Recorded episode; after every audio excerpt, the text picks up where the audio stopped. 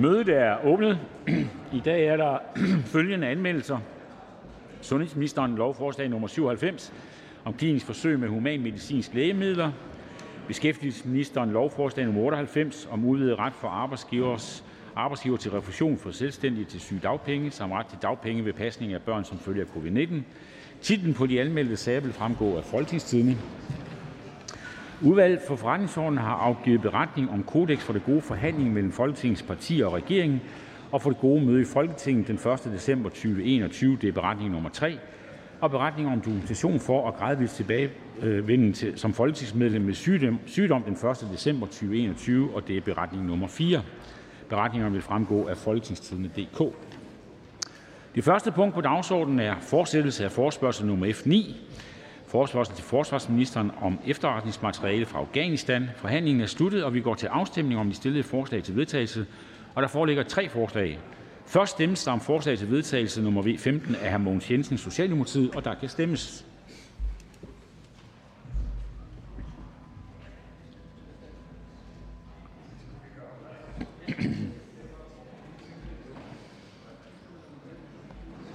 Afstemningen slutter.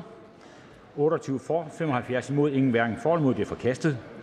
Der stemmes herefter om forslag til vedtagelse nummer V 14 af Markus Knudt, Konservative Folkeparti, Mark Grossmann, Venstre, Søren Espersen, Dansk Folkeparti og Peter Seier Christensen, Nye Borgerlige og Henrik Dahl, Liberal, uh, Liberal Alliance, og der kan stemmes.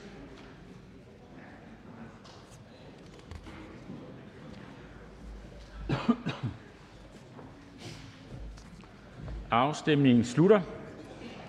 45 for, 58 imod, ingen hverken for eller imod. Det er forkastet. Og endelig så stemmes der om forslaget til vedtagelse nummer V 16 af Anne Valentin Bertelsen (SF), Martin Lidegaard (Radikale Venstre), Eva Flyvholm (Enhedslisten) og Jens Rohde (KD), og der kan stemmes.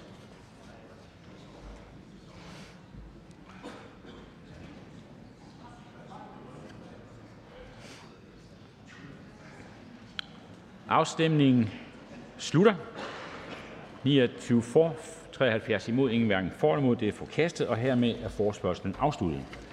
Det næste punkt på dagsordenen er tredje behandling af lovforslag nummer L 32, forslag til lov om ændring af SU-loven og loven om statens voksenuddannelsesstøtte af uddannelses- og forskningsministeren. Der er ikke stillet ændringsforslag. Er der nogen, der ønsker at udtale sig?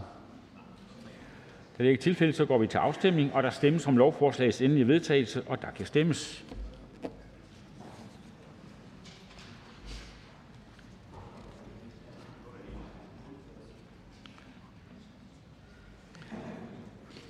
Afstemningen slutter. 103 for, ingen imod, ingen hverken for eller imod. Lovforslaget er vedtaget og bliver sendt til statsministeren.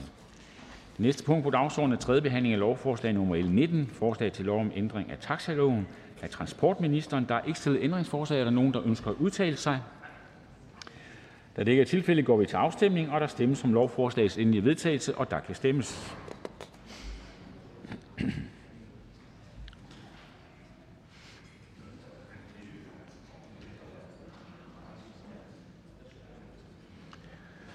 Afstemningen slutter. 96 for, 7 imod, ingen hverken for eller imod. Lovforslaget er vedtaget og bliver sendt til statsministeren. Det næste punkt på dagsordenen er tredje behandling af lovforslag nummer L 21. Forslag til lov om ændring af færdselsloven og lov om produkter og markeds overvågning af transportministeren. Der er ikke stillet ændringsforslag. Er der nogen, der ønsker at udtale sig? Da det ikke er tilfældet, går vi til afstemning, og der stemmes om lovforslagets endelige vedtagelse, og der kan stemmes.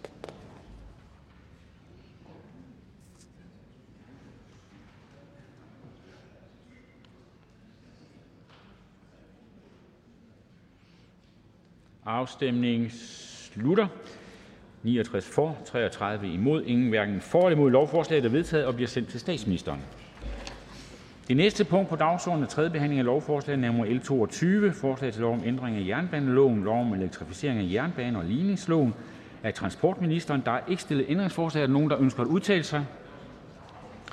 Da det ikke er tilfældet, så går vi til afstemning, og der stemmes om lovforslagets endelige vedtagelse, og der kan stemmes.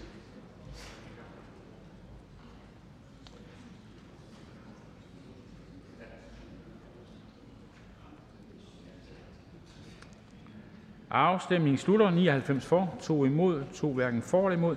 Lovforslaget er vedtaget og bliver nu sendt til statsministeren. Næste punkt på dagsordenen er: 3. behandling af lovforslag nummer L 46: Forslag til lov om ændring af postloven. Af transportministeren Der er ikke stillet ændringsforslag. Ønsker nogen at udtale sig? Da det ikke er tilfældet, går vi til afstemning. og Der stemmes om lovforslagets endelige vedtagelse, og der kan stemmes.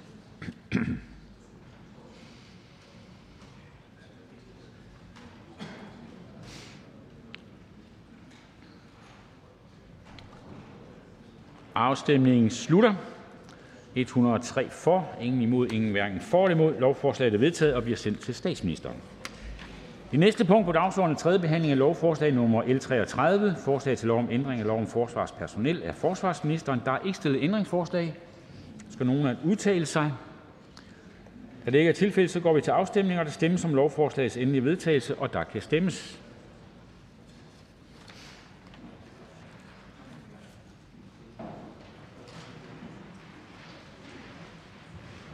Afstemningen slutter. 103 for, ingen imod og ingen hverken for eller imod. Lovforslaget er vedtaget og bliver sendt til statsministeren. Det næste punkt på dagsordenen er: 3. behandling af lovforslag nr. L 44 A: Forslag til lov om ændring af lov om forsøgsordning med medicinsk cannabis. Af sundhedsministeren Forhandlingen drejer sig i første omgang om de stillede ændringsforslag. Er der nogen, der ønsker at udtale sig? Da det ikke er tilfældet, så går vi til til afstemning. og Der stemmes om ændringsforslag nr. 1 af fru Jane Heitmann Venstre, og der kan stemmes. Afstemningen slutter. 102 for, ingen imod, ingen hverken for eller imod. Det er vedtaget. Jeg betragter herefter ændringsforslag nummer 2, ligeledes stillet af fru Jane Hartmann Venstre, som vedtaget. Det er vedtaget. Så forhandler, drejer forhandlingen sig om lovforslaget som helhed. Er der nogen, der ønsker at udtale sig om lovforslaget? Da det ikke er tilfældet, så går vi til afstemning. og Der stemmes om lovforslagets endelige vedtagelse, og der kan stemmes.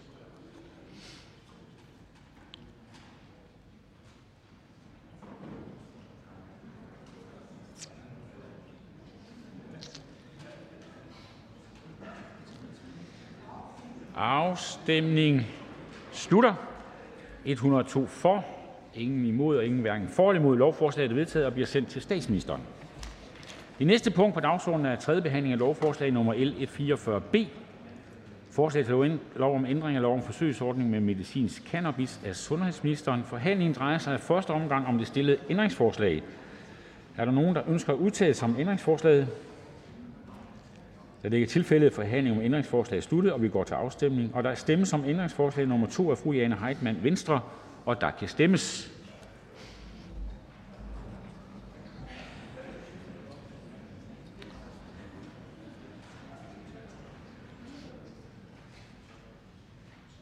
Afstemningen slutter. 102 stemte for, ingen imod, ingen hverken for eller imod. Det er vedtaget. Jeg betragter herefter ændringsforslag nr. 1 og 3, ligeledes stillet af fru Jane Heitmann Venstre, som vedtaget. Det er vedtaget. Forhandlingen drejer sig så om lovforslaget som helhed. Er der nogen, der ønsker at udtale sig? Da det ikke er tilfældet, så går vi til afstemning. og Der stemmes om lovforslagets endelige vedtagelse, og her kan stemmes.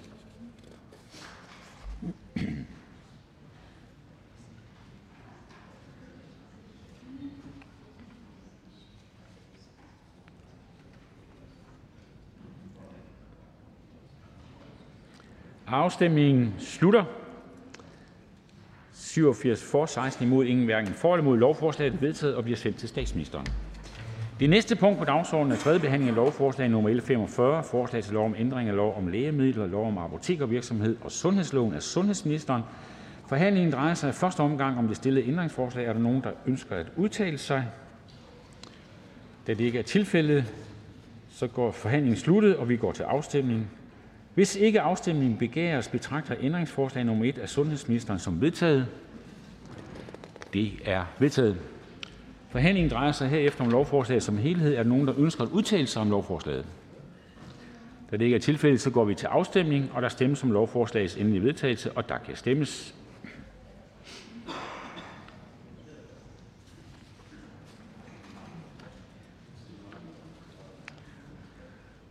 Afstemningen slutter. 103 for, ingen imod, ingen hverken for eller imod. Lovforslaget er vedtaget og bliver sendt til statsministeren. Det næste punkt på dagsordenen er: tredje behandling af lovforslag nr. L 40: Forslag til lov om ændring af lov om fødevarer. Af ministeren for fødevarer, landbrug og fiskeri. Der er ikke stillet ændringsforslag. Er der nogen, der ønsker at udtale sig? Da det ikke er tilfældet, så går vi til afstemning, og der stemmes om lovforslagets endelige vedtagelse, og der kan stemmes.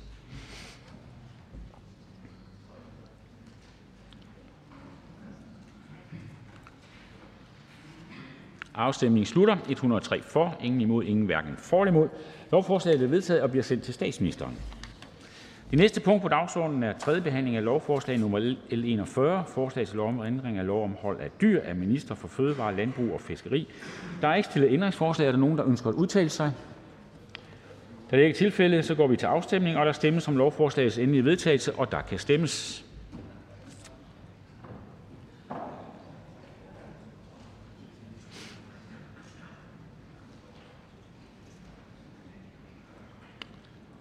Afstemningen slutter.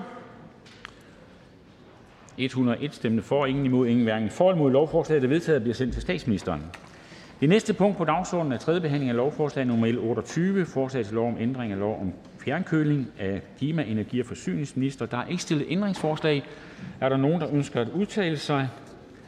Da det ikke er tilfældet, så går vi til afstemning. og Der stemmes om lovforslagets endelige vedtagelse, og der kan stemmes.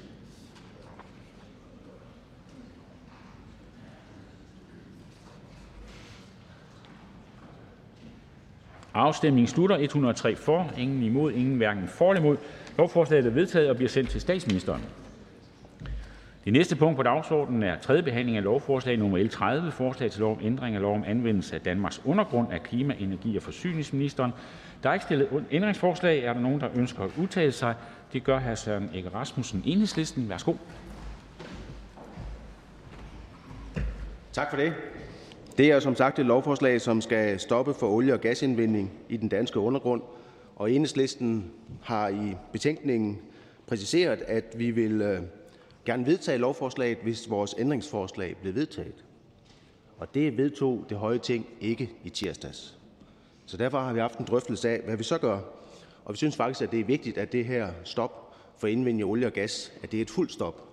Det er ikke bare, at man kører over for taktagul. Og derfor kan det ikke nytte noget, at der sådan set ligger muligheder for, at de eksisterende boringer efter gas og olie at de kan udvides. Så det er jo det dilemma, vi står i, om vi så skal vælge at stemme, stemme gult øh, forslaget her, eller det kunne være en anden løsning. Og vi synes faktisk, at, at når vi ser på, at den danske øh, klima- og energiminister har deltaget i Glasgow under COP26, og der har været med til at lancere en Beyond Oil and Gas Alliance, BOGA, og ligesom har været talsmand for, at nu skulle vi stoppe for olie- og gasindvindingen, så skal det også være et helt stop, at vi laver. Og det er altså ikke det, som lovforslaget her medfører. Det er ikke et totalt stop i 2050. Der er sådan set en kattelem for, at der kan udvides mere olie og gas. Og det er derfor, at vi er kommet frem til den konklusion, at vi vil vælge at stemme gult øh, til lovforslaget. Vi anerkender, at det er et skridt i den rigtige retning, at vi siger stop for olie- og gasindvinding, men det er ikke et fuldt stop. Og det er derfor, at vi vil undlade, når vi kommer til afstemningen. Tak til ordføreren. Ingen korte bemærkninger. Er der flere, der ønsker at udtale sig? Da det ikke er tilfældet, så går vi til afstemning, og der stemmes om lovforslagets endelige vedtagelse, og der kan stemmes.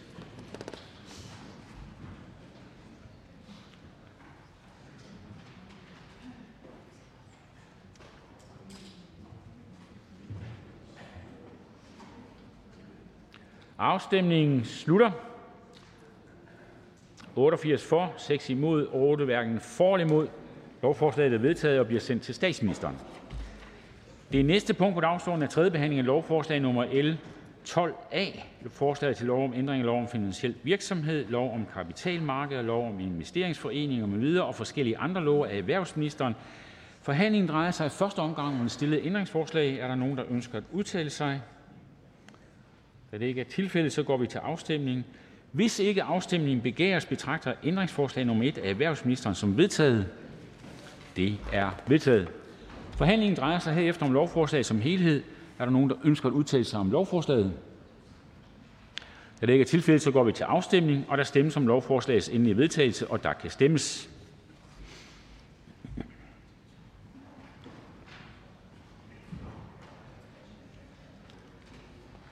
Afstemningen slutter. 103 for, ingen imod, ingen hverken for eller imod. Lovforslaget er vedtaget og bliver sendt til statsministeren. Det næste punkt på dagsordenen er: tredje behandling af lovforslag nummer L 12 B: Forslag til lov om ændring af lov om finansiel virksomhed. Af erhvervsministeren Der er ikke stillet ændringsforslag. Er der nogen, der ønsker at udtale sig? Da det ikke er tilfældet, så går vi til afstemning. og Der stemmes om lovforslagets endelige vedtagelse, og der kan stemmes.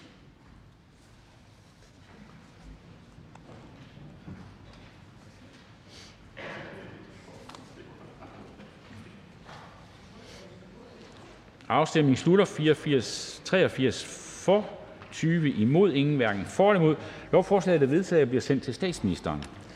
Næste punkt på dagsordenen er: anden behandling af lovforslag nr. L 50: Forslag til lov om ændring af lov om trossamfund uden for folkekirken. Af kirkeministeren Der er ikke stillet ændringsforslag. Er nogen, der ønsker at udtale sig? Det ikke er tilfældet, er forhandlingen sluttet. Jeg foreslår, at lovforslaget går direkte til tredje behandling uden fornyet udvalgsbehandling. Og hvis ingen gør indsigelse, betragter jeg det som vedtaget. Det er vedtaget. Vi holder en lille kort pause, så de, der ikke ønsker at deltage i forhandlingerne, kan forlade salen.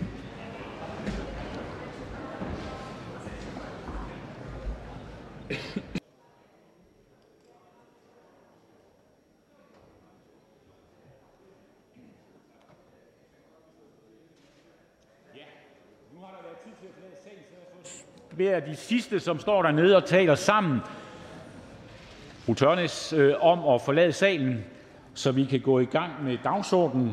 Vi er i gang med første behandling af beslutningsforslag nummer B 15, forslag til folketingsbeslutning om tandlæge på lige vilkår med praktiserende læger og sundhedsvæsen. Det er et borgerforslag fremsat af Leif Lahn Jensen, Socialdemokratiet, Peter Skaarup, Dansk Folkeparti, Karsten Hønge, SF, Andreas Steenberg, Radikale Venstre, Peter Velblom, Enhedslisten, Maja Mercado, Konservative Folkeparti, Peter Seier Christensen Nye Borgerlige, Ole Birk Olsen Liberal Alliance, Torsten Geil, Alternativ, Jens Rode KD, Aaja Kemnis Larsen Øh, og så Susanne Simmer øh, og Uffe Elbæk og Sikander Siddiq. Dette beslutningsforslag er som sagt udsprunget af et borgerforslag, og dermed er forhandlingen åbnet. Først er det sundhedsministeren. Værsgo.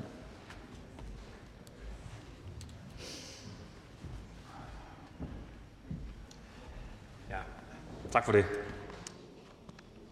Ja, Øh, vi skal i dag behandle et beslutningsforslag om at fjerne brugerbetaling på tandlæge, det er et forslag, der er stillet på baggrund af et borgerforslag, som har opnået mere end 50.000 underskrifter, og så er reglen jo, så skal vi behandle det. Vi havde en lignende, et, et, et lignende beslutningsforslag øh, øh, sidste år i februar, øh, nej faktisk februar i år, i sidste folketingssamling øh, i februar i år, og det forslag det blev øh, forkastet af et flertal øh, i Folketinget. Øh, det var også et forslag, der var stillet på baggrund af et øh, borgerforslag, og det vil sige, man kan måske forvente, at noget af debatten bliver noget af det samme her, og derfor vil jeg jo i min øh, præsentation her af vores synspunkter vil jeg også øh, kunne det noget, man vil kunne genfinde noget af det samme, som blev debatteret i februar måned i år her. Først og fremmest, jamen det er jo grundlæggende et sympatisk forslag, at det skal være gratis for den enkelte at gå til tandlæge.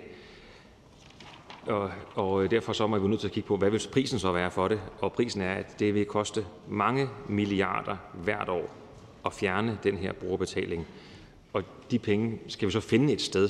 Det er ikke muligt at finde det på sundhedsbudgetterne, så vi skal jo finde dem et sted øh, i vores øh, samfund. Og det, det er grunden til, at trods det er et sympatisk forslag, så når der er så stor en milliardregning, som vi ikke kan, kan, kan finde finansiering til, øh, jamen så kan regeringen ikke tilslutte sig øh, forslaget.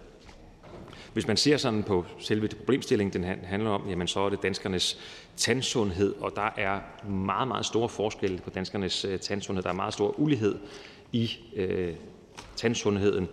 Hvis man ser sådan helt overordnet, så må man sige, at, øh, at den er blevet forbedret markant over de seneste årtier. Det er selvfølgelig positivt, men vi har altså social ulighed i tandsundhed. Og vi kan simpelthen se i statistikkerne, at de borgere, der har de laveste indkomster, de går sjældnere til tandlæge end borgere med høje indkomster. Og de har så også, det er jo ikke så overraskende, så har de altså også en, den dårligste tandsundhed. Og jeg mener ikke, der er nogen tvivl om, at den forholdsvis høje brugerbetaling, øh, vi har på tandlæger i, i det danske samfund, det må jeg sige, det må vi lægge til grund, at det er i hvert fald en af, og en, en, en en væsentlig øh, grund øh, til dette. Ikke den eneste, fordi selv når det er gratis, altså når man er øh, for børn, også der er der en social ulighed i tandsundheden.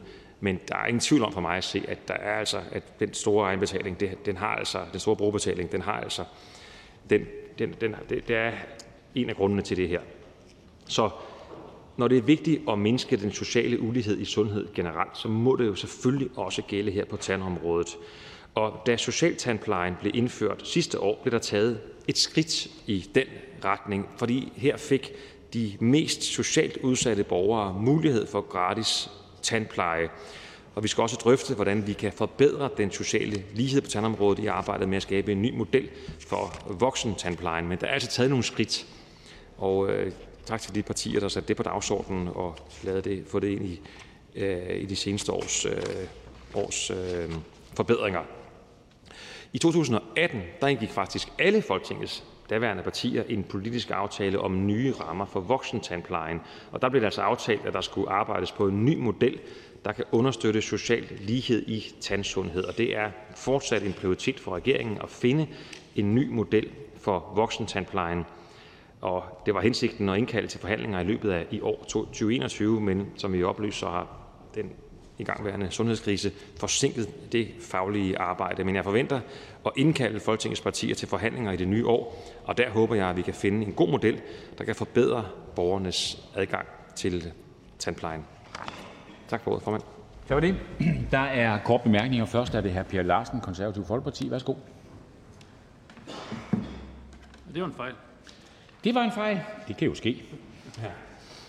Så er det hr. Peder Velblund. Det var hvis ikke en fejl. Værsgo, hr. Peder Velblund. Det var absolut tilsigtet, jeg trykkede mig på her. Øhm, nu siger sundhedsministeren, at det er et sympatisk forslag, øh, og at man i princippet er velvillig indstillet, men at det primært er økonomiske årsager, øh, der gør sig gældende til, at man ikke øh, kan støtte forslaget. Øh, og det kan man sige, det er jo godt, at det ikke er et synspunkt, der gør sig gældende for resten af sundhedsvæsenet, fordi det er jo også dyrt. Øh, men ikke desto mindre så er det jo noget, vi finder væsentligt netop for at mindske Øh, uligheden i sundhed og sikre lige og fri adgang til behandling, uanset om det øh, handler om, om, øh, om den del af kroppen, der hedder tænder.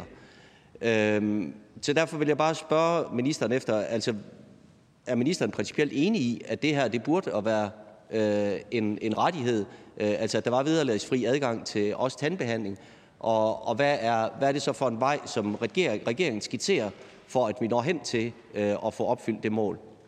Minister? Ja. Men, men hvis man ser på, hvad det vil... Øh, altså, som jeg sagde, når jeg synes, det er et sympatisk forslag, så er det fordi, der er især den sociale ulighed, der er, øh, synes jeg, vi skal, vi skal gøre noget ved. Det er primært der, i mit fokus er, hvor mennesker simpelthen øh, jo er sikre på, fravælger tandlæge og tandlægekontrol og behandlinger, og det bliver værre, fordi øh, de ikke har pengene til at, at betale for det. Det, det er der, øh, synes jeg, vores store udfordring er. Men hvis man skulle gøre det helt gratis for hele samfundet, øh, også dem, der, der har råd til at betale, jamen så kigger vi ind i regninger. Det er jo lidt svært at estimere, fordi hvis man gør det gratis, må man gå ud fra, at der er flere, der så tager tandlægen, hvilket vil være positivt. Men allerede nu, hvis man gør op, hvor meget koster den brugerbetalte tandlæge, det er 8,1 milliard kroner om året. Tallet vil altså være væsentligt højere. Hvor meget ved vi selvfølgelig ikke. Så det er en meget, meget stor milliardregning, som jeg ikke kan finde, i hvert fald ikke i sundhedsbudgettet, at vi kan finde så mange, så stort et beløb øh, på nuværende, eller inden for sådan en kort øh, tidshorisont. Hr. Peter Velblom. Jamen nu er, nu er det jo blandt andet noget af det, øh, vi i hvert fald kommer til at rejse i udvalgsbehandlingen. Spørgsmål om, øh, hvad vil det her egentlig koste? Det er også det, jeg kan se, at, at forslagsstillerne også er interesseret i, at, at vi tager en, en grundig drøftelse i forhold til. Men, men argumentet er jo bare sådan lidt mærkeligt, fordi øh, kunne man forestille sig det samme i forhold til øh, øre halsundersøgelser at man kunne sige, at det er desværre meget, meget dyrt, så derfor så kan vi ikke tage det ind i, i sundhedsvæsenet, og derfor kan vi ikke behandle det. Og, og hvad er den principielle forskel på, om det er tandlæge eller om det er øre Minister? Ja, der er jeg helt enig. Og øh, vores udfordring er jo nu, at, at vi har fri og lige øh, og jo gratis adgang til en lang, lang række sundhedsydelser i Danmark. Desværre ikke alt, og desværre heller ikke tandlæge. Og hvis jeg kunne stå her og sige, at vi har her 8, øh, eller det er jo nok et højere tal, som jeg sagde, det er milliardbeløb, og det er det, som er, er fri i vores samfund til det her øh, område, og der er ikke andre steder i sundhedsområdet, som kunne bruge øh, sådan nogle løfter den karakter, jamen så havde vi en anden situation. Der står vi jo altså desværre ikke, så vi er jo nødt til også at være realister her og finde ud af, hvad der kan ske. Så alt, hvad der kan sættes ind for at eliminere den sociale ulighed, det er det, der vil være vores fokuspunkt her nu. Så er det fru Liselotte Vækst, Dansk Folkeparti. Værsgo. Ja, mange tak. Da jeg trykkede mig på, så var det netop for at høre, hvornår får vi den her forhandling, som vi startede under forrige minister, Ellen Tran Nørby, hvor vi netop kiggede til andre lande. Fordi øh, vi er jo fuldstændig enige om, at der er jo ikke noget, der er gratis. Vi skal finde ud af, hvordan kommer pengene så ind. Øh, det vil jeg selvfølgelig også spørge nogle af de andre øh, partier om, der gerne vil have gratis. Er det skatten, der skal hæves? Eller er der andre ting, som i Tyskland, hvor man faktisk har en krankenkasse, altså en sygesikring? I dag er det jo også sådan, at mange af os, vi har en øh, sygesikring i Danmark, privat sygesikring, som betaler en del af tandregningen. Men uligheden består jo i, at det kan mange af dem, som får de store regninger, ikke. De kan ikke engang komme ind og få en forsikring. Så spørgsmålet er, er det noget, ministeren vil tage med og kigge på, om man måske skulle have en slags krankenkasse, eller på anden måde gøre sådan, så man i hvert fald sikrer, at der bliver et loft over, hvad man betaler, når man går til tandlæge. Fordi øh, der er mange, der fraholder sig. Minister, værsgo. Jamen, vi har aftalt at forhandle om en ny model for voksentandplejen, og det er det, øh, ordføreren jo spørger til. Og den er, altså, den er altså lidt forsinket, og man må sige, i den aftale, den er jo indgået før jeg blev minister, men der står jo også, den skal ikke være dyrere. Og, og det er jo vanskeligt at arbejde videre med at nedbringe social ulighed og gøre noget ved det her, og måske have et loft eller andre gode idéer, det kan være glimrende idéer alle sammen, hvis det er præmissen, det må ikke være dyrere.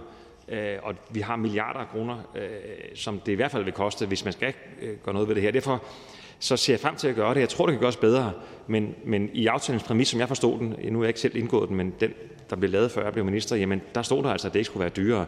Og det er jo, øh, så er det sin sag at, at, at få løst problemet. Derfor er det ikke en helt nem sag. Det er noget af et, altså der er mange modstridende interesser her, som vi skal prøve at lave det rigtige snit. Der, det kan gøres bedre, og indtil da kan man jo så glæde sig over, at vi har lavet en finanslov, som jo øh, øh, har løftet med 60 millioner kroner socialtandplejen, og det er jo i hvert fald jo noget, som styrker indsatsen mod social ulighed i, i tand, tandplejen. Altså, nu er de 50 millioner en bitte trøst i forhold til, at det var samme regering, der tog 300 millioner væk, som gjorde det endnu dyrere for folk at gå til, til tandlæge. Altså, det er i dag sådan, at ministeren siger, at der er fri adgang. Ja, men jeg kender rigtig mange, som øh, lige mister en kendtand, har selv fået gjort det, og det er 16.000 kroner op af egen lomme. Øh, og det er jo lige præcis det, som der er rigtig mange, der ikke har råd til. Øh, og så siger ministeren godt nok, at det skal ikke være dyrere. Nej, men der skal findes nogle ordninger på, hvordan kan vi gøre de her ting, så det ikke bliver dyrere hverken for borgerne og heller ikke for, øh, fra staten. Men det er jo netop derfor, jeg siger, at der findes forsikring, forsikringsmodeller, incitamentsmodeller og andre ting, man kunne kigge på. Det er jo det, jeg spurgte om. Kigger man på, om man må eventuelt kunne lave ligesom i Tyskland? Minister, værsgo. Ja, jeg er ikke så øh, imponeret over den tyske måde at finansiere sundhed på, netop med sådan en forsikringsmodeller. Øh, øh, og, og jeg synes også, Lisbeth Blikst, for Lisbeth Blikst er inde på noget af det problemstillinger, der er, nemlig hvem må så komme med i det, hvad koster det den enkelte, og der risikerer i hvert fald nogle meget øh, dybe sociale problemer i sådan en model. Så, så derfor så, vi har løftet øh, i, i, i en finanslov med aftalepartierne øh, social, den sociale øh, socialtandplejen, og så må vi se, respekt for den aftale, der er indgået, øh, hvordan vi kan få lavet øh, voksentandplejen på en måde, som er mere, øh, hvor vi får mere for pengene for samfundsinvesteringen, og vi gør mere for at nedbringe social ulighed også der. Hr. Uffe Elbæk, Fri Grønne. Jeg øh, fortsætter lidt i det samme spor, som øh, enhedslistens ordfører havde. Øh, nemlig at ministeren på den, ene side, øh, på den ene side siger, at det er et øh, sympatisk øh, borgerforslag, at tanken bag ved det øh, kan ministeren øh, og dermed regeringen godt øh, se takt, gode takter i. Men kunne ministeren prøve at forklare mig, hvorfor man har besluttet, sådan helt politisk har besluttet, at en bestemt del af kroppen ikke er dækket af normale øh, gratis sundpleje, øh, sundhedspleje. Altså, der, der må være noget historik i det, der gør, at man ikke har tænkt sig godt nok om oprindeligt, og så simpelthen taget en, en helt specifik del af kroppen ud af den måde, vi øh, tænker sundhed. Kan ministeren sige noget om det? Minister? Jamen, det er jo et super godt spørgsmål. Øh, det er jo generationer før os, som, øh, som åbenbart har truffet den beslutning. Det, jeg kan sige, det er, det er Danmarks fri og lige adgang til sundhed, sådan helt generelt, og gratis adgang er jo ikke noget, der er særlig almindeligt i verden, og vi bliver tit fremhævet. Det gør vi jo ikke på, på, på tandsundhedsområdet, og, og der er vi ikke et, et, en frontløber, heller ikke i forhold til nogle andre lande omkring os. Øh, altså hvis vi ser i Danmark, vi bruger i voksentandplejen, vi bruger 1,4 milliarder kroner i årlig tilskud men der betales altså over 8 milliarder kroner i brugerbetaling, dem der nu har råd til at gå til tandlæge. Så, så, øh, så udfordringen er jo, at hvis vi skulle overtage den regning fra samfundets side, dels vil den jo vokse, fordi så vil der være flere, der gør det, hvilket vil være positivt. Man kan også forebygge mere, det, også andre sygdomme, så det vil være enormt positivt. Men jeg har ikke de midler, øh, og det vil jo være en gigantisk ekstra regning hvert år, øh, som jo virkelig vil, altså som vi så skulle finde sammen. Og de midler har jeg desværre ikke, så til det jeg jo sige, det er en historisk beslutning, der er truffet, eller ikke truffet, kan man måske nærmere sige, og vi står med nu på problemet nu her. Ja, Uffe Elbæk, værsgo. Og det, det tager mig videre til det næste spørgsmål, fordi altså, ministeren siger, at det er en kæmpe regning, altså 7 milliarder er det tal, der har, øh, er blevet sådan præsenteret.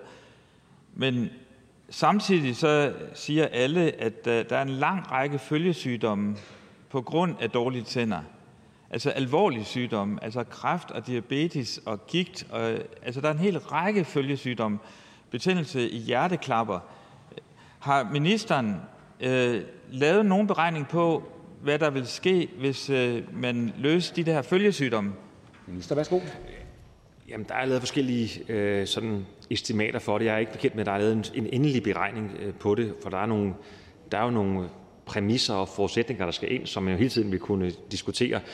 Og man kan så, hvis man går videre den vej, så må man jo sige, så er mine ønsker at investere i sundhedsvæsenet jo næsten ubegrænsede. Det er det nok i forvejen, men alt, hvad man gør i sundhedsvæsenet, giver jo mere sundhed for pengene, og det er jo godt for, også for samfundsøkonomien og godt for, for velfærden og den enkelte borger.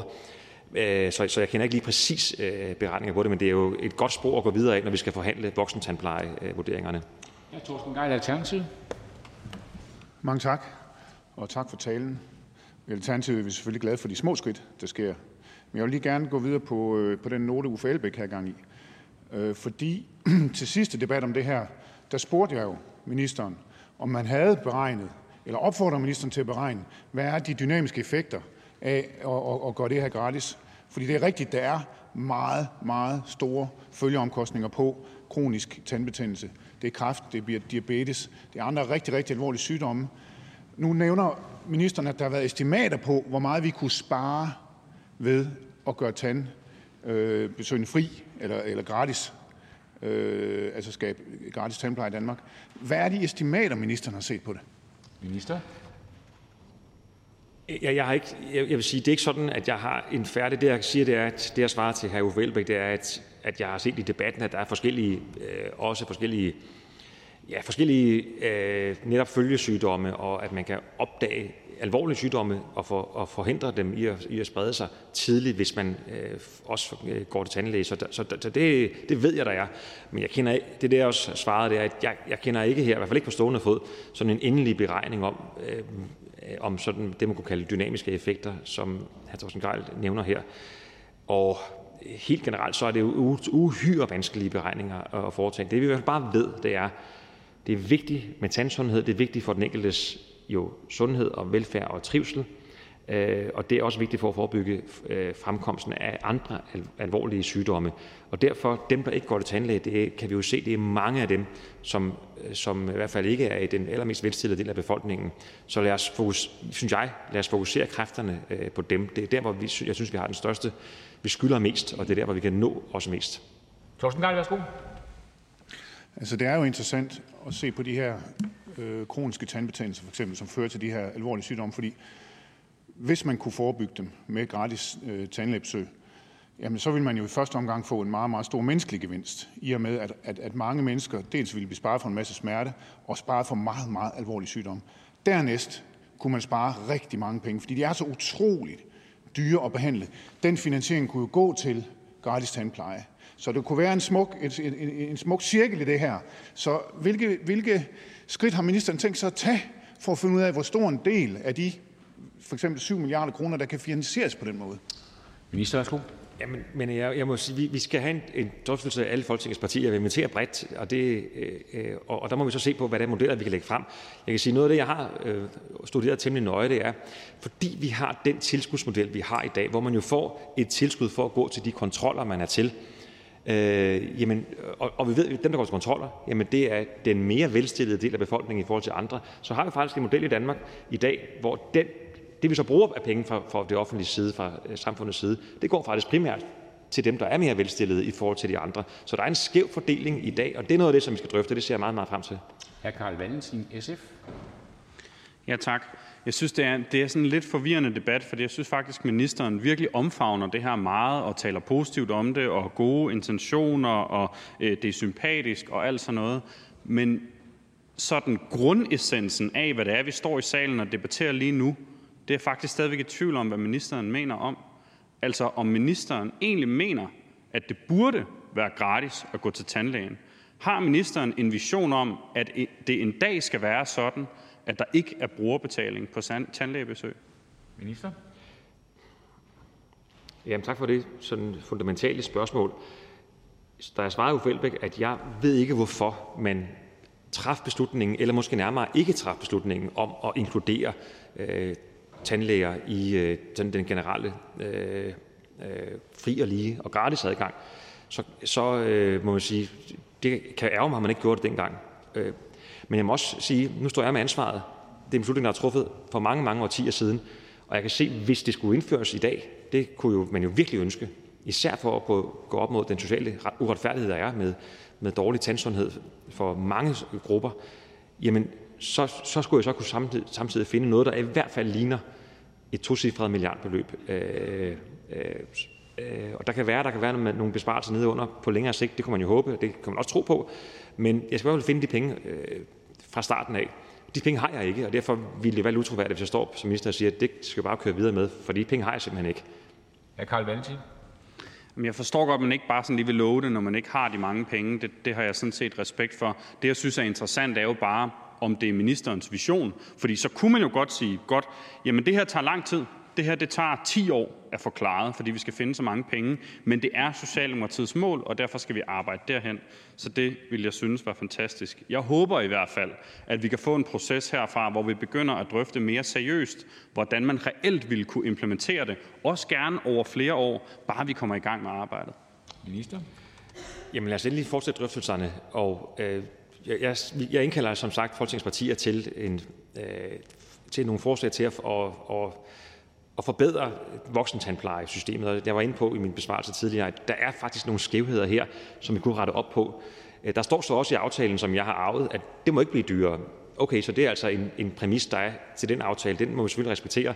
Men, men selv det, hvis det ikke bliver dyrere i den aftale, jamen så dels har vi jo lavet finanslov med, med aftalepartier, øh, Enhedslisten, SF og Radikale, hvor vi har forbedret socialtandplejen og lagt penge af til det. Det vil sige, der er styrket der. Og dels kan man altså lave en anden snit. Ikke flere korte bemærkninger, så vi siger tak til ministeren. Er der flere bemærkninger? Jeg har ikke nogen på min skærm i hvert fald. Nej. Vi vælger at sige tak til ministeren. Det prøver. Ja. Ellers må jeg jo tage en anden runde. Sådan er det jo. Så går vi i gang med ordførerrunden. Hr. Rasmus Horn Langhoff, Socialdemokratiet. Værsgo. Først og fremmest tak til de borgere, der har været med til at stille det her øh, borgerforslag om skattebetalt tandlæge, altså at det skal være gratis at gå til tandlæge.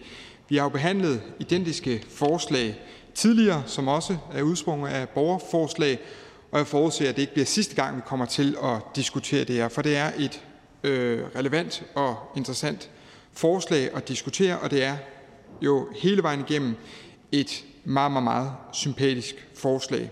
For vi har stor ulighed i Danmark, når det kommer til sundhed generelt, men også når det kommer til tandsundhed. Og vi må jo også erkende, at selvom der er nogle historiske øh, forklaringer på, at det ser ud, som det gør, så når man står i det i dag, så er det ikke, og virker ikke specielt logisk, at der skal være så høj brugerbetaling øh, på, på lige netop øh, det her område.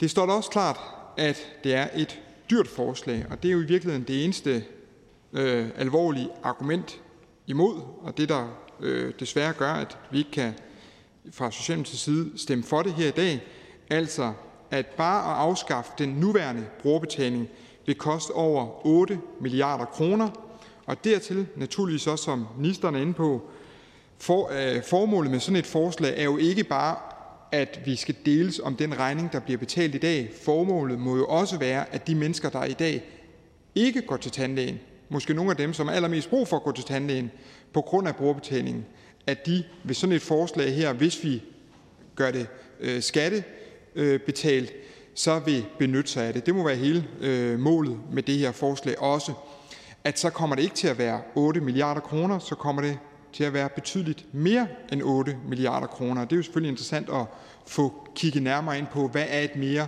øh, realistisk øh, estimat, fordi det kommer ikke til at være 8 milliarder kroner, det kommer måske nærmere til at være 12 milliarder kroner, eller måske 14, eller måske 16, og det, det tal kunne sådan set være ganske interessant, jo, jo mere vi kunne øh, få, øh, få, få overblik over det også.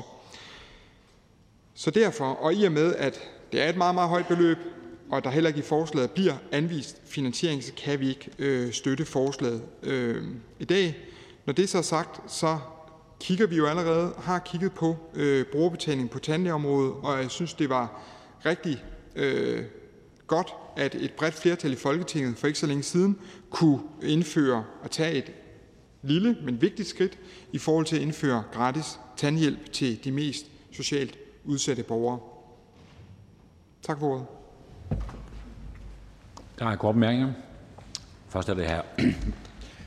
Tak for det, og, tak til, til ordføreren for talen. Øhm, altså jeg vil i lighed med, med det spørgsmål, jeg stillede til, til ministeren i forhold til regeringens holdning, godt høre, øh, hvad Socialdemokratisk holdning, øh, Socialdemokratiets holdning er øh, til det her spørgsmål. Fordi ja, nu bliver det meget omkring økonomi, og det kan vi jo sagtens diskutere. Vi har tidligere regnet frem til et, et bud på, at det vil koste ca. 7,4 milliarder kroner, fordi der også øh, Øh, netop vil være nogle forebyggende øh, gevinster i forhold til det. Men, men er det, det ene spørgsmål, er, er det Socialdemokratiets øh, sådan principielle holdning, at det her det skal øh, fritages fra, øh, gøres vederlagsfrit, altså det skal fritages for, for brugerbetaling. Øh, og, og hvad, vil, hvad vil de første skridt så være i forhold til det? Øh, og det andet spørgsmål, altså den argumentation, som ordføreren bruger i forhold til vederlagsfri øh, tandbehandling, kunne man forestille sig, at Socialdemokratiet ville bruge den argumentation i forhold til andre sundhedsydelser og sige, at det her det er desværre meget dyrt, så vi må leve med, at der er en ulighed i sundhed, at det her det bliver overladt til den enkelte at skulle betale for det? Altså, kan den argumentation kalkeres til andre øh, områder i forhold til, til sundhedsvæsenet? Hvorfor? Først forhold til øh, pengebeløbet. Øh, de 7,4 milliarder kroner, som, som hr. Peter Velblund nævner, er jo ikke det tal, vi snakker om. Vi taler om 8 milliarder kroner plus alle dem, der i dag øh, ikke øh, får tandbehandling. Så derfor bliver det i hvert fald ved mit øh, hvad hedder det, ret skråsikker bud være, i hvert fald et tocifret milliardbeløb, vi kommer op i, vi så skal finde. Og jeg, har, jeg vil da meget, meget gerne se, at det var en del af, den almindelige, øh, af det almindelige sundhedstilbud. Det vil jeg da ønske, at generationer før os også havde sikret, ligesom de har sikret så mange andre fantastiske ting i vores velfærdssamfund og vores, i vores sundhedssystem og det er så ikke øh, dækket af, fra, øh, fra man øh, bliver 18 år og fremadrettet. Det, det ville da være, det ville det være ønskværdigt, at det havde været sådan. Så er der ikke noget som helst principielt imod, at det bliver skattefinansieret. Men vi kommer ikke udenom, at når vi skal finde så stort et beløb, så kan du gøre det på to måder. Du kan krasse flere penge ind i skat, det er der nogle gevaldige problemer i at gøre, eller du kan skære andre steder. Det er der også nogle problemer i. Så får vi Peter igen. Værsgo.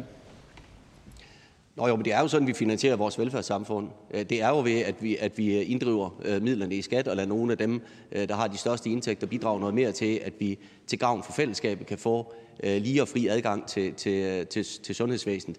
Det betragter jeg som en ganske væsentlig værdi i det danske samfund, at, at vi har indrettet os på den måde.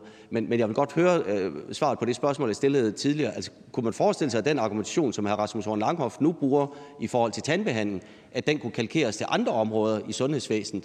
Og hvis man ikke kan det, hvorfor så? Altså, hvorfor er der den forskel? Ordfører, værsgo. Altså, vi kan jo på godt og på ondt ikke løsrive os fra den historie, vi, vi kommer med, og fra den situation, vi står i nu her. Så nej, jeg kan ikke forestille mig, at det vil blive øh, ført over.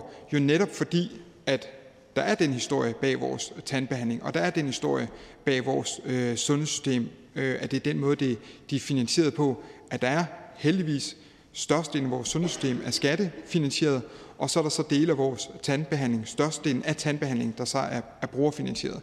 Det, det, det, er jo, det er jo den virkelighed, vi står i, og det er det, vi må forholde os til. Så hvis vi skal finansiere det, så skal pengene findes. Hr. Uffe Elbæk, Fri Grønne, værsgo. Jeg, jeg synes, der, der var en interessant øh, bemærkning fra ordføreren lige før, nemlig at, øh, han sagde, at øh, han var sådan glad for, at tidligere generationer havde kæmpet øh, den her kamp og, og sikret øh, lige og øh, gratis adgang til, til sundhed på alle andre områder. Altså en ros til tidligere generationer. Og det, sådan havde håbet på, det var, han så sagde, og derfor skal vi selvfølgelig lægge en plan for, hvordan vi ordner det her problem. Altså de, dem før os har, har kæmpet den her kamp på de andre områder. Lad os da for pokker så fremadrettet være os, der kæmper den her kamp. Og derfor øh, har jeg lyst til at høre, også i forlængelse af, hvad både SF og Enhedslisten har sagt, også Alternativet, jamen har Socialdemokratiet en ambition om på sigt at hvad hedder det, gøre det, det gratis at gå til tandlæge?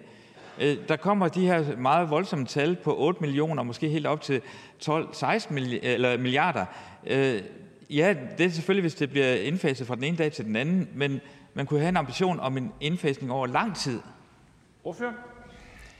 Jeg vil sige, jeg har da en drøm om, at det i min levetid bliver en del af vores øh, sundheds, øh, almindelige sundhedstilbud, øh, at der er øh, at tandbehandling på lige fod med, med anden øh, sundhedsbehandling øh, er noget, hvor at det ikke er den enkelte, der skal have pengene op i lommen, men det er en ting, hvor vi, vi deler som regning. Det kommer nok desværre aldrig til at blive gratis, men, men, men, men forslaget så her, at vi, at vi deler som regning via, via skattebetaling. Så ja, det er da, det er da en drøm øh, i allerhøjeste grad.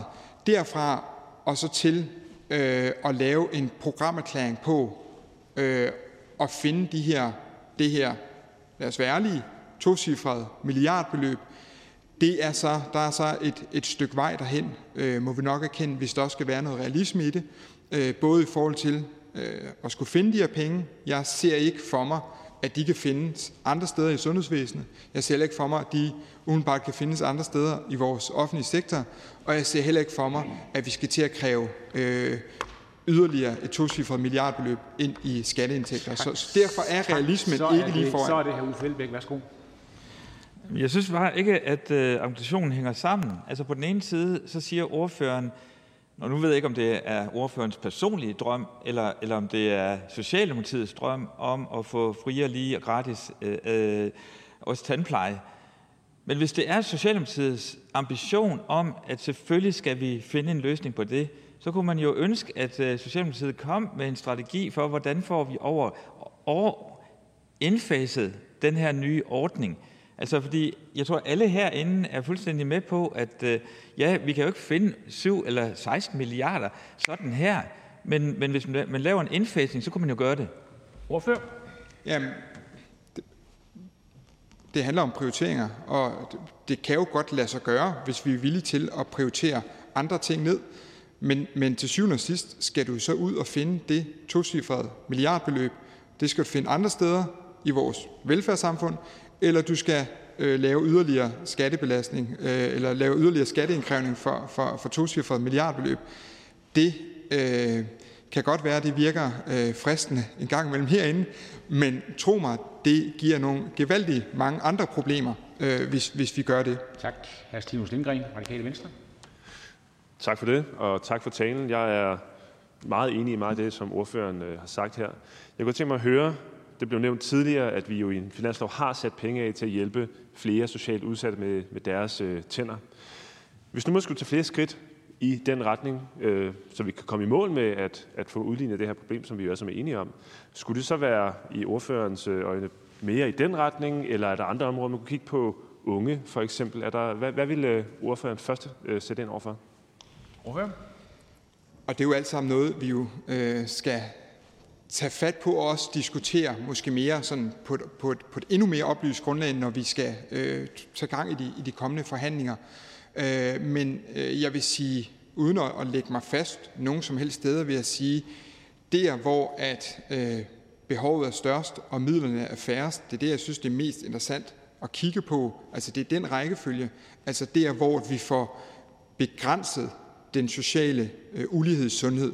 Det, det er der, mit hovedfokus er, og det, det, er det, også, det er også det, jeg hører fra ministeren. Det er det, der er det, der er det øh, centrale og det mest interessante at gå i gang med nu her. Stinus Lindgren, værsgo. Tak. Ja, det er jeg meget enig i. Det synes jeg også er et, et, et, et sundt princip at have. Øh, men det er vel også rigtigt, at øh, hvis man får grundlagt nogle gode vaner som ung, så hænger de ved ind i voksenlivet, og derfor kan man også forebygge en del af de skader, som kan udvikle sig og blive store og hæmmende øh, på sigt. Og det er vel også et hensyn, man, man skal tage med. Hvorfor? Helt bestemt. Det er et problem i dag, at, øh, at der kan være mange unge, der går tabt fra, at de har børnetandplejen fra til de bliver 18, og så kan der måske for nogen, også for mit eget vedkommende, lige gå nogle år, hvor man øh, så prioriterer anderledes, øh, eller måske nogle gange handler det bare om forglemmelse, mere end det måske nødvendigvis handler om, om, om, øh, om, om regningen. Men, men det er da et problem, at vi har det her gab mellem øh, de første 18 år fuldstændig styr på det for de fleste vedkommende, og så kommer der lige nogle, nogle år, der, der svipser. Det, det er da også en udfordring. Hr. Torsten Gejl, Alternativet. Tak. Ordføreren siger, at ordføreren har en drøm om, at vi får gratis tandlæge inden for ordførens levetid. Altså, er det virkelig signalet til de 50.000 mennesker, der er skrevet under, alle de andre, der gerne vil have gratis tandlæge i Danmark? Altså, ordføreren står, fremstår jo ung og frisk, så må ikke ordføreren lever 70 år endnu. Er det, virkelig, er det virkelig svaret til de her mennesker, at ordføreren har en drøm, og en drøm er jo, er jo ikke nogen strategi, en drøm om, at det sker inden for 70 år? Ordfører så skal jeg så i givet fald blive 111 år, og det er jo også øh, en, en bedrift i sig selv. Det er jo ikke sikkert, at jeg er herinde til den tid heller, øh, når, når det skulle ske, men man har selvfølgelig lov at håbe. Men øh, nej, jeg synes at det, det, der, det der er en, en, en god drøm. Jeg, jeg, drømmer om, jeg drømmer også om, at det skulle ske før 70 år, også, øh, også øh, lang tid før.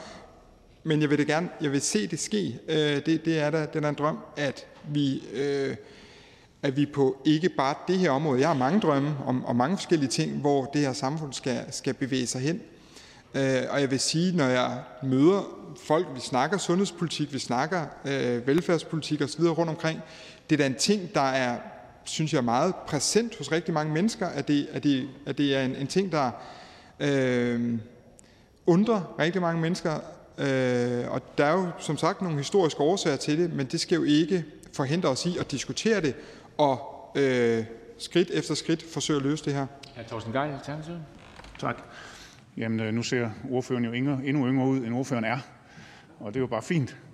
Øh, men nej, det kan jo ikke passe, at vi skal tale 40, 50, 60, 70 år ud i fremtiden. Vi må jo klare det her på hvad? 5-10 år. Og hvis vi lige skal være lidt konkrete, hvordan løser vi det så? Altså er det en svag skattestigning kombineret med, at vi finansierer det via de dynamiske effekter, vi får ind, når vi sparer penge på kræft og diabetes osv. Prøv at blive lidt mere tydelig fordi det, det, det, så lange fremtidsudsigter, og så kalde det en drøm, det synes jeg er for lidt i forhold til, at der faktisk er 50.000 mennesker, der arbejder rigtig hårdt. Hvad, hvad gør vi? Hvordan bliver vi mere konkrete nu? Hvorfor?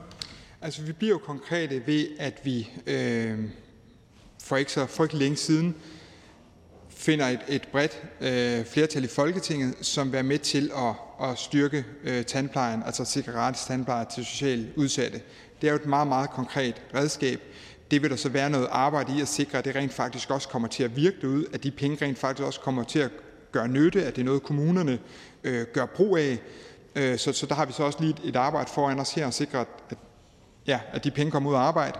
Øh, men, men, men det er da det er da et konkret øh, skridt i den rigtige retning i hvert fald. Så er det hr. Carl Valentin, SF. Ja, tak. Ordføreren siger, at man desværre ikke kan finde pengene. Men ved hr. Rasmus Langhoff, hvem der heller ikke kan finde pengene. Det kan borgerne ikke. Hvis man kigger på den Facebook-gruppe, hvor rigtig mange af de her underskrifter er blevet indsamlet, så vrimler det med borgere, der har voldsomme tandproblemer, daglige lidelser, og det er ofte ikke selvforskyldt. Det er noget, der er kommet som konsekvens af øh, forskellige former for medicin, øh, depressionsforløb og alt sådan noget. Og jeg ved godt, at det bliver sådan lidt alvorligt nu, men det er jo også fordi, det her er en alvorlig sag, og derfor så vil jeg også bare gerne høre ordføreren, hvad er Socialdemokratiets besked til de mange borgere, som heller ikke kan finde de penge, som regeringen desværre ikke kan finde? Hvorfor?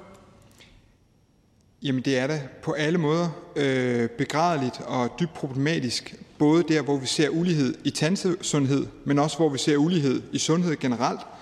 Vi skal øh, øh, blive ved med at bevare det fokus, øh, bekæmpe det overalt, hvor vi kan. Det er desværre ikke kun i tandsundhed, vi ser det. Vi ser det rigtig, rigtig mange steder. Øh, alle, der er med til at, øh, at have det fokus, alle, der er med til at trække den rigtige retning, øh, gør, øh, vores samfund en, en, og de mest øh, udsatte borgere en stor, stor tjeneste. Øh, men, men jeg vil jo ikke stå og øh, bilde folk ind, at jeg kan finde et tocifret milliardbeløb nu her, selvom jeg godt kunne tænke mig det, men, men de er her ikke. Jeg har heller ikke set, at SF har, har faldet over en papkasse med et tocifret milliardbeløb, der kan, der kan finansiere det her. Jeg tror ikke på, at vi skal kræve mere op i skat. Jeg tror heller ikke på, at vi kan skære det her beløb andre steder, så pengene er der ikke desværre. Hr. Carl Valentin, værsgo. Selvfølgelig er Socialistisk Folkeparti ikke faldet over en kasse med et tocifret milliardbeløb, men jeg kan love ordføreren for, at vi er klar til at indgå i konkrete forhandlinger, hvor vi finder en finansiering til det her, hvis der er et flertal for det i Folketinget. Og vi er heller ikke bange for at øge skatterne, for det er jo sådan, vi finansierer vores fælles sundhedssystem. Så jeg må bare sige, jeg synes, det er ærgerligt, at Socialdemokratiet vælger den her vej, at man ikke kan støtte det, fordi det er jo et politisk valg. Man kunne finde pengene, hvis man havde den politiske vilje. Ordfører? Selvfølgelig er det et, er det et politisk valg, øh, og øh, på, på, på tirsdag skal der så diskuteres noget andet, som også er et politisk valg, og hvor det vil føles lige så godt at, at stemme ja til det, som så koster os øh, x antal milliarder. Og torsdagen efter vil der så også være et politisk valg, hvor der så også vil være en masse gode forslag, som vil koste frygtelig mange milliarder.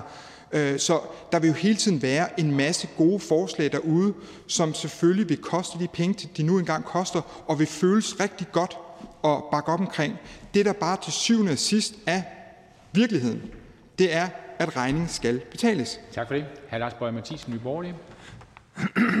Jamen, jeg så bliver lidt forvirret. Altså, vil Socialdemokratiet, og hvad er Socialdemokratiets politik indtaget på det område? Er det, at det skal være fællesfinansieret, eller er det, at det skal være brugerfinansieret, som det er nu? Og hvis politikken er, at det skal være fællesfinansieret, jamen man sidder som regering.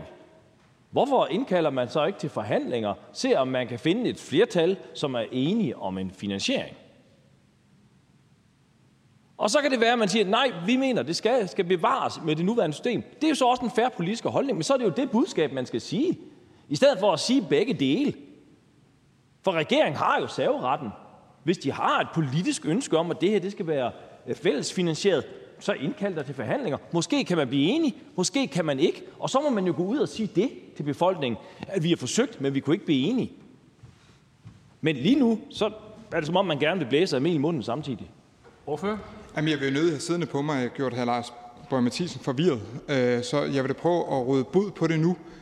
Virkeligheden er jo, at det er begge dele. Tandbehandling er begge dele. Det er skattebetalt, og det er brugerfinansieret. Altså, staten bruger penge på tandlægebehandling, og der er også størstedelen af det er brugerfinansieret. Virkeligheden er også, at hvis man vil fjerne hele øh, brugerfinansieringen, at så vil det koste i hvert fald et tocifret milliardbeløb. De penge er der ikke. Og så kan man jo have, og det kender øh, Nye Borgerlige sikkert øh, ganske fint selv, de fleste partier, at man har rigtig, rigtig mange ting, man gerne vil, og rigtig mange ting, man godt kan finde ud af og, øh, og, og prioritere, man gerne vil bruge penge til. Men i og med, at man ikke kan alt på en og samme tid, så bliver man nødt til at prioritere. Og det her kan altså ikke prioriteres inden for det nuværende, fordi at pengene ikke kan findes. Eller at vi ikke er villige til at skære der, hvor det skal skæres for at finde pengene. Lars Boje Mathiesen, værsgo. Ja, det var vist godt det sidste, det kom med. Fordi at, at, at som det er nu, så går diskussionen jo netop på, om der er mere, der skal trækkes ind og skal være fællesfinansieret, eller om det skal bevares i det nuværende. Det er jo det hele debatten, som vi står og har her omkring.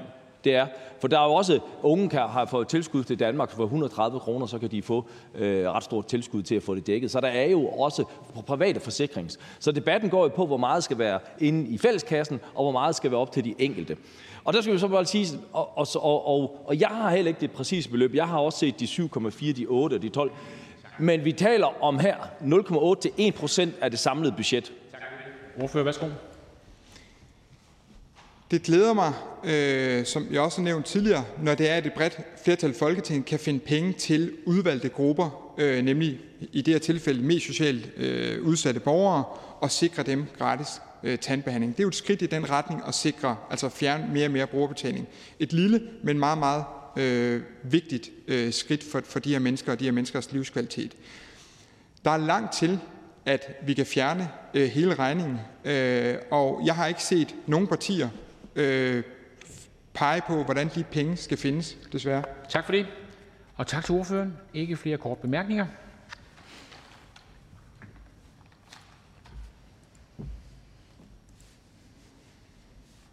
Tak for det. Så går vi videre i ordførerrækken. Fru Malene Ambo Rasmussen, Venstre. Værsgo. Tak for ordet, formand. Det her er jo et, som også ministeren og ordføreren har sagt, et rigtig sympatisk forslag. Nemlig, at man vil give borgerne større tilskyndelse til at passe på deres tænder. Folkesundhed i bred forstand handler om, at alle danske borgere er sunde og raske, at de kan passe deres arbejde og deres fritidsaktiviteter, og de kan leve et godt og raskt liv. Det er en vigtig prioritet hos Venstre, ligesom det er for danskerne i al almindelighed. Men folkesundhed handler også om, at vi skaber muligheder og lige muligheder i sundhedssektoren. Det betyder, at alle danskerne skal have adgang til sundhedsydelser, uanset om det er den udsatte borger på et botilbud, eller det er den administrerende direktør. Alle skal have råd til at kunne gå til tandlægen. Og mange danskere prioriterer der også regelmæssig tandpleje, for netop at bevare deres tandsundhed. I Venstre tror vi nemlig også på, at man bærer et ansvar for sin egen tandsundhed.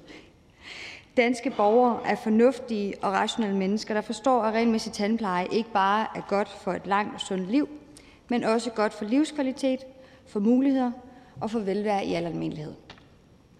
Desværre er der en gruppe borgere, som af den ene eller anden årsag ikke kan prioritere regelmæssigt tandlægebesøg. Det drejer sig om vores allermest udsatte borgere, som af helbredsmæssige, personlige og eller økonomiske årsager er forhindret øh, i at gå til tandlægen, når de har et behov for det. Dem har vi et særligt ansvar for. Venstre har allerede stået i spidsen for flere af de tilbud, der i dag findes i tandplejesektoren, specielt omsorgs- og specialtandlægesektoren. Der findes i dag mange tilbud i den kommunale tandpleje til vores udsatte borgere, men på trods af de mange tilbud har vi alligevel udfordringer med at skabe velfungerende tandplejetilbud til de borgere. Det er udfordringer, som stadig er der, selvom der blev indført en social tandpleje per 1. juli 2020. Det skyldes måske, at blandt andet ansøgningsprocessen for kommunal tandpleje til udsatte borgere er en meget uoverskuelig proces. En proces, som er rigid, langsomlig og alt for byråkratisk. Det skaber udfordringer for både vores borgere og for de kommunale tandplejere. Det ønsker vi at Venstre at gøre op mod. På foranledning af daværende sundhedsminister Ellen Tran Nørby indgik alle Folketingets partier i februar 2018 en aftale, som skulle tilvejebringe en kortlægning og analyse af de allerede eksisterende ordninger i tandplejen for de socialt udsatte borgere. Den analyse afventer vi stadigvæk her godt fire år efter, trods flere rykker, og det blev også nævnt sidste år, da vi havde lignende borgerforslag. Det er selvfølgelig helt uacceptabelt, og jeg er med på, at der har været særlige hensyn, og corona og ministeren har haft travlt, men det er ikke i orden, at vi her fire år efter endnu ikke har fået en afklaring på det. Af hensyn til at sikre de bedste og mest kvalificerede tandplejetilbud til vores udsatte borgere, mener Venstre, at vi skal bruge de eksisterende rammer til at optimere tilbudene. Vi skal se på tilbudsstrukturen, så vi målretter tandplejeydelserne til grupperne med særlige udfordringer. Og vi skal også blive bedre til at forebygge og forberede de unge mennesker, når de netop overgår fra børne-unge tandpleje og tandlæge til de voksne eksisterende tilbud, der koster penge. Venstre er, som I godt kan fornemme, imod borgerforslaget om vederlagsfri tandlæge, ligesom vi er imod forslaget på grund af finansieringsdelen. Men det er bestemt et sympatisk forslag. Tak for ordet. Der er en kort bemærkning til hr. Peter Velblund, Enhedslisten. Ja, tak for det, og, og tak til ordføreren for talen. Øhm, altså jeg kan forstå, at Venstres øh, tilgang til det her, det er, at der skal, der skal indføres flere Øh, ordninger, øh, flere særordninger oven i de, jeg kan ikke huske, 27 eller hvor mange det er, øh, vi har i forvejen til steder, hvor man kan få tilskud til, til tandpleje. Men jeg, jeg kunne egentlig godt tænke mig at spørge sådan helt principielt, fordi nu plejer Venstre jo at tale varmt omkring frit valg, og det er jo det, vi har skaffet i det offentlige sundhedsvæsen. Der er der frit valg for alle til, at man kan gå til lægen, uanset økonomisk formåen, social status eller alt muligt andet. Øh, hvorfor er det, at Venstre ikke ønsker at indføre det frie valg i forhold til tandbehandling og afskaffe de barrierer, der er der, så vi sikrer, at alle borgere har det frie valg til at man kan få vederlagsfri tandbehandling? Hvorfor? Øh, I forhold til det første del af spørgsmålet, så gør det egentlig også meget klart i min tale, at det, som der allerede blev søsat, den aftale allerede blev søsat tilbage i 2018 af foranledning af daværende sundhedsminister Ellen Trane Nørby, det var netop at få korlagt og analyseret de ordninger, der er. Fordi, nu er jeg ikke sundhedsordfører, men jeg har indtryk af, at der er mange forskellige ordninger, og det er lidt et samsurium, øh, og der er også noget, der er meget rigid og byråkratisk og overhovedet komme i en ansøgningsproces til. Så, så det ser jeg, uden at være, uden at være sundhedsordfører, det, det tænker jeg, at det vil være et meget, meget godt sted at starte. Øh, og så sagde jeg også, som, øh, og egentlig i øvrigt også det samme, som, som den socialdemokratiske øh, ordfører også var inde på, at finansieringsdelen er en meget, meget stor bid af den kage. Og jeg tænker, jeg tror, I har diskuteret det her ret mange gange, altså i forhold til brugerbetaling på sundhedsområdet, og hvorfor er det noget, der er gratis, og hvorfor er det noget, der koster penge. Øh, og den diskussion synes jeg, I skal have fortsat. Jeg er sundhedsordfører, det tænker jeg måske ikke lige, det er mig som, som socialordfører. Nu er jeg her for Martin Gertsen i dag, der, der skal gå ind i den del. Men ærligt øh, sagt, så, og jeg nævnte også meget ærligt i min tale, at finansieringsdelen den er en meget, meget stor bid af kagen. Hr. Peter Velblund. Men, men så vil jeg da høre, altså også nu i, i ordførerens egenskab, også som, som socialordfører, altså om det, det er en tankegang, som man i Venstre opererer med at skulle bringe videre ud, at man kan sige, at på grund af, af store økonomiske udgifter, så bliver vi nødt til at sige, at det her, der skal vi til at indføre brugerbetaling, øh, fordi det har vi simpelthen ikke råd til i, i vores samfund. Øh, og så skal jeg lade være med at blive polemisk og sige, hvad, hvad Venstre så vil foreslå, at de penge skulle bruges til. Men er, er, det, er det en tankegang, som kun gælder for, for tandområdet, eller kunne, det også, kunne man forestille sig, at det kunne blive indført på andre velfærdsområder også? Hvorfor? Altså, vores sundhedsordfører har jo sagt det flere gange, at Venstre går ikke ind for brugerbetaling i sundhedssektoren. Vi går ikke ind for, at der skal være mere. Jeg tror, jeg har haft diskussion ret mange gange om, hvorfor det så er endt her, hvor det er endt i dag, at der er nogle ting, der er gratis eller skattefinansieret, og andre ting, der ikke er. Øh, og i øvrigt så sagde jeg det også i min tale, og det synes jeg også gerne, jeg vil lægge væk på igen, når vi netop nu snakker udsatte borgere, og jeg sidder som socialordfører. Jeg kunne også godt tænke mig, at man fik kigget på den del, der hedder de unge mennesker, der overgår fra den gratis børne- og ungetandlæge over til voksen, for der tror jeg også, der er rigtig meget for at forebygge og spare på den lange bane. Fordi jeg også har en fornemmelse af, uden som sagt at være sundhedsordfører, at der er en del, der ryger ud af systemet. Det vil også være nærliggende, eftersom det er der, man fylder 18 og begynder også at betale. Hr. Uffe Elbæk, Fri Grønne, værsgo. Jeg følger lidt op på ordføreren fra Enhedslisten, fordi øh, jeg bliver sådan lidt nysgerrig på, hvad sådan Venstre sådan helt principielt mener om, at vi har fri og lige og gratis adgang til sundhed i Danmark. Er, er det noget, som Venstre støtter op om, sådan helt principielt, at øh, vi synes faktisk, det er rigtig, rigtig godt, at øh, vi i Danmark har indrettet os på sundhedsområdet, på, øh, at øh, det, det er de principper, vi arbejder efter. Fordi hvis man synes det, hvorfor er det så lige nøjagtigt, at spørgsmålet omkring tandpleje ikke skal være en del af den logik? Med. Nå. Øhm, ja, men det, det er vi er fuldstændig enige omkring. Øh, jeg bliver bare lige nødt til at sige en ting. For os er det altså også lidt afgørende vigtigt, at man får kigget på forebyggelsesdelen. Altså, og i øvrigt så synes jeg også, der er graverende forskel på, at det er os, der sidder herinde i salen, der går til tandlæge, og måske skal lægge på 1000 kroner eller 5 for en, en rodbehandling kontra en hjemløse. Og det er jo i virkeligheden også derfor, man har lavet den her ordning i sat i værk fra, var det juli sidste år, ikke? Hvor man netop sagde, at de, de allermest sårbare og udsatte borgere, de skulle kunne have et skattefinansieret tilbud. Og jeg synes helt ærligt, at hvis man kigger på forebyggelsesdelen, hvis man bliver bedre til, og det er jeg med på, det løser ikke dem, som allerede har dårlige tænder nu, og allerede står i en, i en kø og, og, og, og har problemer med det nu, men det løser noget på en lang bane.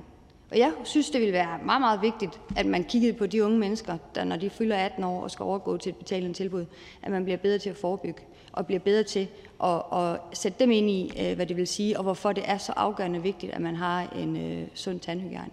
Uffe Elbæk, værsgo. Hvis jeg nu prøver at tolke det positivt, det der bliver sagt op fra, fra talerstolen, så, så går Venstre ind for fri og lige og gratis sundhed, sådan helt overordnet. Så er der et problem omkring tandpleje. Men så siger Venstre, at, at øh, partiet gerne vil kigge på forebyggelsesaspektet, Partiet siger også, at man gerne vil kigge på, hvad gør vi med de unge, når de øh, bliver ældre end 18, f.eks. 18-25 år, så, hvor vi kan se, at der er et markant øh, et, øh, fald i øh, de unge, der går til tandlæge. Så der er øh, en vilje til faktisk at diskutere, hvordan gør vi det her bedre. Ordfører, Ordfører værsgo. Jeg er glad for, at, at uh, Uffe Elbæk, her Uffe Elbæk uh, tager det positivt ned. Det skulle det bestemt også være. Og jeg nævnte det faktisk også da jeg var på talerstolen for et år siden. Øh, meget specifikt tror jeg, var at sige til et, op til den 25. alder. Altså, det kunne være interessant at kigge på, hvordan man laver en eller anden overgangsordning, øh, som på den lange bane vil betyde, at man vil spare penge, fordi man får de her unge mennesker, som måske sidder i en særlig sårbar situation, og måske ikke har den øh, familiemæssige baggrund til selv at, at forstå vigtigheden og, og forebygge, at man ligesom tager over i en, i en periode derefter det 18 år. Her Torsten Gej, Alternativet. Altså, som jeg lytter debatten, og ret mig, hvis jeg tager fejl, så vil Venstre gerne have, at der bliver gratis uh, tandpleje i Danmark. Det er, sådan, jeg, det, er sådan, jeg, det er sådan, jeg lytter mig til det. Kan man så regne med, at hvis nu vi får et regeringsskifte, og der bliver en regering med Venstre i front, at vi så får det her løst, at vi så inden for en overskuelig fremtid, det kan være en 5 år, 10 år, får gratis tandpleje i Danmark? Hvorfor? Ja, tak. Jeg blev lidt trist over, at hr. Torsten Geil ikke turde spørge ind til min alder, i forhold til hvor langt ude i fremtiden, at jeg havde tænkt, at der skulle være eventuelt gratis eller skattefinansieret tandlæge. Altså det, som at vores ordfører har, har sagt flere gange, det er jo, at vi ønsker ikke mere brugerbetaling. Vi ønsker ikke brugerbetaling i sundhedssystemet i det hele taget. Og igen, som jeg har hørt jer ordfører, jer social, eller sundhedsordfører tale omkring det her i rigtig, rigtig lang tid, så er det jo netop, at vi egentlig alle sammen ønsker det. Vi ønsker alle sammen lighed sundhed. Vi ønsker alle sammen, at vi i en bred spektrum hele vejen rundt fra ende til anden kunne gøre det her. For Venstre er vi bare ærlige at sige, at og nu har der fløjet en masse milliarder frem og tilbage i luften, om det er 8 eller om det er 12, knap 12, det er, er irrelevant, fordi det er ikke finansiering, vi i Venstre øh, kan finde, uanset hvordan vi vender den. Men jeg synes, det er interessant med en kortlægning af området. Ja, Torsten Geil. Jeg synes, det er lidt indiskret at spørge om ordførens alder her fra min pult. Øh, så det vil jeg undlade, men jeg vil til gengæld gerne høre, hvad er tidsperspektivet i forhold til, til Venstres holdning til, hvornår vi skal have en gratis tandpleje? Taler vi fem år, taler vi 10 år, eller taler vi, er vi igen ude i en drøm, øh, en livslang drøm? Jeg synes i virkeligheden i forhold til sundhedsområdet hele taget, og der er en sundhedsaftale, som så også forhåbentlig snart er på vej, og jeg kan også høre, at der er noget øh, øh, finanslovsforhandlinger, hvor jeg også kan høre, at der er nogle partier, der, der presser på. Øh, så jeg, igen, jeg vil lade det op til jer sundhedsordfører, men, øh, men for Venstre, som sagt, øh, interessant forslag, øh, også at kigge på, hvordan vi får mere lighed i sundhed, det er altså afgørende vigtigt for os. Tak til ordføreren. Ikke flere korte bemærkninger. Og vi går videre til den næste ordfører. Kan jo oplyse om, at hver år efter et folketingsvalg, så bliver der udgivet en biografi, hvor alle relevante oplysninger fremgår.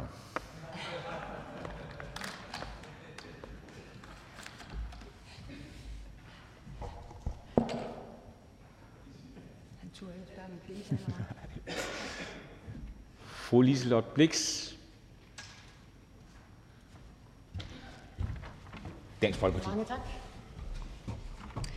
Jamen, jeg vil starte med at sige tak til dem, der har lavet borgerforslaget. Og det her med at få 50.000 stemmer, det viser jo bare, at det her det er noget, der vedkommer rigtig mange mennesker, når vi taler om øh, tandlægehjælp. Fordi det er blevet dyrere. Øh, det har ikke været billigt før, og det er i hvert fald ikke blevet billigere efter. Så i Dansk Folkeparti er vi rigtig glade for, at vi får lov til at debattere det her emne igen. Fordi det er noget, som vi har arbejdet på i mange år. Vi har i mange år sikret, at vi fik behandling til kræftpatienter med stråleskader, folk med Sjøgrens syndrom. Vi har stillet forslag om øh, hjælp til folk med aggressiv parodontose, gratis tandlægehjælp til unge, billigere tandlæge til ældre. Men der har ikke altid været muligt at finde flertal for det. Så da den tidligere SSF RV-regering besluttede at ændre tilskudsmodellen, tilskudsordningen til tandlæger, og dermed gjorde det dyrere for mange, så skete der et kæmpe skred. Man valgte fra daværende regering at fjerne 300 millioner fra området og gøre det ekstra besværligt at være borger. Så da man ikke kunne komme i mål med en aftale på overenskomsten for en af det her, de her penge, så gik vi i Dansk Folkeparti med til, at man satte loft. Og siden er der ikke sket noget. Vi blev lovet dengang, at man selvfølgelig skulle kigge på tandlægeområdet og finde en tandlægereform, der gjorde det billigere for folk at gå til tandlæge.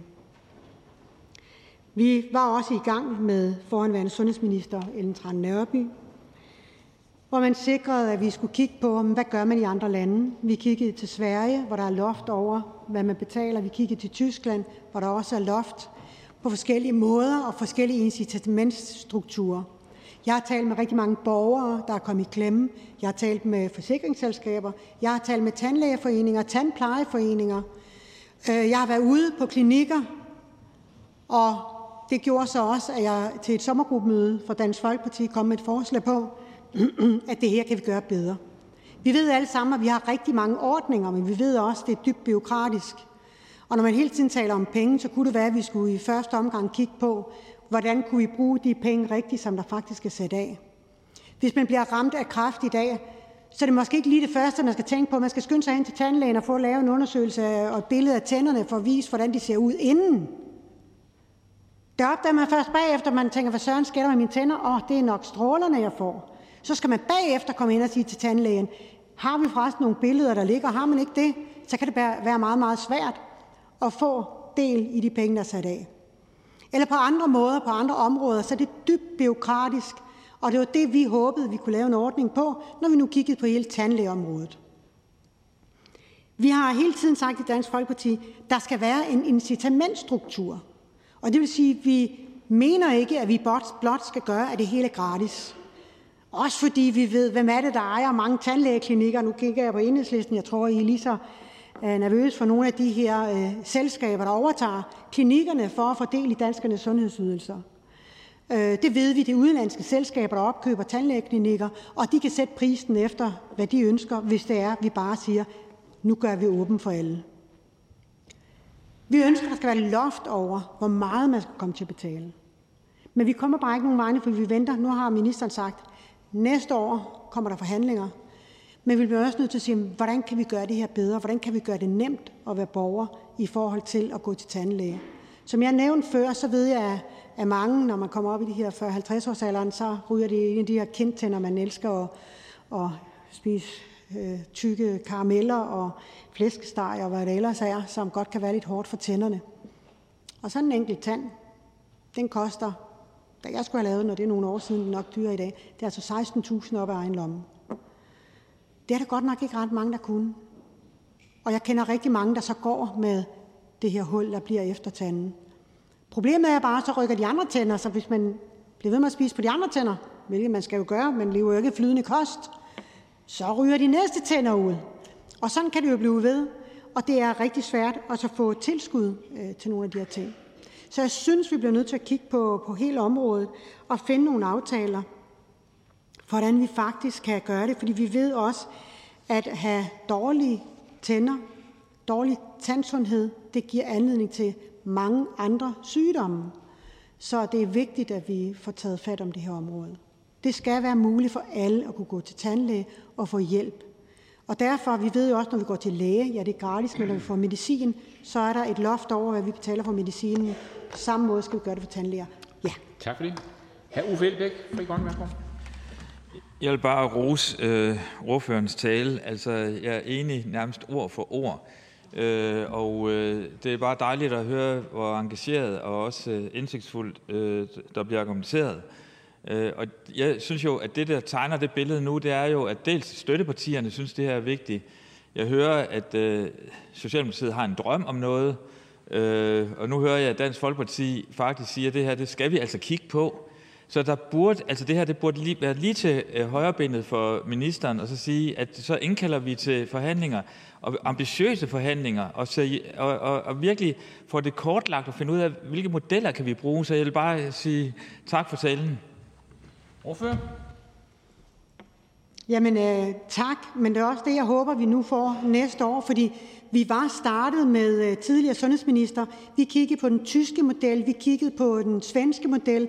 Vi havde faktisk øh, øh, folk ind og fortælle, øh, hvordan man kunne gøre nogle af de her ting, fordele og ulemper, incitamentstruktur, hvor man kunne sige, hvis du går til øh, vedligeholdelsestandpleje øh, en gang om året, så får du en check med til næste gang, du skal til tandlæge, sådan så man fik folk til at komme en gang om året til vedligeholdelsestandpleje. Men, men så kom der et valg, og så nåede vi ikke mere, og det er jo det, der er så ærgerligt, at det snart er tre år siden. Så er det hr. Peter Velblund, Enhedslisten. Tak for det, og øh, også enig i mange af de principielle overvejelser, som øh, fru Liselott Blixt har. Øhm, Og jeg deler fuldstændig bekymringen i forhold til de udenlandske tandlægekæder, som nu bevæger sig ind på markedet, og det ved jeg, det er en fælles opmærksomhed, vi har, hvordan vi kan undgå, at, øh, at det her det bliver til en lukrativ forretning for, for udenlandske øh, hvad hedder det, tandlægekoncerner. Øhm, men det kunne vi jo for eksempel undgå ved at sikre, at vi udbyggede den kommunale tandpleje øh, og dermed holdt det i kommunalt regi. Det er klart, det kan vi heller ikke gøre fra den ene dag til den anden, men vi kunne jo lave en gradvis øh, udbygning, så den både kunne rumme øh, både hvad hedder det, tandbehandling og også tandbehandling i forhold til socialt udsatte, og sikre, at det ligger i kommunalt regi. Men nu var det, fordi fru Liselott Blixt nævnte det med at lægge et loft over. Øhm, jeg synes jo bare, at erfaringen har været, at det faktisk også er en kæmpe stor udfordring, fordi vi har jo grupper, som har så få midler at gøre med, at om der er en, en barriere på 600 kroner eller 6.000 kroner, i princippet er ligegyldigt, fordi de penge kan man ikke finde og dermed så kan et loft jo også være med til at øge den sociale ulighed, fordi de borgere, der er allerhårdest ramt, vil være dem, der vil få, vil få allersværest ved også at benytte sig af den ordning. Når jeg henviser til medicinsk tilskud, så ved ordføreren også, at der er nogen, der ikke skal betale for medicin, fordi man er kroniker. Så hvis man kigger på den medicintilskudsordning, vi har på, på det somatiske område og øh, psykiatrien, altså der, øh, i, hvor vi siger, at vi får gratis behandling, det er jo præcis det samme, og det er jo den måde, man kan strukturere det på. Og så er jeg enig i, at der er nogle ting, kommunale tandpleje burde man kigge meget bedre på, men også den tandpleje, der sker ude i regionerne, øh, øh, klinik, tror jeg det hedder, kæbekirurgi osv., som faktisk mange gange ligger hos en almen praktiserende tandlæge, hvor det burde ligge i sygehusregi i stedet for. Så det er jo nogle af de ting, vi også tog med på bordet dengang. Så der er meget, vi skal skille ud af det, og der er noget andet, som vi så skal finde ud af en løsning på. Jeg tror, der er nogle helt principielle enigheder i forhold til det her. I hvert fald det der med at udbygge den offentlige tandpleje øh, i forhold til at sikre, at behandlingen bliver øh, flyttet derover. Jeg tror, der hvor vi så kan få en diskussion, det er et spørgsmål omkring, øh, om det så ikke bliver nødvendigt også at gøre det vederlagsfrit, altså for at undgå, at vi skal ind i alle de tilskudsordninger, og at man skal visiteres, eller man skal godkendes på den ene eller den anden måde. Altså jeg tror, den mest simple måde vil være at sige, at vi gradvist får det gjort vederlagsfrit, og at vi får det lagt over i en en øh, en offentlig øh, tandbehandling. Og der skal jeg bare høre, om om ordføreren ikke grundlæggende kunne se nogle gode perspektiver i det. Nej, jeg tror ikke på, at det skal være helt vederlagsfrit. Øh, det er der også problemer med. Nu har vi lige diskuteret vederlagsfri fysioterapi. Der skal altid være et loft over statens økonomi, når man laver en aftale, for ikke at det hele bare går Hækkenfeldt til, så at sige. Men, men det viser sig også, når man så ender sidst på året, så ved vi, hvad speciallæger gør i dag. Så lukker man for at tage patienter ind. Så ved vi vederlagsfysioterapi, øh, så tager man ikke patienter ind. Altså, og det er sådan hele vejen igennem, så det er heller ikke løsningen. Fordi så sidst på året er der ikke nogen, der kan få lavet tænder. Hr. Torsten Geil, Alternativet. Tak. Og tak for en god tale, og som sædvanlig en stærk indsats i forhold til sundhedspolitik fra fra fru Liselott Blixt. Øh, men forstår jeg det så, således rigtigt, at, at, at Dansk Folkeparti ikke kommer til at stemme for det her borgerforslag? Øh, det kan godt være, det, at, at det ikke var mig, der lige hørte ordentligt efter, men jeg vil bare lige spørge. Ordfører? Jamen, det er korrekt. Vi kan ikke stemme for forslaget, som det ligger her. Vi kan jo ikke stemme for et forslag, der koster 10 milliarder kroner, bare sådan lige ude i den blå luft, uden at finde pengene. Jeg kunne selvfølgelig sige, at øh, vi kunne tage dem på indvandrerområdet, hvor vi bruger 30 milliarder om året, så var pengene jo nemt at finde. Men øh, det tror jeg heller ikke, der er andre, der vil øh, øh tilslutte sig. Så lige her siger vi nej til det her og forventer, at vi får den her aftale med ministeren næste år. Tak til ordføreren. Ikke flere korte bemærkninger.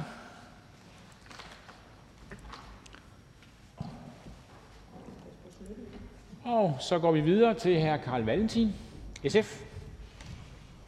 Tak.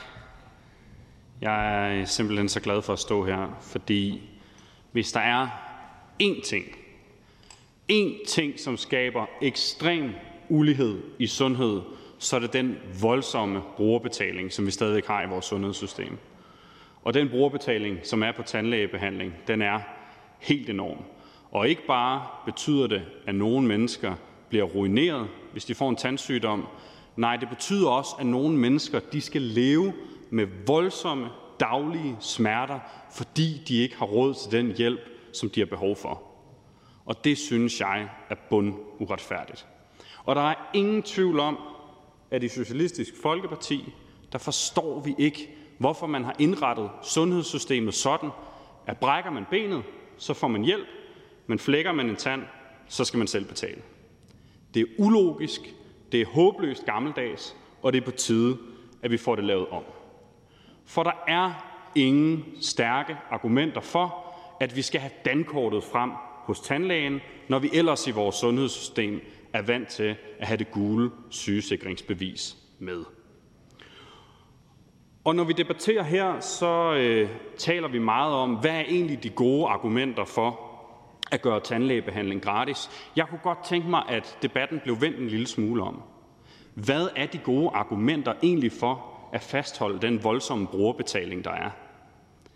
Jeg synes, det eneste øh, argument, stort set, jeg hører, når folk de debatterer åbent her, det er så noget med, at øh, det kan være selvforskyldt, hvis man får en tandsygdom, at man også selv har et ansvar for at passe, sine tænder, passe på sine tænder, og man selv må finansiere det, hvis der opstår nogle problemer. Men sandheden er jo også, at tænderne de er ikke væsensforskellige fra resten af kroppen. Man kan være genetisk disponeret for at få en tandsygdom. Man kan være så uheldig, at man er nødt til at tage noget medicin mod en depression, som gør, at man får øh, større tendens til at udvikle tandsygdomme. Og hvis man så bare er en dovenred og ikke får børstet sine tænder og sådan noget, jamen så mener jeg da sådan set stadigvæk, at man skal have ret til hjælp, fordi det er sådan, vi gør i Danmark. Det er jo heller ikke sådan, at vi ikke hjælper folk med andre livsstilssygdomme, hvis de skulle få problemer. Og folk har jo faktisk en interesse i at passe på deres egen sundhed. Jeg har kæmpet for det forslag, som der ligger her på bordet i mere end 10 år, og når jeg skriver om det på sociale medier, så vælter det ind med borgere, der har kæmpe store problemer. Jeg har taget nogle få citater med fra nogle af de borgere, der har skrevet til mig. Jeg citerer her. Efter to graviditeter med massiv opkast og efterfølgende depression, kunne jeg skulle se frem til at betale 30.000 kroner til tandlæge. Jeg er på SU. Og en anden skriver, Givetvis på grund af mundtørhed som følge af medicinforbrug har jeg været til tandlæge ni gange siden nytår og betalt mellem 1.000 kroner og 6.000 kroner per gang. I alt over 30.000 kroner på 8 måneder. Der er også en, der skriver til mig, jeg betalte 150.000 kroner i tandlægeregninger over halvandet år. Jeg havde fået skæve tænder, efter min kæbe var slået skæv i trafikuheld. Jeg synes, de her historier de er hjerteskærende og det er på tide, at vi får hjulpet de mennesker, der har behov for hjælp. Og derfor så skal der bare lyde et kæmpestort tak til de forslagstillere, der har stillet det her borgerforslag. Jeg er selv i den Facebook-gruppe, hvor meget den her mobilisering har foregået, og jeg ved, hvor mange dybt dedikerede mennesker, der er i den her gruppe. Og øh, jeg mener, at vi lige så godt kan komme i gang, og derfor så tager SF også med til finansloven, at vi begynder at tage nogle skridt i den rigtige retning her. Og der skal heller ikke lyde nogen tvivl om, at Socialistisk Folkeparti har tænkt sig at stemme for det borgerforslag, der ligger. Vi synes, det er fornuftigt, og vi synes, vi skal indgå i nogle forhandlinger, hvor vi drøfter seriøst, hvordan vi kan få det implementeret. For ja, det er dyrt at lave forandringer i et samfund. Ja, det kommer til at kræve, at vi betaler noget mere i skat. Men det er da bedre end at efterlade tusindvis af mennesker i forfærdelige situationer, fordi de ikke har, brug, øh, ikke har råd til den hjælp, som de har brug for. Så tak til forslagstillerne. Socialistisk Folkeparti bakker op. Tak. Til ordføreren. Jeg ser ikke nogen kort bemærkninger.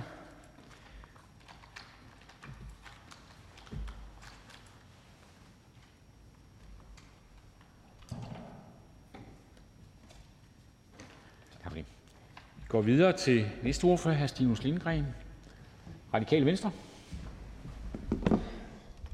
Tak for det.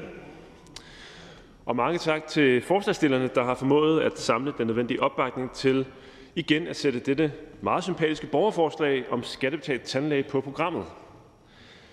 For som flere andre ordfører også har sagt, så er der jo en mærkværdig skævhed i vores sundhedsvæsen, når det kommer til netop tandpleje. Hvis jeg kommer til skade og brækker en arm, så bliver jeg hjulpet uden at skulle finde dankortet frem, naturligvis. Men hvis jeg knækker en tand, så skal jeg betale ved kasse 1. Og det er helt tydeligt, at det direkte fører til ulighed i sundhed, fordi din indtægt kommer til at afgøre din tandsundhed. Og det skal vi tage meget alvorligt. Ikke mindst fordi vi ved, at tandsundhed har store sociale konsekvenser og stor betydning for en række alvorlige sygdomme. Og det er jo svært, ja nærmest umuligt at forklare, hvorfor to skader behandles så forskelligt. Og det ærlige svar er jo, at det skyldes en historisk anormalitet. Den ene del er skattefinansieret, og den anden er med brugerbetaling, fordi sådan har vi nu engang valgt at indrette os. Og fordi det er sådan, vi har valgt at indrette os, jamen, så kan vi selvfølgelig også godt beslutte at ændre det. Det kræver bare et flertal, og ikke mindst øh, en finansiering. Fordi det er ikke gratis. Nej, det koster, som blandt andet ministeren har sagt, en anselig sum penge. Og derfor kan vi ikke i Radikale Venstre støtte forslaget, selvom vi har meget stor forståelse for det.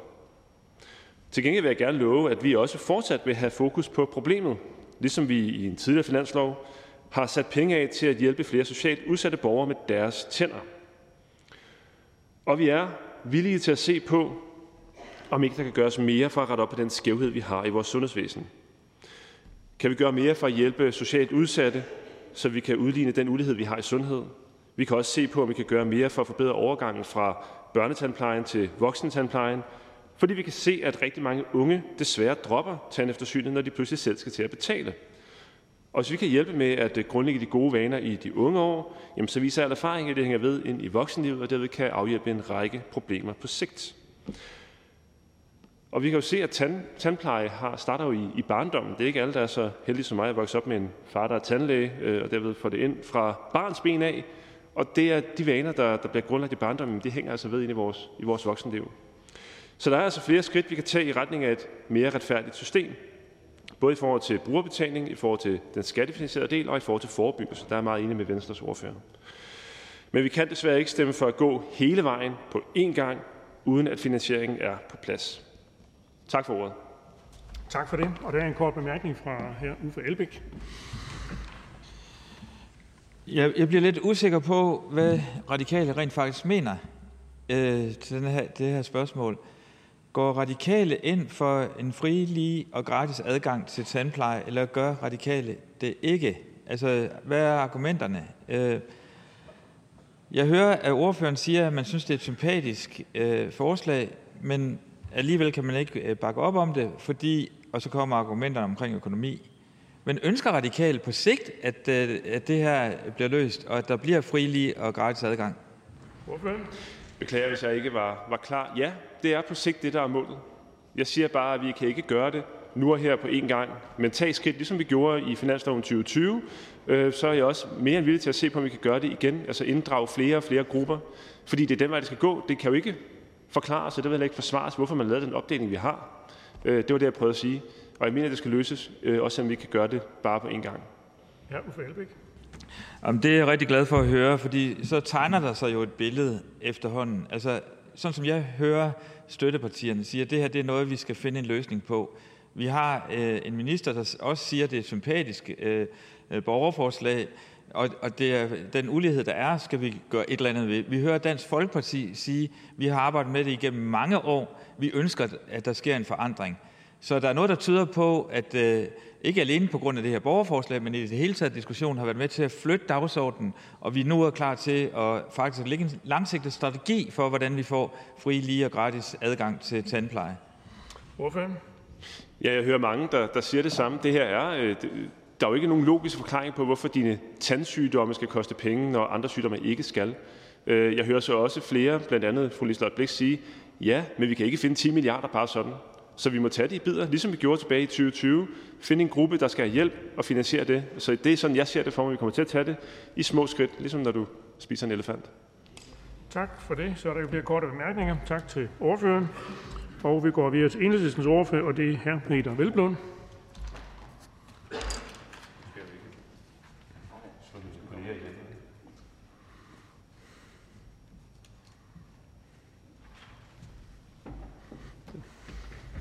Tak for det, formand. Det var godt lige at få de radikale basiler vasket væk fra talerpulten her. Øhm, først og fremmest kæmpestor og dybfølt tak øh, til de mange borgere, øh, som nu igen bringer det her borgerforslag ind i øh, Folketinget.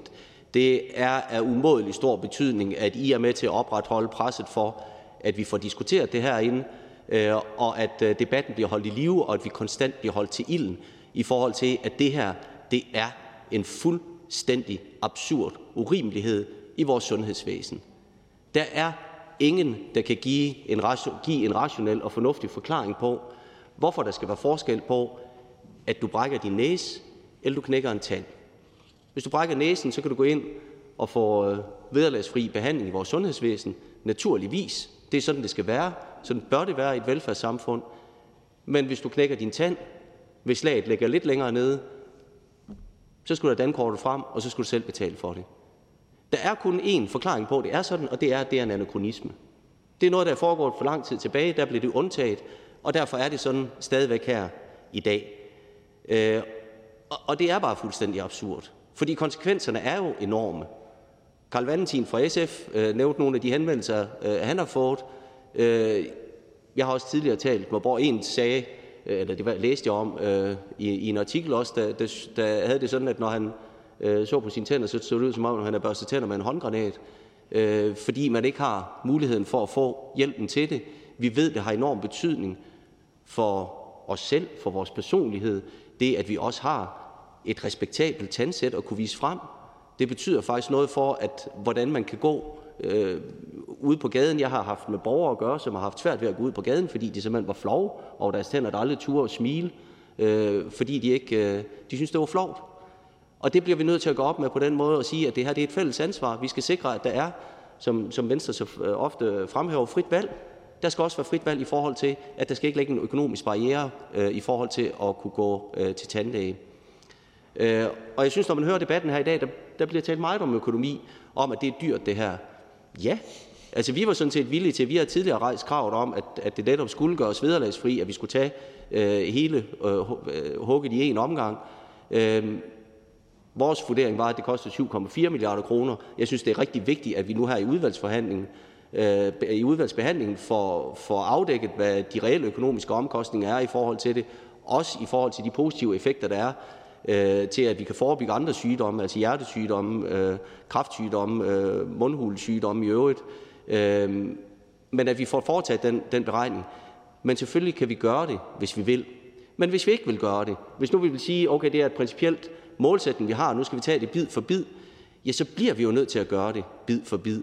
Så bliver vi nødt til at begynde på det gradvist. Og det er også derfor, vi i finanslovsforhandlingerne i år har rejst konkret krav om, at vi så starter med for eksempel at sige, at vi hæver grænsen for, øh, hvornår man øh, kommer ud af den kommunale øh, Øh, børnetandpleje fra 18 til 25 år. Det var bare et sted at starte, og det kan man faktisk godt. Jeg tror, at tallene viser, at det er cirka omkring øh, 90 millioner kroner for hver årgang, man skal hive ud. Så det er jo ikke et, et dramatisk eller voldsomt beløb. Man kan også se på den såkaldte paragraf 82a, altså hvor, hvor kontanthjælpsmodtagere har en egenbetaling på 600 kroner, som jo reelt set fraholder, afholder mange for at benytte sig af den. Den kunne man også afskaffe. Jeg kan ikke huske det præcise tal. Jeg tror, det er omkring øh, en 50-60 millioner kroner. Det kunne også være en mulighed. Der er jo masser af muligheder for, at vi gradvist skal gøre ting. Vi kunne også se på socialtandplejen. Vi kunne sikre, at de steder, hvor der er brugerbetaling, der får vi det afskaffet. Det er noget af det, vi konkret sidder og forhandler om i finansloven nu, fordi vi har rejst det som krav, fordi vi bliver nødt til at tage den her debat alvorligt, og vi bliver nødt til at sikre, at vi gradvist får gjort op med den her helt øh, principielle ulighed. Og derfor vil jeg bare igen også takke forslagsstillerne for at have, have rejst den her debat, sige, at vi er nogen, der tager øh, den her øh, kamp alvorligt. Vi er nogen, der både kæmper for den i forhold til, at vi naturligvis stemmer ja til det her borgerforslag. Selvfølgelig kan vi gøre det nu og her, men hvis der ikke er opbakning til, at vi gør det nu og her, så lægger vi også pres på de andre partier i forhold til at sikre, at det her det bliver noget, vi gør gradvist. Og derfor vil, vil vi naturligvis også, som forslagsstillerne også meget ansvarligt øh, skriver i forslaget, få afdækket i udvalgsbehandlingen, hvad er de reelle økonomiske omkostninger i forhold til det her, så vi igen kan fortsætte debatten, men også på et mere øh, oplyst og, og reelt grundlag. Men det her, det er en absurditet.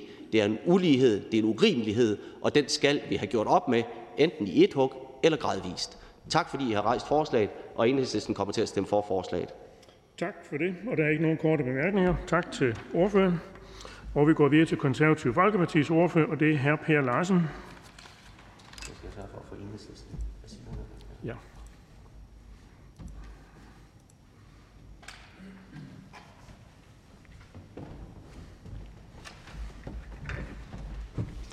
Tak for det, formand, og tak til forslagsstillerne, som har Øh, ulejliget sig med at stille forslaget og øh, også få tilslutning til det for øh, så mange mennesker, så at det bliver behandlet her i dag.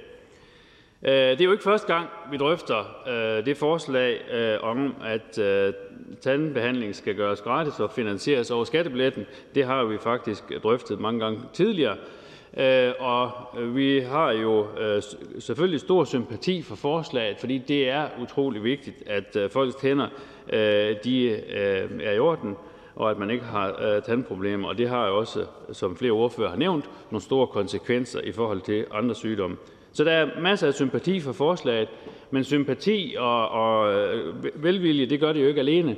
Og den store udfordring det er jo finansieringen af det, øh, og der øh, er vi jo så bare i den uheldige situation, at vi jo ikke har finansieringen med i, i det her forslag, og Øh, man kan jo ikke bare øh, vedtage noget uden finansiering.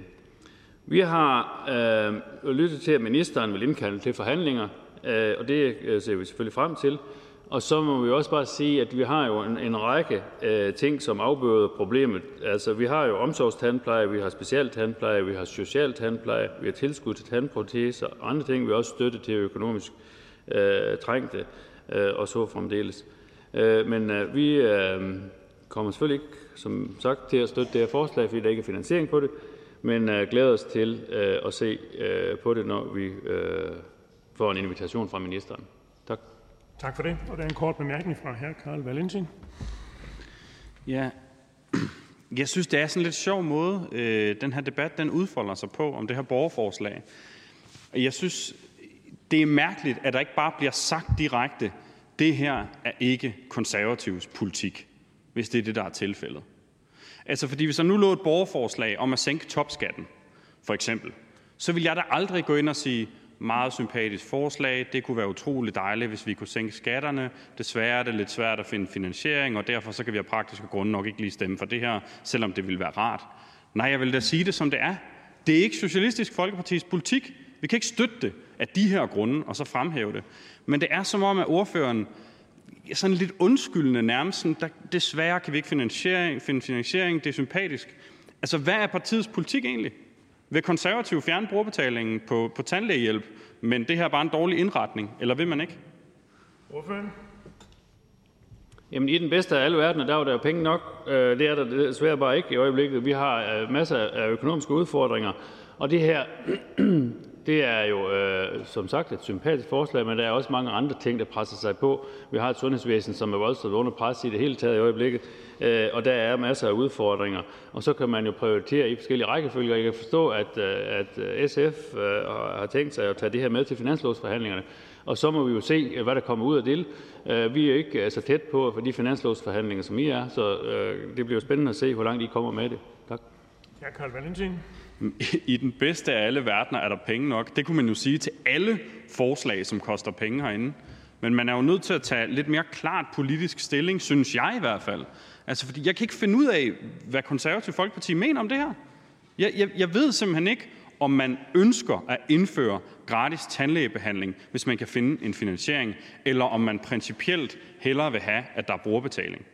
Jeg, jeg, jeg kan ikke finde ud af, hvad, hvad partiets politik er, og det synes jeg er svært, fordi det gør det svært at have en ordentlig politisk debat om det principielle. Hvorfor? Jamen, vi er helt øh, grundlæggende af den opfattelse, at vores sundhedsvæsen det skal være øh, skattefinansieret. Og så har man et hjørne her, hvor at der kun er en del af det, der er skattefinansieret, og der også er en brugerbetaling. Og derfor øh, øh, ser vi også øh, jo med velvilje på, at ministeren indkalder til nogle forhandlinger om, at vi kan forbedre de her ordninger, som jeg nævnte, altså øh, at man jo trods alt har en bund med nogle forskellige ordninger, som gør, at, øh, at der er øh, lagt et minimum for, hvor dårlige folks tænder de kan blive, inden at det offentlige træder til. Tak for det. Der er ikke flere korte bemærkninger. Tak til ordføreren. Og vi går videre til Nye Borgerliges ordfører, og det er hr. Lars Bøje Mathisen.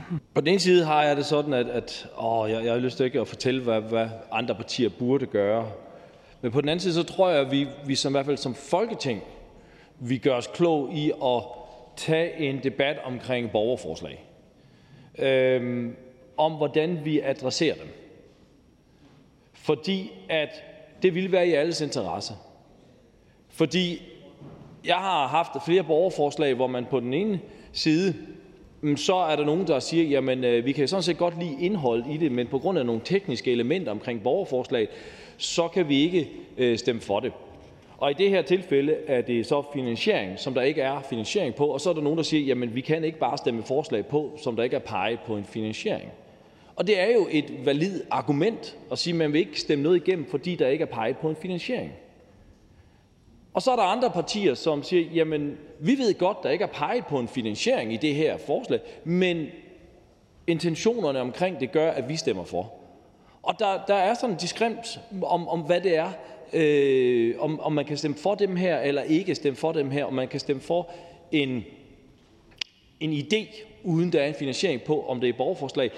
Og jeg synes, hvis vi begynder at sige, at der skal finansiering på på borgerforslag, når de kommer, så skal vi også sørge for, at de borgere, som sender det ind, at de kan få en ordentlig vejledning af, af noget sekretariatshjælp til at, at få Øh, at kunne pege på noget finansiering. Det tror jeg vil, vil forbedre hele de her med, med, med borgerforslag.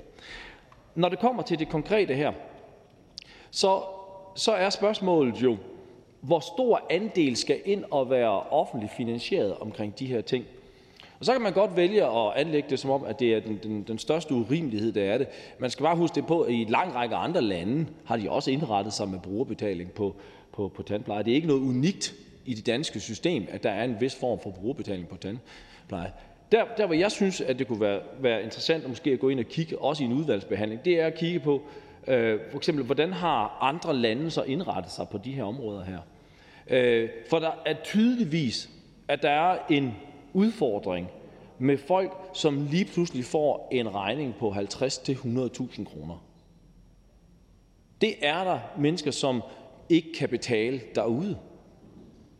Og der kan man sige, så har Folketinget jo også et ansvar, fordi man har øh, år efter år for år sørget for, at man har verdens højeste skattetryk, så det bliver svært at betale den regning. Og man kan jo sige lidt, den borgerlige løsning ville jo være at sænke skatten, så folk kunne spare op, og derved så have råd til det. Men jeg synes, at i en udvalgsbehandling, det kunne være interessant at gå ind og kigge på, jamen, jeg ved, der ligger et loft ved nogle specielle sygdomme på, hvor stor en regning kan blive. Og i det svenske system har man simpelthen et loft på, hvor stor en regning en borger kan få. Der er stadigvæk en form for brugerbetaling, egenbetaling, men der er altså et loft, således at, at, at det ikke er økonomien, der skal være det afgørende på, om man får den behandling af sin, tand, tand som, eller sine tænder, som måske er gået øh, i, i, i store problemer, og man har behov for en regning, som koster 50 eller 100.000 kroner. Og der synes jeg, det kan være interessant at sige, men kunne vi gøre noget der, med de mennesker, som kommer i klemme der? For det er jo ikke derfor, man har brugerbetaling for at skulle straffe de mennesker, som, som får, øh, som, hvis tænder går i stykker, og så skal have en regning på 50-100.000. Der synes jeg, vi har en forpligtelse, og det kunne være sjovt at gå ind og, og kigge på det her. Så øh, hører jeg også i debatten i dag, at der er et forslag om at gøre 18 til, til 25-årige øh, og indlemme det ligesom i den kommunale tandpleje. Og der skal man bare sige, at i dag er det jo således, at du som ung kan blive, blive medlem af, af Danmark, og så får du 100% tilskud til din tandlægeregning. Det koster dig 4 kroner om dagen.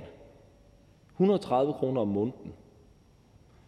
Godt 1.560 kroner om året. Så kan man så sige, jamen det, det har folk på, på SU ikke mulighed for. Nej, men kunne løsningen så ikke være, at man sænkede skatten, for eksempel på SU, så der vil være 1.500 kroner mere i lommen om året, og så kunne folk jo købe det her til.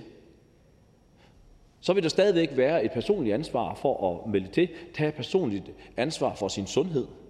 Men man vil have, og man vil have inden for Folketinget, have tilvejebragt midlerne til, at det kunne lade sig gøre.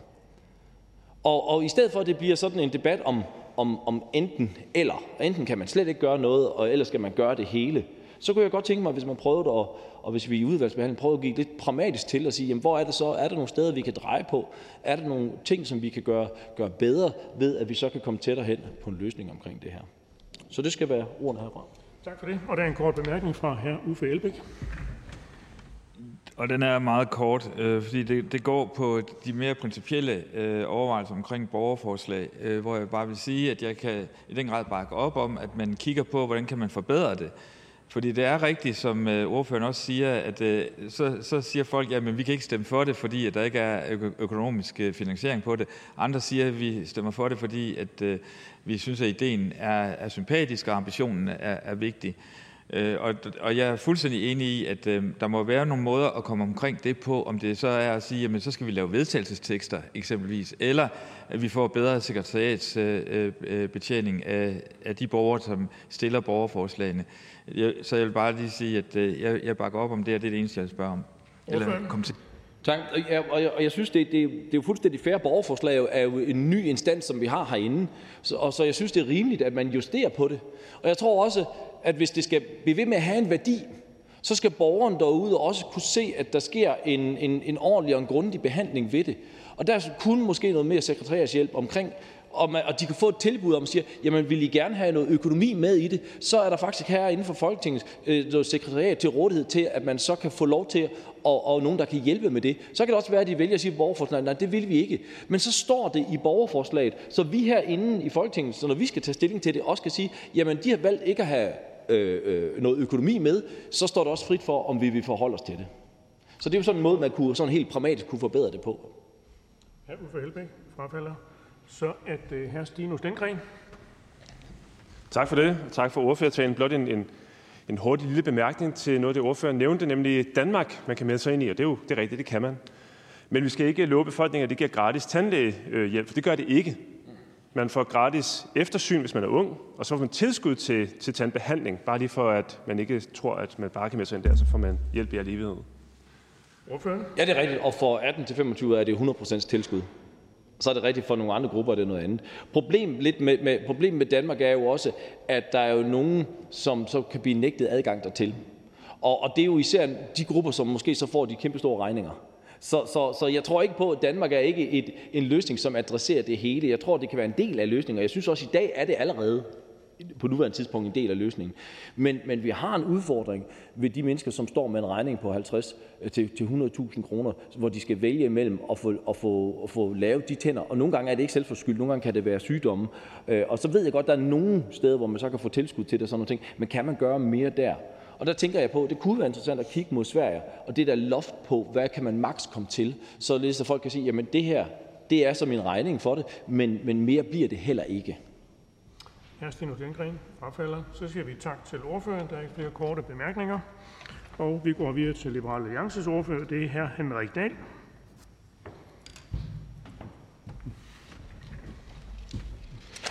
Tak for ordet. At øh, tandpleje er gratis, det betyder jo, at øh, tandlæger og klinikassistenter de arbejder uden løn. Og det betyder, at deres øh, instrumenter og materialer er blevet givet til dem som gaver, og at de ikke skal betale husleje. Og at det skulle ske, det er jo meget usandsynligt. Og derfor så handler øh, det her forslag ikke om gratis tandpleje. Det handler om, hvem der skal betale for tandplejen. Og det siger forslaget ikke noget om, øh, og eftersom det er en meget stor udgift, det er vi alle sammen enige om her i salen, som der så ikke er redegjort for, så kan vi ikke støtte forslaget. Øh, men det er jo rigtigt, som det også er blevet sagt før, at man kan jo tænke sig øh, mange modeller, hvis man øh, vil gøre noget på det her område. Man kunne gøre det lettere at få råd til tandpleje ved at sætte skatten ned, og så kunne man overveje en eller anden solidarisk finansieringsordning for dem, der af den ene eller anden grund ikke tjener nogen penge, som de betaler skat af. Det er ikke sådan helt nøjagtigt det, som vi er tilhængere af, men det er ikke så langt derfra.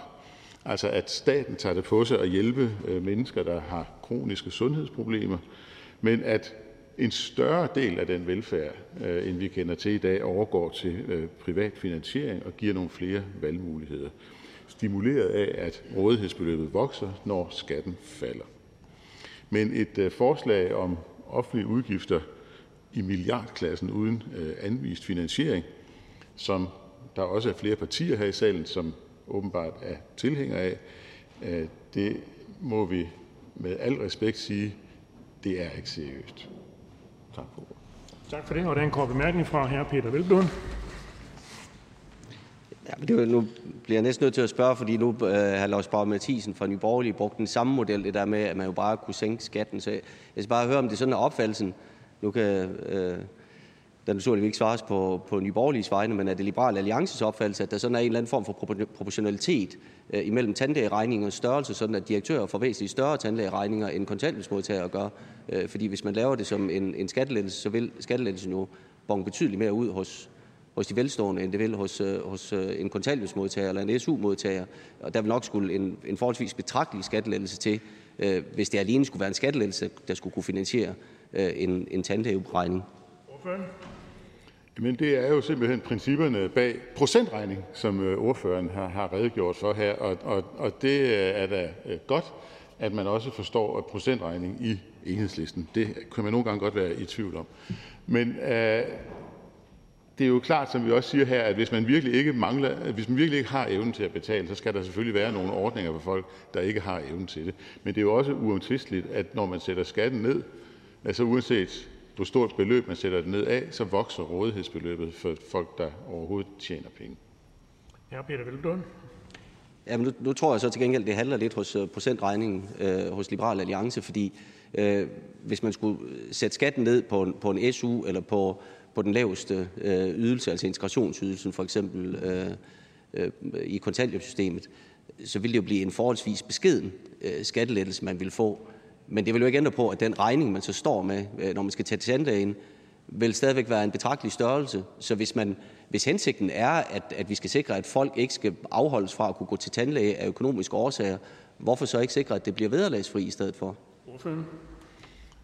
Jamen, det er jo et spørgsmål om principper, men bemærk, hvad det er, der bliver sagt. Det, jeg siger, er, at hvis man har en meget lille eller slet ikke nogen evne til at tjene penge, så skal der selvfølgelig være nogle solidariske ordninger, øh, som hjælper øh, i de her tilfælde.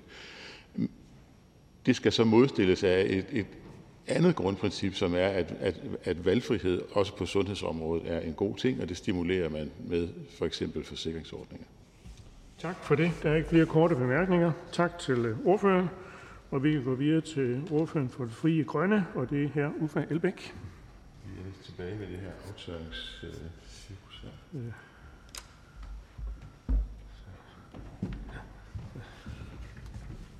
Tak for det. Øh, jeg står her lidt som øh, stand-in for vores øh, sundhedsordfører, Susanne Simmer, men budskabet er det samme. Øh, og det kommer nok ikke som nogen øh, stor overraskelse for tilhørende, at øh, vi bakker op om det her borgerforslag. Øh, borgerforslaget sætter jo i den grad fokus på det, måske det allermest ulighedsskabende problem inden for vores sundhedssystem, nemlig at vi ikke har fri, lige og gratis adgang til tandpleje. Og det er både et øh, fuldstændig politisk paradoks, fordi at der er ikke nogen, der kan argumentere for, hvorfor lige nøjagtigt den del af kroppen er taget ud af, af den måde, vi tænker normal sundhed på i Danmark. Altså, der er ikke nogen øh, god grund til det. Der er, der, det er historik.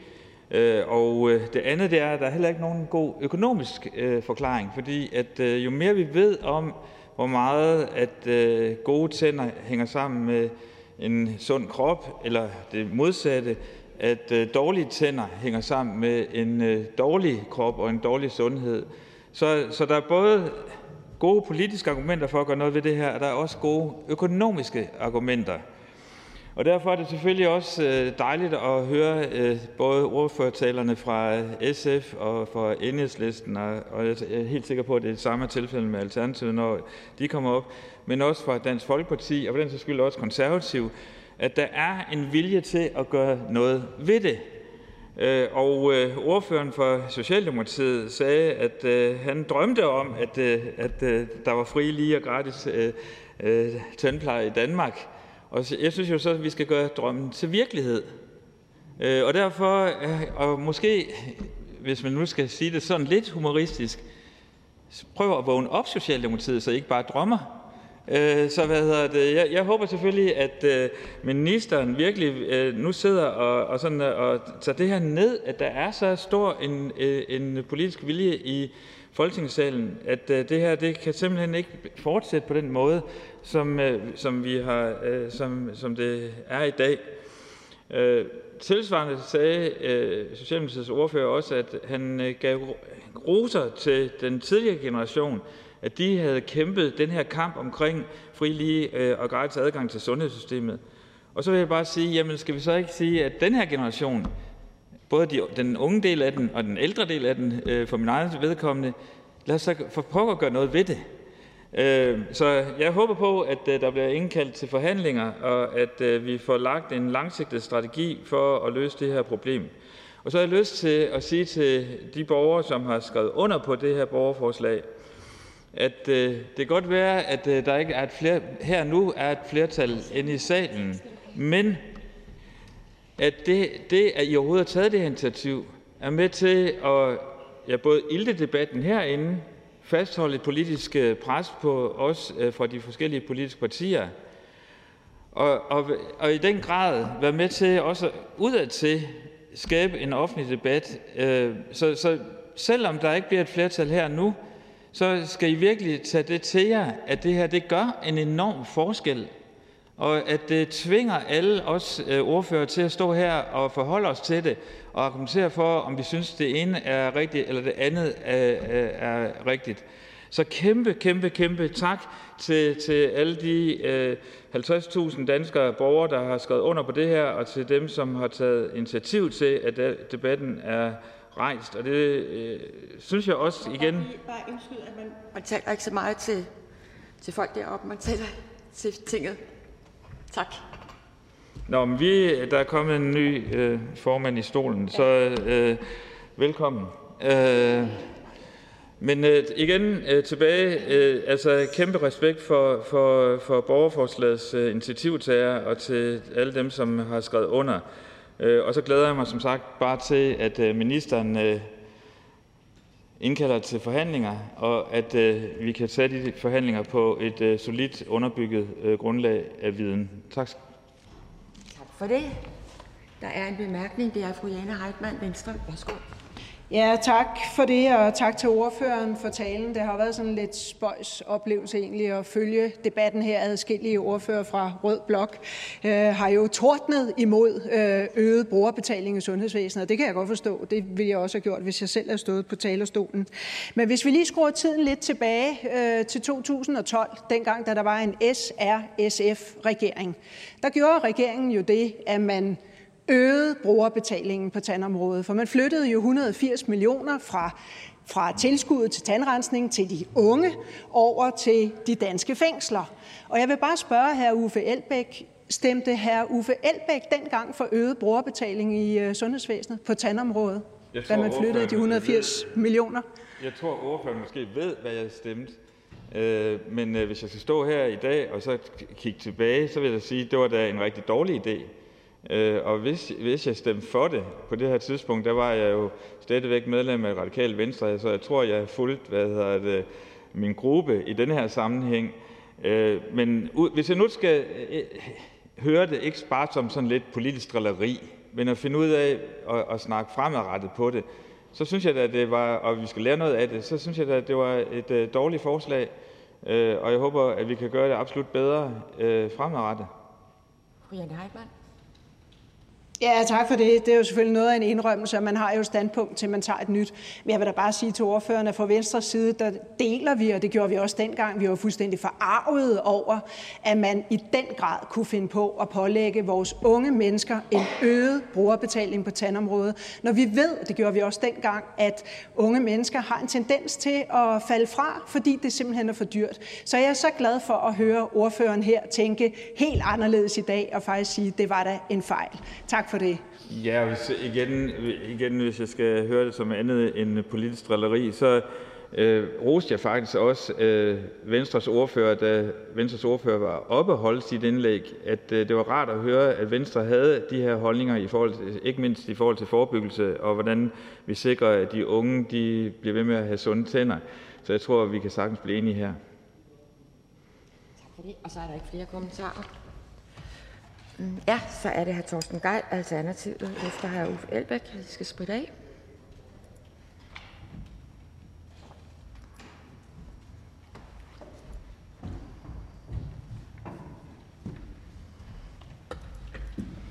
Tak, formand.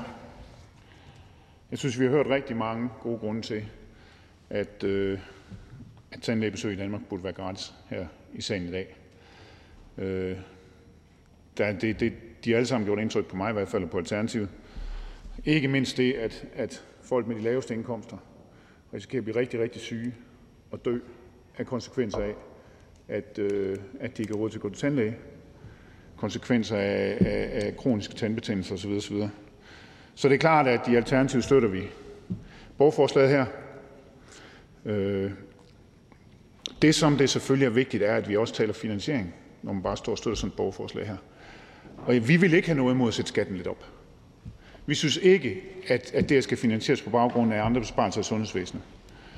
Men der er altså også andre måder, og det, det, det, det er ærgerligt, at sådan nogle forslag her gang på gang forbigås, når det handler om de dynamiske, dynamiske effekter. Fordi hvis man laver en investering, så, folk, så, så tandlægebesøg bliver gratis, så vil man hurtigt se en effekt på resten af sundhedssystemet. I løbet af få år, så vil der altså være fald i, kræftantal, i, i i antal kræfttilfælde, diabetes, alvorlige hjertesygdomme. Det vil der, fordi at den bedre tandsundhed vil føre til, at vi ikke i samme grad får de sygdomme. Der vil komme et fald. Det vil sige, at der vil blive flere penge på de sundhedsbudgetter, som, som, som, som tager penge til, til, til den type operationer, behandling af meget alvorlige sygdomme. Og det skal vi kunne finde. Det skal vi kunne finde de penge og sige, de penge, der bliver sparet nu, de penge, der er til os nu, det er altså på grund af, at vi har lavet gratis tandlæge. Vi, siden jeg kom i Folketinget for seks år siden, har vi talt om det, der hedder sociale investeringer. Det handler altså om det her med at lave investeringer, der forbedrer sundheden, trivsel og livskvalitet, og så forfølge de besparelser, det skaber på de forskellige budgetter, og så løfte tilbage og bruge det til det, der var tænkt som. Så, så, så det ærger mig, at, at jeg, jeg, jeg sagde det faktisk til regeringen her, da vi, da vi drøftede det her sidst. Så sagde det her fra talerstolen, har I slet ikke gjort jer nogen overvejelser om de såkaldte dynamiske effekter, de kæmpe store besparelser, der vil komme i sundhedsvæsenet? Og jeg havde troet her, at, at vi ville få lidt mere at vide om det at der vil regne en lille smule på det. For jeg tror, at det er så betragtelige besparelser, de faktisk har en stor betydning i forhold til at finansiere det her forslag. Jeg forstår godt, hvis dem, som har skrevet under på det her forslag og stillet det og arbejdet med det så længe, tænker, jamen, det er da skuffende, at, at, at, der, er, at der ikke er mere medgang i dag. Men der vil jeg sige, sådan er der altså nogle gange med store sager, der kommer igennem. Der skal presses på og presses på og presses på, og man må aldrig give op. Og jeg forstår godt, at regeringen ikke lige nu tør stå og give store indrømmelser, for så er der komme milliard, milliard journalister og høre, hvordan det skal foregå, når, når regningen er på 12 milliarder om året, eller noget i den retning. Så det forstår jeg da godt. Men jeg tror ikke, man skal misforstå, at det her er i skred. Og det er ligesom for eksempel, vi er ved at få, gen, få afskaffet gensidig forsørgerpligt på grund af et borgerforslag. Så sker det lige, lige pludselig.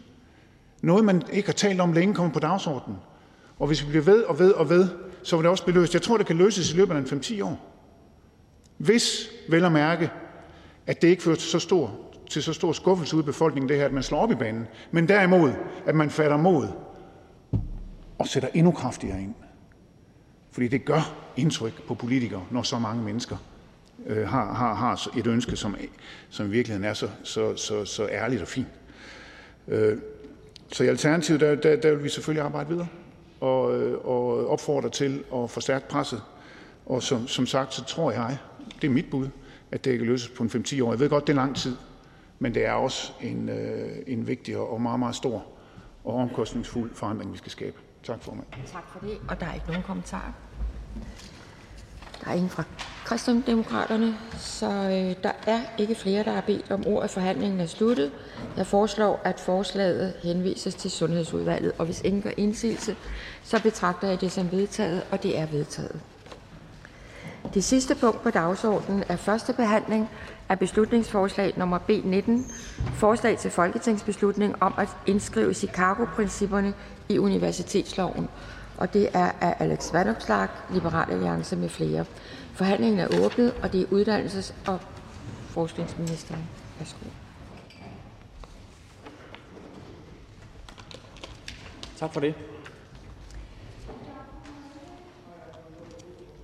Jeg kommer til at konkludere, at regeringen ikke støtter øh, beslutningsforslaget.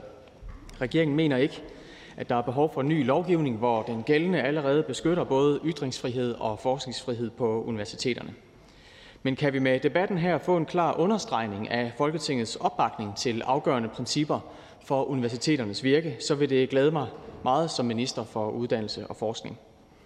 Så det politiske formål om at stå vagt om ytringsfrihed og forskningsfrihed på universiteterne, som jeg fornemmer øh, jo ligger bag det, at vi har debatten her, og forslaget er stillet, øh, den er jeg meget enig med forslagsstillerne om, og lad gerne debatten om forslaget her blive en anledning til at lave netop den understregning af opbakningen til afgørende principper for øh, universiteternes virke.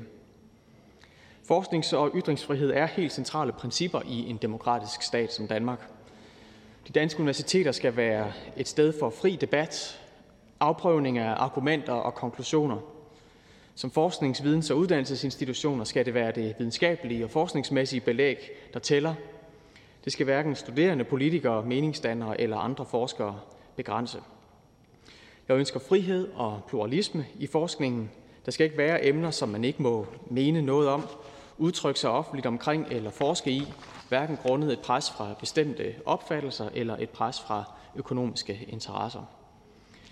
Chicago-principperne, som beslutningsforslagstillerne foreslår indarbejdes i universitetsloven, er udviklet af The University of Chicago i forlængelse af, at studerende øh, både på universitetet og andre steder i USA havde blokeret for talere, som de var uenige med, i et forsøg på at øh, begrænse debatten.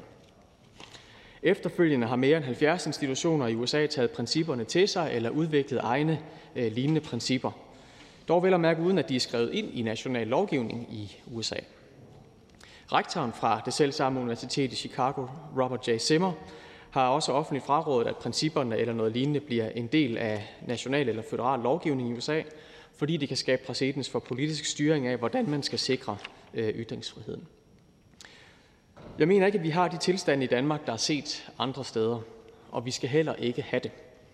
Jeg har meget sympati for indholdet i principperne, som de også er beskrevet i beslutningsforslaget her. Jeg ved, at øh, universiteter i Danmark af egen drift er gået i gang med en diskussion om en fælles forståelse af forskningsfrihed. Øhm, og det kan jo så udgøre en, øh, en dansk version af Chicago-principperne, om alt går vel at universiteterne kan gøre dem til deres, i stedet for at vi gennemfører ny lovgivning, det synes jeg vil være, vil være bedre end at gennemføre ny lovgivning.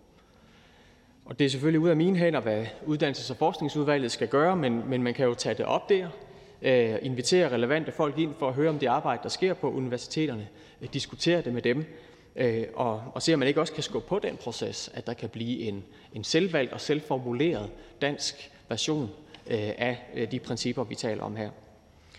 Jeg vil selv fortsat have fokus på ytringsfrihed, pluralisme og forskningsfrihed i min dialog med universiteternes bestyrelser og rektorer. Men jeg mener altså ikke, det for nuværende er nødvendigt at skrive nye principper ind i lovgivningen og ændre den. Og jeg håber heller ikke, det bliver det. Men at vi med en vedblivende vedligeholdelse af ytringsfrihed og forskningsfrihed øh, fastholder dem blandt de bærende principper for universiteternes virke, og som sagt, lad gerne øh, debatten i dag være en, øh, en anledning øh, til, øh, til det. Så, øh, så regeringen er ikke, øh, vil ikke slutte sig til, at man skal gennemføre egentlig ny lovgivning, men jeg håber, det fremstår klart, at der er en opbakning til principperne, og også den intention om at stå vagt om dem, og måske en form for, for, for rettidig omhu i at rejse den her diskussion, inden vi forhåbentlig ikke, men altså opnår samme tilstand, som man har set nogle andre steder. Dem skal vi undgå at få i Danmark. Tak, tak for, for det. Der er et par kommentarer. Hr. Henrik Dahl, Liberal, Liberal Alliance. Tak for talen. Det er jo lige nu sådan, at der er en lærer ved Københavns Professionshøjskole, som er blevet tvunget til at gå under jorden, fordi hun øh, for et års tid siden erklærede, at hun ville undervise i øh, Muhammed-tegningerne. Hun blev mødt øh, med øh, trusler, der var så alvorlige, at hendes navn ikke kan komme frem. Hun har under et pseudonym øh, fået Trykkefrihedsselskabets pris. Hvordan kan en person som den anonyme Charlotte være betrykket i, at regeringen gør alt, hvad den kan? Jeg tager ordet, formand. Værsgo, ja. ja. Øhm, jamen, jeg synes, det er udmærket at få, at få det eksempel øh, frem her også for igen at få en øh, lejlighed til at, at bakke entydigt op om, at når man på det enkelte uddannelsessted og som underviser mener, at det skulle være relevant at bruge for eksempel Mohammed-tegningerne i undervisningen, så skal man kunne det. Og samfundet skal øh, beskytte og stå vagt om folk, der modtager trusler, når de vil bruge deres ytringsfrihed eller vil øh, bruge øh, de her øh, eksempler i undervisningen, fordi de er relevante der. Det må man ikke øh, begrænse. Og der træder Øh, almindelige principper for, hvordan vi beskytter mennesker, der er under trusler øh, i kraft. Det skal vi gøre stærkt som samfund. Signalet er sendt fra regeringen tidligere, og vil gerne gøre det igen, som jeg lige har sagt det, med en opbakning øh, og, en, og en støtte til, at øh, mener man, det er det rigtige at gøre, at det er relevant for ens undervisning, øh, så, skal man, så skal man kunne det. Øh, og en skarp afstandtagen fra, at man kan møde trusler, fordi man på den måde vil, vil anvende øh, noget, der er relevant i, øh, i undervisningen. Men jeg mener ikke, at Chicago-principperne vel, vel, havde vel ikke gjort forskellen, at man ikke kunne modtage en, islam, en islamistisk øh, funderet trussel. Øh, jeg skal stoppe her. Hr. Henrik Dahl, værsgo. Altså, der findes i hvert fald forskere ved Københavns Universitet, som øh, offentligt har sagt, at Chicago-principperne ville være en gavn, til gavn for en person som den anonyme Charlotte. Men det, som mit spørgsmål handler om, det, det er forskellen på at privatisere ansvaret eller, eller decentralisere ansvaret ud til enkelte institutter, og så have et institutionelt boldværk imod for eksempel øh, øh, øh, voldsmandens veto. Synes ministeren virkelig, at det institutionelle boldværk det er stærkt nok, sådan som det er nu, når vi faktisk har den her Charlotte-sag, som vi godt kan kalde Værsgo. Øhm, altså, som jeg er inde på i min tale, øh, så er der jo i dag en øh, meget klar jo i grundloven øh, fastlæggelse af, af ytringsfriheden. Øh, universitetsloven gør klart, at man har øh, forskningsfriheden. Og signalet og, og bestemmelserne er jo helt klare om, at man som uddannelsesinstitution har friheden øh, til at tilrettelægge undervisning, inddrage relevant materiale, også selvom der er studerende, der ikke bryder sig om at høre et argument eller se et bestemt stykke øh, øh, kunstværk eller øh, satiretegning. Øh, og sådan er det, og sådan skal det blive ved med at være. Og samfundet må træde til og beskytte mennesker, hvis de modtager trusler. Så er det hr. Jens Henrik Thulesen Dahl, Dansk Folkeparti. Værsgo. Ja, tak for det. Jeg hører jo, at ministeren egentlig bakker op om principperne, bakker op om, at det her er noget, vi skal gøre noget ved, men jeg hører ikke, hvad ministeren vil gøre. Jeg hører, at ministeren ikke vil skrive det her ind i lovgivningen. Så må der være en anden vej. Noget af det her handler jo om, at der er politiske skævvridninger rundt omkring på universiteterne. Vil ministeren være med til at lave en undersøgelse, på samme lige, som man har gjort det i både USA og England, af hvordan forholdene rent faktisk er, så vi har et grundlag for at se på, hvordan er den her skævvridning, og et grundlag for at gå videre og handle i forhold til at gøre noget ved det. Værsgo. Jeg håber, det fremgik, øh, og vil gerne gentage det. Øh, jo både dels bekræfte, at, øh, at jeg er meget enig i de principper, som, som også er gengivet i, i, i beslutningsforslaget. Og det jeg gerne ser, det er jo den diskussion, som jeg får at vide, man har nu mellem universiteter i Danmark, at den kan udmønte sig i noget, som universiteterne selv beslutter sig for. Altså at vi i stedet for at skulle lave ny lovgivning, hvor den allerede beskytter både ytringsfrihed og forskningsfrihed, så får universiteternes egen, ja, et, et eget øh, manifest eller principper, eller hvad de nu ender med at gøre og, og formulere, øh, som kan være øh, endnu et bidrag til at, at altså slå de her principper fuldstændig fast. Og det vil, jeg, det vil jeg bakke varmt op om men vil også mene, at det, at det faktisk er bedst, at det ligesom i USA er universiteter øh, selv, der har formuleret dem, og lad dem meget gerne øh, lade sig inspirere af Chicago-principperne. Hr. Jens Henrik Thulesen Dahl. Jamen altså nu, man kan sige, at vi er nogen her i salen, der egentlig gerne vil pålægge universiteterne at gøre det her. Hvis ministeren ikke er med på det, hvad vil ministeren så gøre for at sikre, at universiteterne rent faktisk går ud af den her vej? Rent faktisk får det her implementeret, så det kommer til at virke ude på universiteterne, fordi det er vi selvfølgelig alle sammen enige om, det er det, der er vigtigt, det er jo, at det her får en gennemslagskraft, og rent faktisk gør, at det eksempel, Henrik Dahl han kommer med før, ikke er der. At man ikke er bange for at ytre sig, at man ikke er bange for at forske i noget, fordi nogen synes, at det skulle man lade være med. Så hvad vil ministeren så gøre, hvis man ikke er med på at, at tvinge universiteterne til? Hvordan vil ministeren så sikre, at universiteterne rent faktisk tager det her alvorligt? Tak, og værsgo. Jamen det er vel også spørgsmålet om, øh, om man kan sige, at, øh, at det ikke bliver taget alvorligt øh, i dag. Øhm, og det er universiteternes øh, pligt øh, at sørge for, at øh, ytringsfrihed og forskningsfrihed øh, trives på deres institutioner.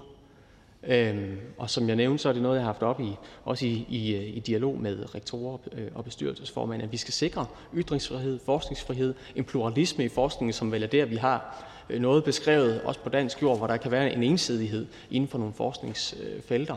Men, øhm, men, men jeg, jeg deler ikke et indtryk af, at, at det er ved at stikke fuldstændig af i Danmark. Og det er måske også derfor, at vi ser forskelligt på, om man nu og her har et behov for at indføre egentlig ny lovgivning. Tak. Så er det fru Birgitte Bergman, Konservativ Folkeparti. Tak for det. Jeg kan ikke lade være med at drage nogle paralleller over til øh, kulturverden og de kunstneriske uddannelser. Jeg ved godt, det ikke rangerer under øh, ministeren. Men øh, der har vi jo øh, nu øh, ved at, at, at lægge hånden på kogepladen i at indføre bestyrelser af selv samme årsag øh, et stærkt ønske og et beslutningsforslag, som heldigvis øh, nu øh, bliver realiseret fra Konservativ Folkeparti. Og det er jo netop fordi, at der har været nogle strømninger, er nogle strømninger, bekymrende strømninger for, at studerende ikke kan tale frit, øh, og undervisere ikke kan, kan tale frit, som også er blevet påpeget tid, tidligere. Øh, er ministeren, altså, er, er, er ministeren slet ikke bekymret for den her ekstreme strømninger, der kommer i de her bevægelser, i at, øh, at det netop sætter bånd på ytringsfriheden? Og hvad har, hvad har ministeren egentlig tænkt sig at gøre ved det? Værsgo. Tak for spørgsmålet. Og, og øhm, jeg skal, som det også bliver øh, sagt i det spørgsmål, jo ikke øh, kommentere på øhm, sådan aktuelle diskussioner om, hvordan man konkret skal indrette ting på kulturområdet. Det må være kulturministerens ansvar at tage den øh, diskussion med, øh, med fru Birgitte Bergman og andre. Øhm, men uanset om det er det ene ressort eller det andet, øh, så er det vigtigt for mig, at vi står vagt om øh, ytringsfriheden, om forskningsfrihed, at vi sikrer, at der er en, en pluralisme, og jo i virkeligheden øh, jo også som Folketing gør det, vi gør i dag, at selvom vi måske ikke bliver enige om at skulle ændre lovgivningen, så fornemmer jeg jo egentlig en bred tilslutning til, til, til den mening, der er med de principper, der bliver øh, beskrevet her. De er beskyttet allerede i, øh, i dansk øh, lovgivning. Og det er ikke sådan, at hvis man er på en uddannelse, øh, at så er man beskyttet imod at møde øh, synspunkter eller forskningsresultater, man ikke bryder sig om. Det, det må man leve med og finde sig i, for sådan er det på en uddannelsesinstitution. At man er der for ja, at tænke, ikke for at blive bekræftet, og at forskningen også risikerer at være i ting, man ikke selv synes øh, var lige det, man skulle øh, gå ind i. Men sådan skal det altså være i Danmark, at man kan det, uanset hvilken type uddannelse vi taler om. Fru Bergman, værsgo. Men øh, nu læser jeg lige lidt op, fordi når en universitetsledelse griber ind mod regulering, når studerende er klædt ud som en bestemt befolkningsgruppe, eller bestemmer, at ikke man må synge en bestemt sang for højsang, på højskolesangbogen, eller når studerende klager over, at en underviser i biologi taler om mænd og kvinder, så er vi jo desværre i en situation, hvor selve universitetets ånd og rolle i samfundet er truet. Så helt konkret, kan ministeren ikke se, at der er et problem her, at der er et voksende problem, som, som vi bliver nødt til at agere på, på en eller anden måde? Og kunne ministeren ikke måske være villig til, at vi så formulerer nogle danske øh, sæt regler for, øh, hvad det, hvordan det er, vi ønsker, at øh, man skal kunne tale frit, øh, også i, på universiteter og i forskningsverdenen. Tak, og værsgo. Øhm, jamen, jeg er da ikke i tvivl om, at der er altså strømninger og diskussioner, som ikke har fyldt så meget tidligere, men som for tiden er noget, universiteternes ledelser virkelig er nødt til at, øh, at forholde sig til. Øhm, og en ting kan være omgangsformer og den slags.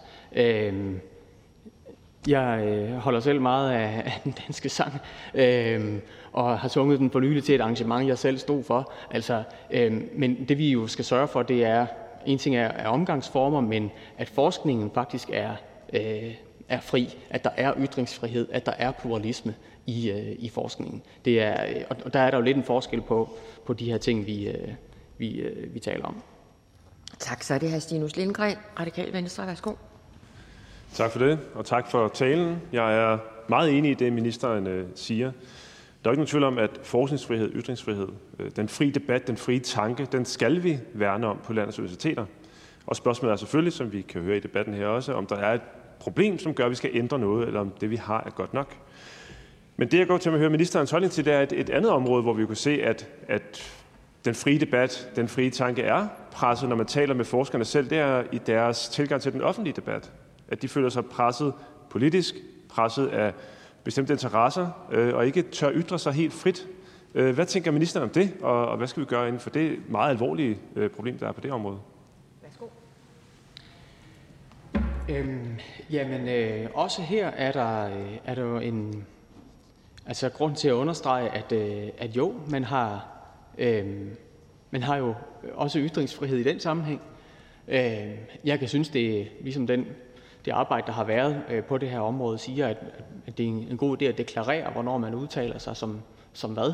Men, øh, men, øh, men synes også i den situation, som Stinus Lindgren beskriver, at det er vigtigt, at man mærker en opbakning jo både fra politisk hold til, at man kan ytre sig, øh, men jo også fra, fra, sin, fra sin ledelse, Øh, at der er en opbakning der. Øh, vi har haft et samråd om det tidligere, hvor, hvor jeg synes, vi egentlig havde en udmærket diskussion om det, og, øh, og har også haft, øh, haft en, en dialog med rektorer og, og bestyrelsesformænd her, og, og et signal om, at man der arbejder med, hvordan bakker man bedre op om øh, om sine sin medarbejdere og sine forskere. Man skal jo tåle også i den offentlige debat at blive sagt imod. Øh, sådan er det selvfølgelig, men, men sådan meget hadefuld tale, nærmest angreb, man kan opleve, øh, det hører ingen steder hjemme. Hr. Stinus Lindgren. Jeg er fuldstændig enig. Selvfølgelig skal man kunne tåle kritik. Øh, det er også mit indtryk som, som forsker, at forskere de lever af kritik. Det er sådan, vi bliver klogere. Øh, og den bekymring, jeg hører, er ikke så meget, at man bliver kritiseret derude, men, men det kommer til at ramme os alle. Hvis, hvis ikke forskere deler deres viden, deres vinkler, deres syn, deres indsigt med os alle sammen, så bliver vi jo som samfund fattige, og vi som beslutningstager bliver jo ikke klædt nok på til at kunne tage de svære beslutninger. Så det er i mine øjne et, et endnu større problem, øh, som vi bør tage meget alvorligt. Værsgo. Ja, understregningen er, at vi som samfund har brug for, at, øh, at forskere altså blander sig i den offentlige diskussion, formidler øh, forskning og indsigt, den er jeg fuldstændig enig med hr. Stinus Lindgren i. Og det er øh, også en vigtig... Øh, altså det er jo faktisk også noget, vi forventer, øh, fordi det er en del af at, at berige samfundet med det, der kommer ud af vores forskning. Og, og ja, man har ytringsfrihed, forskningsfrihed, vi skal have pluralisme inden for de forskellige felter. Og det øh, vil jeg gerne understrege igen med mit svar til hr. Stinus Lindgren. Tak for det. Der var to spørgsmål, ikke? Jeg har været dem igennem. Ja, det er godt, tak. Så er der ikke flere kommentarer til ministeren, så derfor så begynder vi med ordførerrækken. Ja, og det er fru Ida Augen, Socialdemokratiet, så snart. Værsgo. Tak for ordet. Forslaget, som Liberal Alliance stiller her, handler om at indskrive Chicago-principperne i universitetsloven. Principperne har hver for sig og til sammen til formål at værne om åndsfriheden på universiteterne. Eksempelvis slås det fast, at universiteterne bygger på et princip om ytringsfrihed, og at universitetet modarbejder forkerte idéer gennem en åben og fri diskussion frem for gennem begrænsning af ytringsfriheden. Principperne blev til på University of Chicago som modvægt til, at man på en række amerikanske universiteter oplevede, at ytringsfriheden blev indskrænket, at personer med bestemte holdninger ikke kunne få lov til at tale på campus, eller at der var dele af pensum, som studerende ikke ville acceptere at blive undervist i. I Danmark har vi set en række mindre eksempler, men jeg mener, vi har generelt en åben og fordomsfri dialog i både undervisning og forskning, og er langt fra de tilstande, man har set i USA. Alligevel er det godt, at forslagstillerne rejser denne vigtige debat i dag. Det er helt afgørende, at forskere og studerende på Danmarks uddannelsesinstitutioner føler sig frie til at tænke og sige, hvad de vil.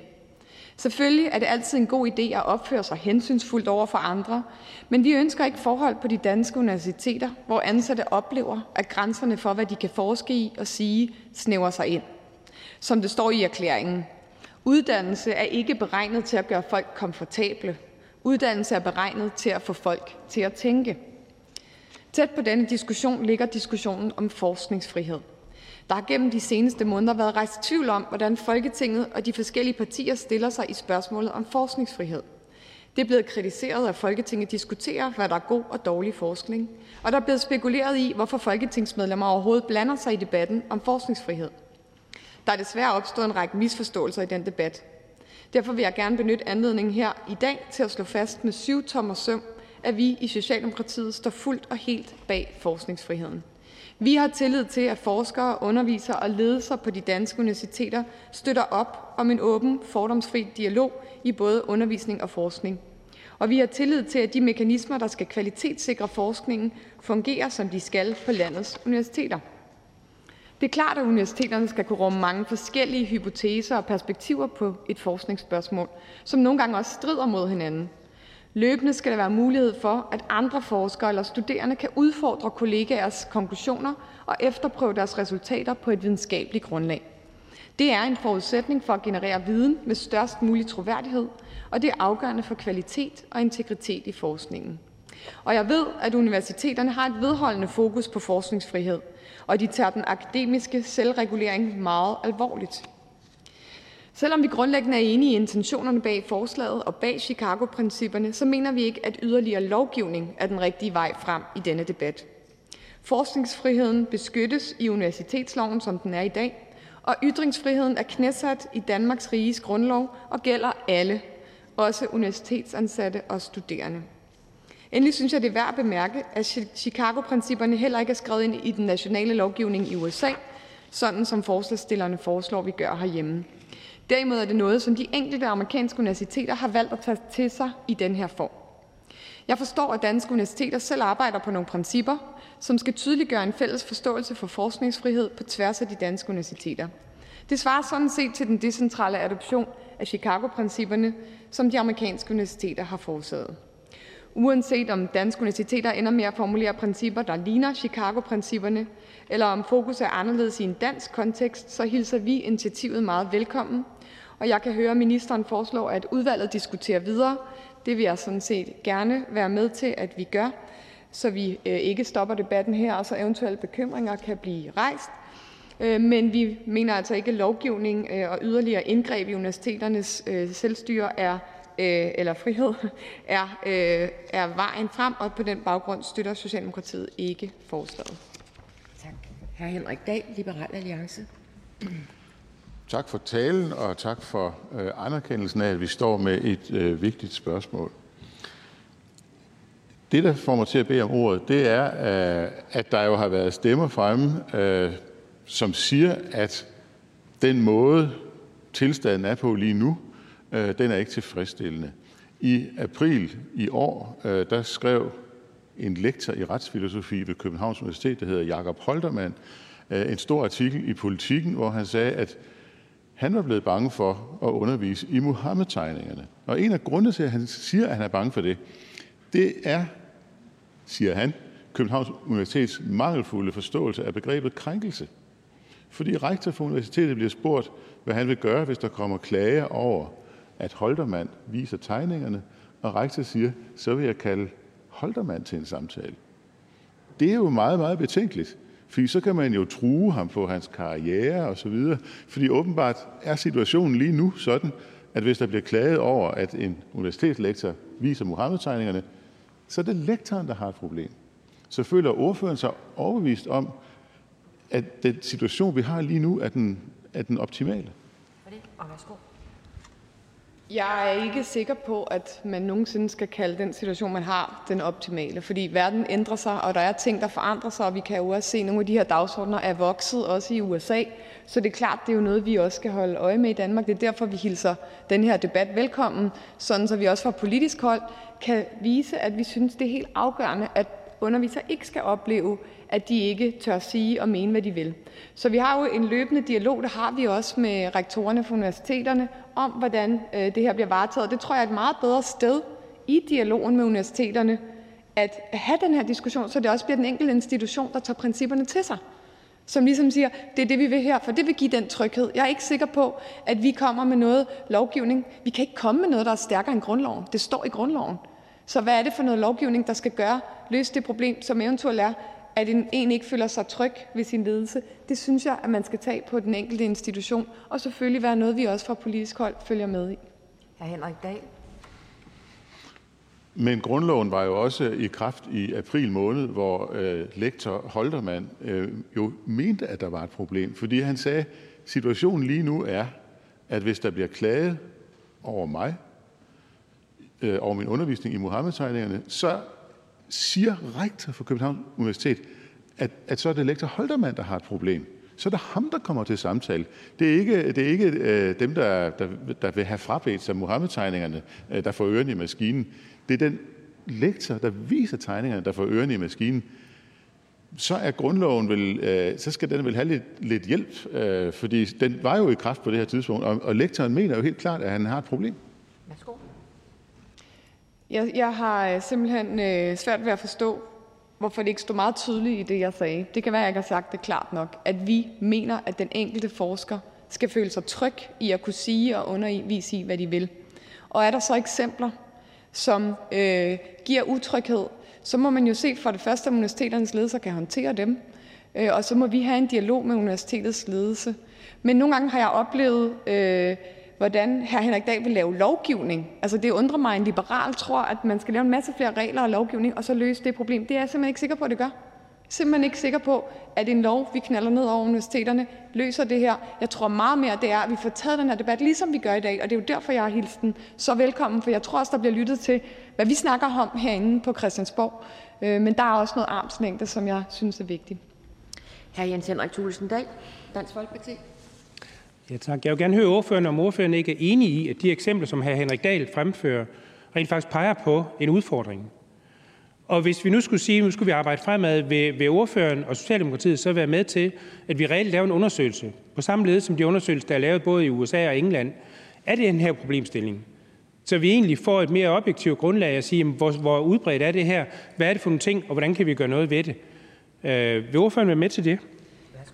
Jamen, jeg synes, vi kunne starte med at lave en høring, for eksempel i, i Folketingets øh, udvalg. Jeg sidder med i det underudvalg, der skal kigge på, hvad, hvad vi gerne vil tage op fra forskningsudvalget herinde. Og der synes jeg da bestemt, vi kunne tage en, ud, en høring, tage diskussionerne med både nogle af de forskere, der har oplevet det her, øh, og med, øh, med universitetets ledelse. Men jeg tror bare, det er vigtigt, at vi samtidig signalerer, at det er deres ansvar. Det er dem, der skal gøre det, og det er jo også det, de gør, når de siger, at danske universiteter faktisk diskuterer det her. Så lige nu synes jeg, de er i gang. Jeg synes ikke, de sidder på hænderne. Øh, så for mig at se har de da endnu ikke vist, at, at det ikke er noget, man kan håndtere fra universitetets ledelse, selvom der er noget uenighed. Hr. Thulesen værsgo. Jamen, der bliver jeg jo nødt til lige at høre, om øh, ordføreren ikke mener, at øh, KU's rektor har signaleret noget problematisk, når han med det eksempel, som han Henrik Dahl fremfører før, egentlig siger, så kalder han lektoren til en samtale, hvis der kommer en klage. Altså, er det ikke et klart signal om, at der er noget problematisk i det her, i stedet for bare at sige, selvfølgelig, det er lektoren, der bestemmer, hvad han underviser i, og hvad han viser, og det skal jeg ikke blande mig i? Nu har jeg ikke øh, været inde i den konkrete sag, så vi ved jo også godt herinde nogle gange, at der er ting, der bliver kørt op i pressen. Der er nogle af de andre sager, jeg kender ganske godt af de her sager, og hvor jeg må sige, noget af det har handlet om, om ledelsesansvar, der måske ikke har været håndteret perfekt. Vi er jo alle sammen ved at lære noget i de her tider, hvor tingene også øh, er under en eller anden form for forandring. Øh, men jeg synes ikke, vi har set nogen svigt af den karakter, jeg synes, jeg hører øh, Dansk Folkepartis ordfører fremføre. Jeg synes, det lyder som om, at man er, mener, at det hele er i opløsning på universiteterne, og nu skal vi fejle med bål og brand. Og det er nok ikke sådan, jeg ser på universiteternes ledelse. Jeg har øh, væsentligt mere tillid til dem, kan jeg høre, end, end Dansk Folkeparti har. Tak. Så er det hr. Stinus Lindgren, Radikale Venstre. Tak for det, og tak for talen. Øh, der var en ting, ordføreren sagde, som jeg lige er nødt til at øh, kommentere på. Øh, nu var det selvfølgelig en anden ordfører, en anden minister, der sad i sommer, da vi havde debatten om aktivistisk forskning herinde. Men den kritik, der kom, var jo ikke, at vi diskuterede forskningsfrihed. Selvfølgelig skal vi kunne diskutere forskningsfrihed herinde. Hvor, hvor ellers? Selvfølgelig skal vi det. Det er jo også der sætter rammerne. Det var ikke det, kritikken gik på. Det gik netop på, at man i visse øjne i hvert fald brød det armslængdsprincip, som ordfører nu øh, heldigvis holder i hævd. At universiteterne selv løser de problemer, der måtte være derude, og det er ikke noget, vi skal gøre herindefra, hvis ikke der er tale om et problem, som vi skal løse med lovgivning. Det var det, der var kritikken. Det var det, der var debatten, øh, og det, det synes jeg bare er værd at tage med her.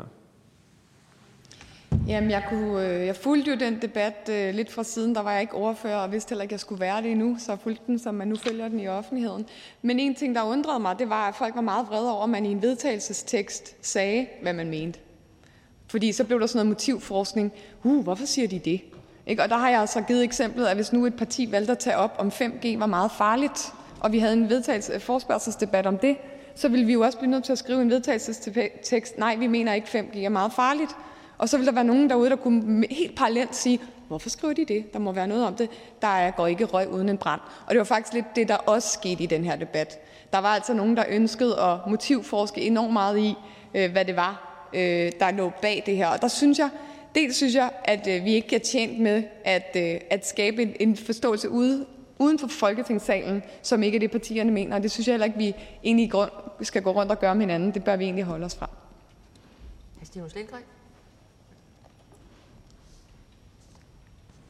Jamen det, det er jeg fuldstændig enig i. Øh, nu synes jeg bare ikke, det var det, debatten viste dengang. Jeg synes, der var forskelle. Der var en, en meget lang debat, en god debat, øh, og forskellige holdninger, der, der, der blev brudt, som det jo bør være. Øh, hvordan det er blevet opfattet udefra, det kan jeg jo selvfølgelig ikke, ikke udtale mig om, men øh, jeg vil sige, det, jeg synes ikke, det er en, en helt retvisende gengivelse af, hvad det var, debatten handler om, hvad det var, kritikken gik på, og hvorfor vi er nogen, der stod for den tekst, der blev, der blev vedtaget. Værsgo. Nej, det kan jeg så ikke rigtig ændre, men det er, jeg måske alligevel synes, vi kunne lære lidt af den debat, det er, at nogle gange er der også nogen, der har tilbøjelighed til at tænde et lille bål herude i udkanten af noget, der egentlig fungerer rigtig godt, og så løber vi alle sammen derover og står og hyler og skriger over et eller andet lille ting. Og jeg vil sige, der er jo ting, der er jo konflikter, nogle, også på det her område på nogle universiteter, og det er godt, at vi får dem frem i lyset, og der må virkelig ikke være forskere, der går og har det, som Henrik Dahl også beskriver.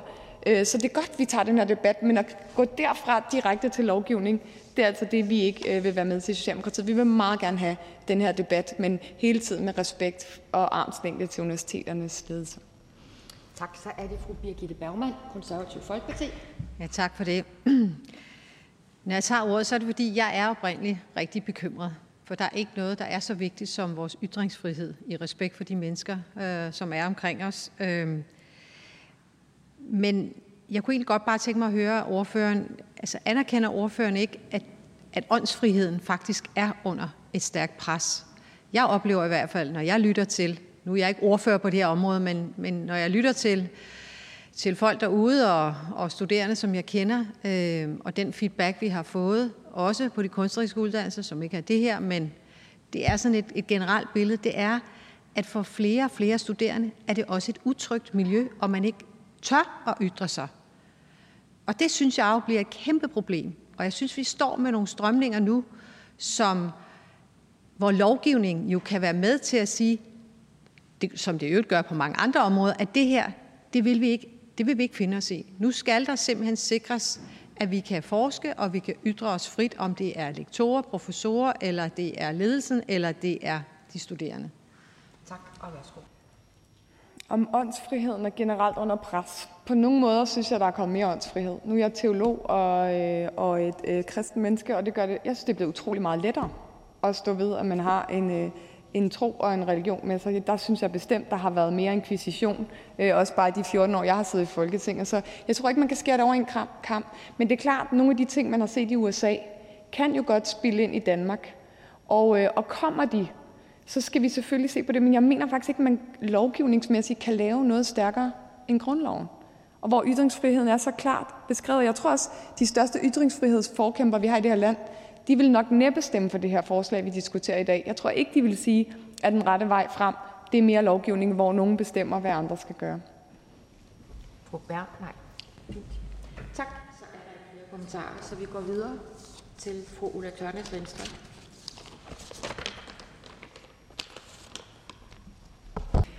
Allerførst øh, så vil jeg gerne sige øh, tak til forslagsstillerne for at fremsætte det beslutningsforslag, som vi har til debat her i dag, og dermed også øh, tage initiativ til en utrolig vigtig debat, som vi i Venstre faktisk er meget optaget af, nemlig debatten om, hvordan vi bedst sikrer forskningsfriheden, altså friheden til at forske og lade den frie tanke få lov til at udfolde sig. Ligesom den frie debat blandt og med videnskaben er alt afgørende for et frit samfund i konstant vækst og udvikling, altså med andre ord et samfund, som vi ønsker Danmark skal være. Debatten her handler om, hvordan vi bedst sikrer forskningens uafhængighed, men også en debat om, hvordan vi bedst sikrer og beskytter forskningsfriheden i en tid med meget fokus hos visse grupper i samfundet omkring blandt andet identitet, og i den forbindelse er det relevant, synes jeg, at drøfte, hvordan vi bedst sikrer forskningsfriheden overfor, og undskyld mig, men tillad mig at øh, øh, kalde det øh, identitetsforskrækkelse med fare for at blive udskældt og udskammet øh, og måske også kaldt gammeldags, så øh, mener jeg, at i visse kredse så er det udtryk for en forskrækkelse, som jeg ikke deler. Men lad mig slå fast, så det ikke kan misforstås. Jeg sagde det i øvrigt også senest, da vi her i Folketinget diskuterede øh, forskningsfrihed, øh, men det er vigtigt for mig også at benytte debatten her til at understrege, at for os er forskningsfriheden uantastelig. Uantastelig. Beslutningsforslaget her handler konkret om at indarbejde de såkaldte Chicago-principper i universitetsloven. Med det formål netop at sikre forskningsfriheden og dermed også ytringsfriheden blandt videnskabsfolk. Chicago-principperne blev indført i 2014 på Universitetet i Chicago, og øh, siden har flere universiteter tilsluttet sig principperne, herunder blandt andet det øh, meget kendte Princeton University. Jeg er enig i Chicago-principperne og deler fuldt ud indholdet i principperne. Og jeg forstår også på debatten, at der er stor tilfredshed de steder, hvor man har tilsluttet sig principperne. Derfor synes jeg også, det bør overvejes, hvad vi kan gøre i en dansk kontekst, herunder også, hvad Folketinget kan bidrage med. Beslutningsforslaget handler som nævnt om at indføre Chicago-principperne direkte i universitetsloven. Det vil jeg imidlertid gerne stille spørgsmålstegn ved, om det er det mest fornuftige. Altså om lovgivning er vejen frem. Ligesom Chicago-principperne er lavet i en amerikansk kontekst og ikke en dansk kontekst. I går der fik vi faktisk alle en henvendelse fra gruppen Parti, altså den gruppe af danskere, som har samlet sig for netop at diskutere ytringsfrihed, undervisningsfrihed, på baggrund af det tragiske mor på læreren Samuel Paty i Frankrig. Gruppen Paty de peger efter min opfattelse med rette på, at vi også bør overveje, hvad vi kan gøre for at sikre og beskytte undervisningsfriheden. Noget, som Chicago-principperne ikke direkte forholder sig til. Men noget, som jo er yderst relevant i en dansk sammenhæng, hvilket debatten her jo også meget klart peger på, ikke mindst i øh, lyset af øh, vores øh, drøftelser omkring Mohammed-tegningerne og hvorvidt Mohammed-tegningerne skal indgå i pensum på forskellige uddannelser. Som nævnt deler jeg indholdet og også formålet med Chicago-principperne, men jeg er i tvivl om, om de fuldt ud tager højde for den danske kontekst. Jeg vil derfor foreslå, at vi udarbejder, hvad jeg her vil tillade mig at kalde Københavnerprincipperne. Og øh, det vil jeg faktisk foreslå, at vi i fællesskab arbejder videre med øh, under udvalgsarbejdet i forbindelse med behandlingen af beslutningsforslaget her. Tak. Tak for det. Der er ikke nogen kommentarer, så vi kan gå. Jamen, det er bare fordi, der ikke var trykket ind, men det er der nu, så værsgo, hr. Henrik Dahl, Liberal Alliance. Jamen, det er bare fordi øh, ordføreren øh, nævner øh, gruppen Parti øh, og har læst i sin mailbox, øh, når der kommer besked fra den. Øh, det er jo rigtigt nok, at man øh, diskuterer spørgsmålet om undervisningsfrihed, men er det ikke sådan, og det er mit spørgsmål, at gruppen Parti hilser det jo velkomment, det her initiativ. Det er jo ikke sådan, at gruppen tager afstand fra det. De siger, at det er en del af løsningen faktisk at, at gøre det her. Værsgo. Som jeg forstår henvendelsen fra gruppen Parti, så peger det lige præcis på, at Chicago-principperne er udarbejdet i en amerikansk kontekst, og dermed ikke tager højde for, øh, hvad der ville være relevant, synes jeg, hvis vi øh, skal arbejde med principper af den her karakter, at tage højde for, øh, præcis som øh, hr. Henrik Dahl har peget på i debatten her, hvad er det for udfordringer, man står overfor øh, som underviser i den danske uddannelsessektor, når man netop skal forholde sig til et spørgsmål om, hvorvidt man ønsker at inddrage Mohammed-tegningerne i sit pensum eller ej. Hr. Henrik Dahl. Det er jo måske ikke så overraskende, at jeg har været i lidt øh, nærmere dialog med gruppen Parti, fordi øh, jeg er med til at stille det her forslag. Øhm, gruppen er tilhænger af, at man starter her og så arbejder videre. Øh, og det vil jeg selvfølgelig gerne bede om kommentar til. Værsgo.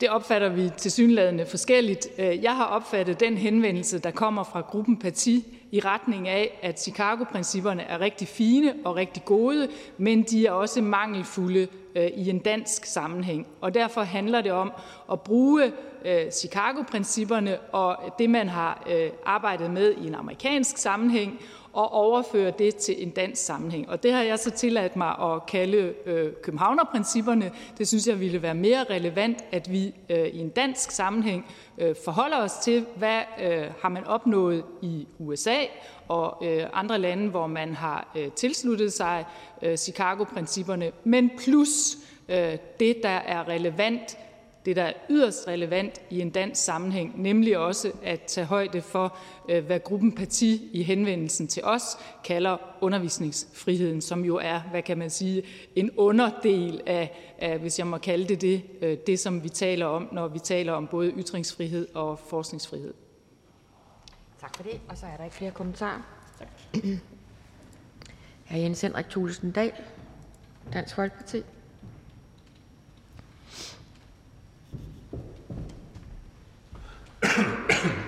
Tak for det. Jeg vil gerne indlede med at give Dansk Folkepartis ubetinget støtte til Liberal Alliance beslutningsforslag om at indskrive Chicago-principperne i universitetsloven.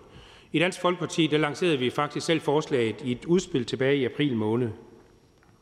Chicago-principperne er et kodex for ytrings- og tankefrihed, som blev vedtaget på University of Chicago i 2014. Det overordnede princip er, at universitetet tilslutter sig en fri og åben undersøgelse af alle spørgsmål og garanterer de størst mulige frihedsgrader med hensyn til at tale, skrive, lytte, udfordre og lære. Ifølge Chicago-principperne må den fri debat ikke begrænses, heller ikke hvis de emner, der fremsættes og debatteres, af nogen anses for anstødelige, ukloge, umoralske eller sågar udtryk for dårlig dømmekraft. Det virker i dag, som om der er en tendens til, at der hersker en venstreorienteret skævvridning på danske universiteter, som særligt er til stede på humaniora, samfundsvidenskab. Og der er flere ting i det. Først og fremmest forskningens integritet, dernæst undervisningsmiljøet og den politiske kultur på universitetet, og de problemstillinger hænger naturligvis sammen. I USA og England har man forsøgt at afdække problemet med den politiske skævvridning på landets universiteter, som går ud over forskningen. Disse undersøgelser viser en klar politisk venstredrejning. I Dansk Folkeparti synes vi, det er vigtigt at få belyst omfanget, også i Danmark. Og det er ikke fordi, det er naturligvis ikke et problem i sig selv, at forskere underviser, at der er flere af dem, der stemmer på et rødt parti end på et blåt parti. Men det er et problem, hvis forskerens egne politiske overbevisninger påvirker teorivalg, forskningsresultater på en måde, der truer alsidigheden og pluralismen. Mange studerende er af gode grunde ganske unge og kommer direkte fra gymnasiet, når de kommer på universiteterne. De kommer direkte fra en tid og et sted, hvor det var vigtigt at lære at omgås andre og passe ind socialt. Og så forstår jeg sådan set også godt, at den kultur et langt stykke hen ad vejen bliver bragt med ind på universiteterne.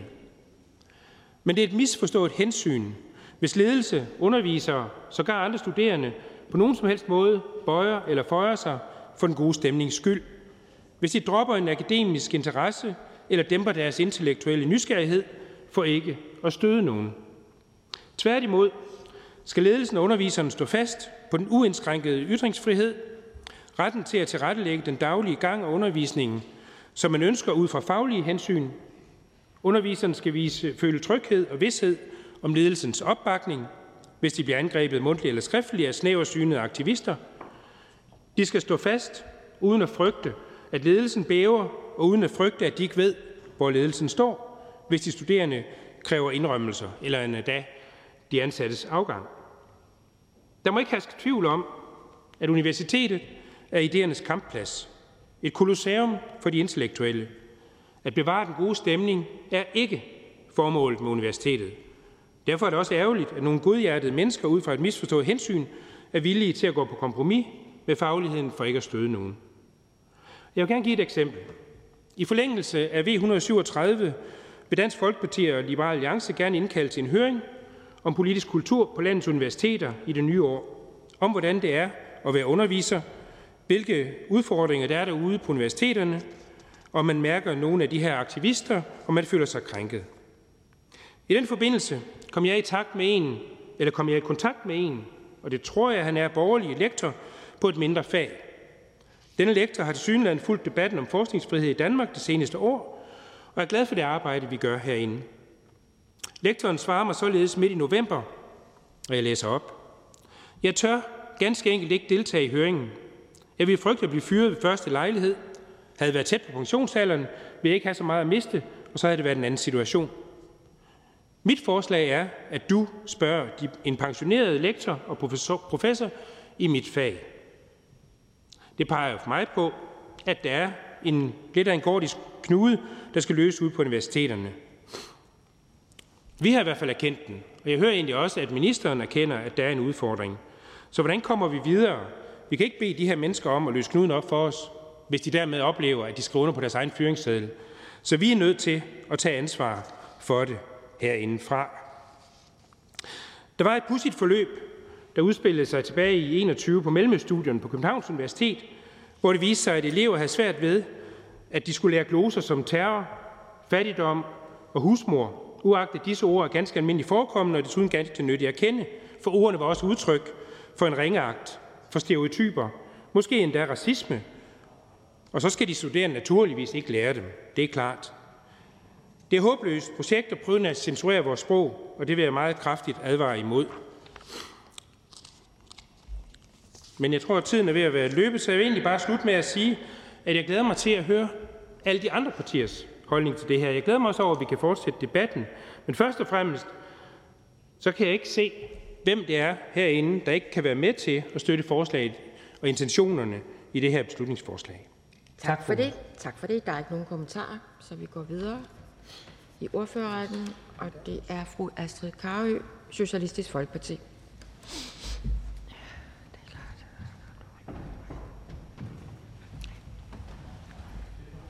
Tak for det.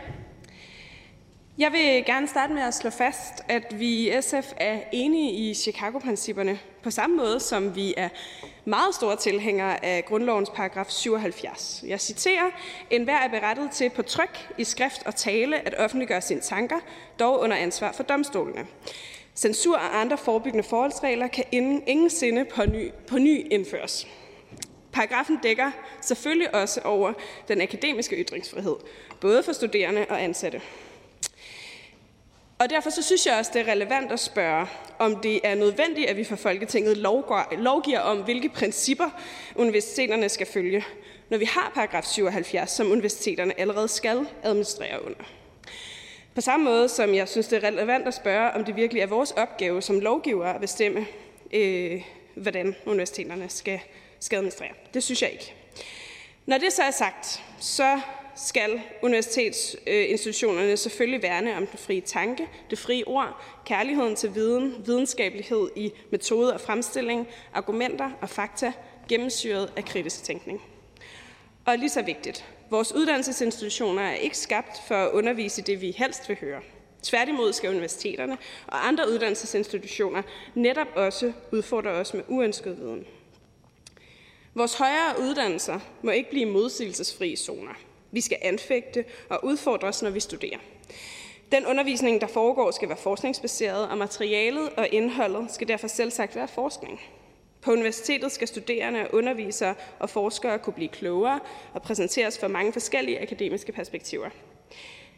Men når det er sagt, så vil jeg også gerne understrege, at det er mit helt klare indtryk, at det netop er, øh, at det, netop er det, der sker på universiteterne i dag og at universiteterne løbende og med alvor diskuterer, hvordan de fortsat kan sikre netop det her.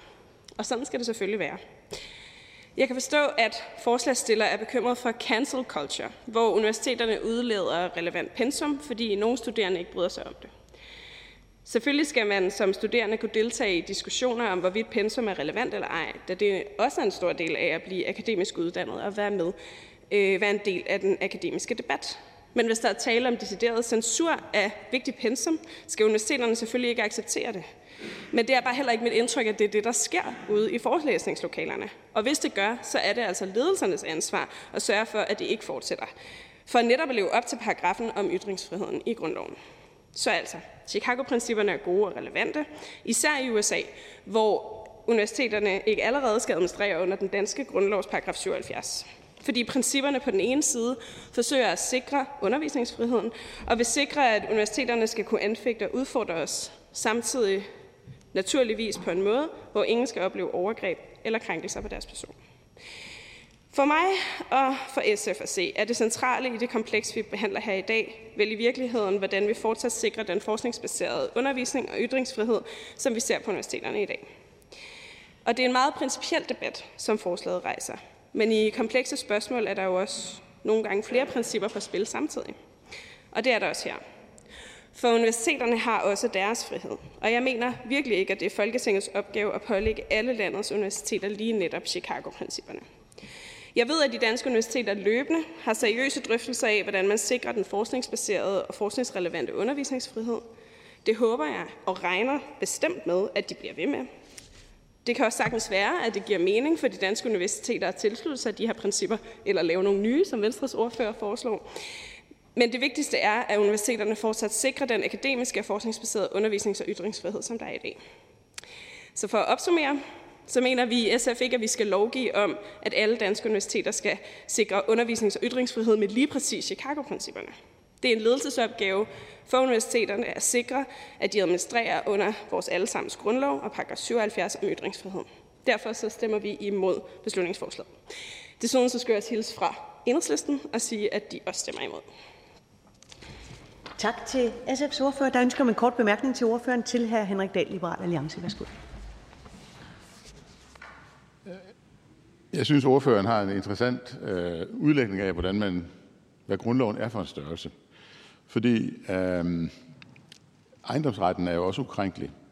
Men det er jo ikke sådan, at fordi der står i grundloven, at ejendomsretten er ukrænkelig, så skal vi ikke foretage os mere. At, at, så, at, at, at så er det bare fjong, så er den hjemme, så skal, så skal vi ikke gøre mere. Ejendomsretten er en ret, vi som politikere skal garantere borgerne.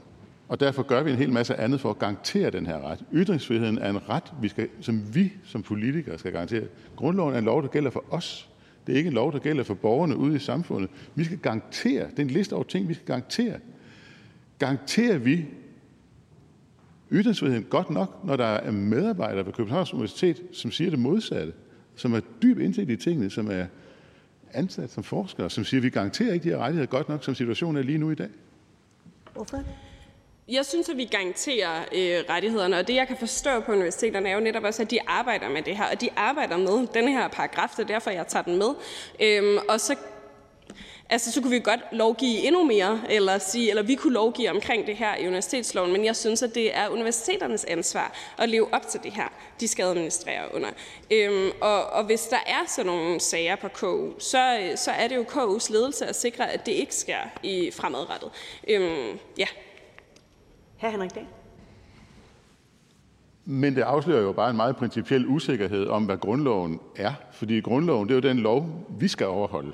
Og, øh, og, som er specifikt myndet på, hvad vi skal overholde. Vi skal garantere borgerne nogle bestemte rettigheder, herunder ytringsfrihed.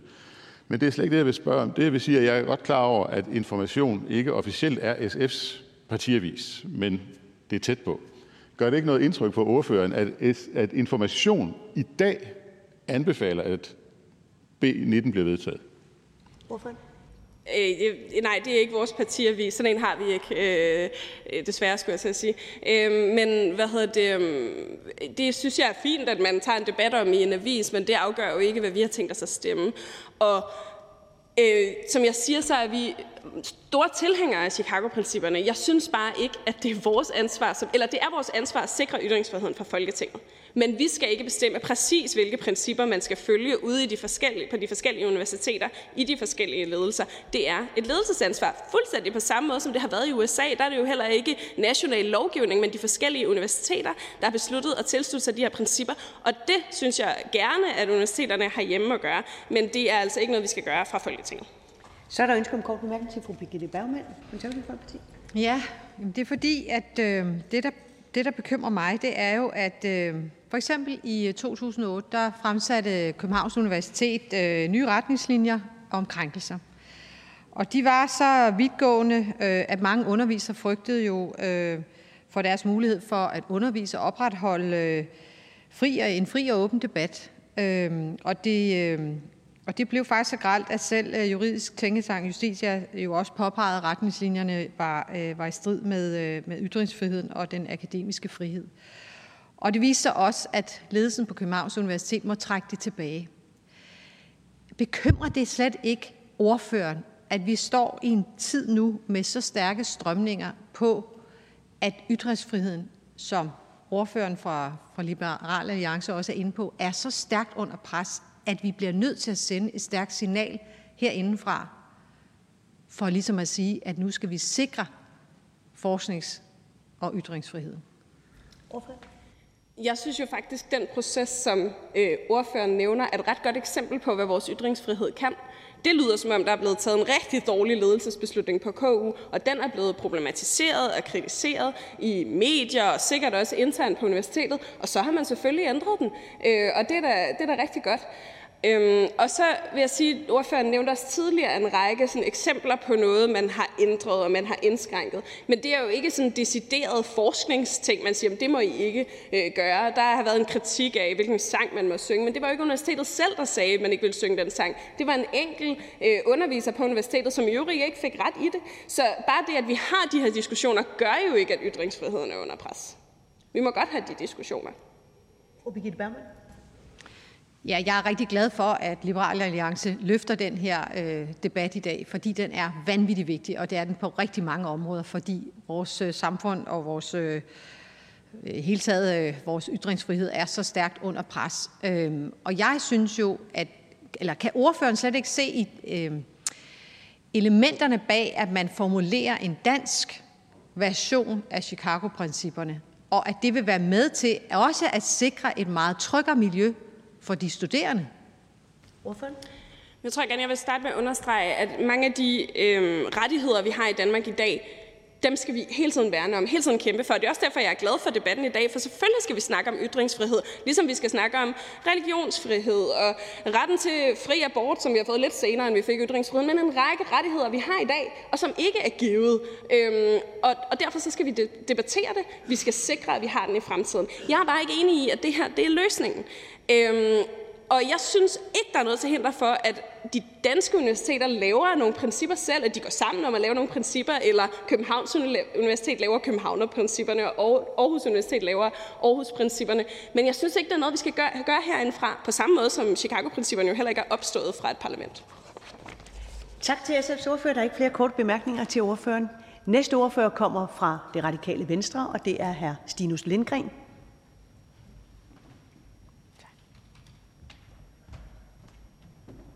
Velkommen. Tak for det. Og tak for ordet. Og vi skal jo endnu en gang debattere forskningsfrihed her i salen, foranledet af hr. Henrik Dahl fra Liberal Alliance. Og det er jo altid både spændende og relevant, så mange tak for det. Forsknings- og ytringsfrihed det er to værdier, som vi i Radikale Venstre sætter utrolig højt.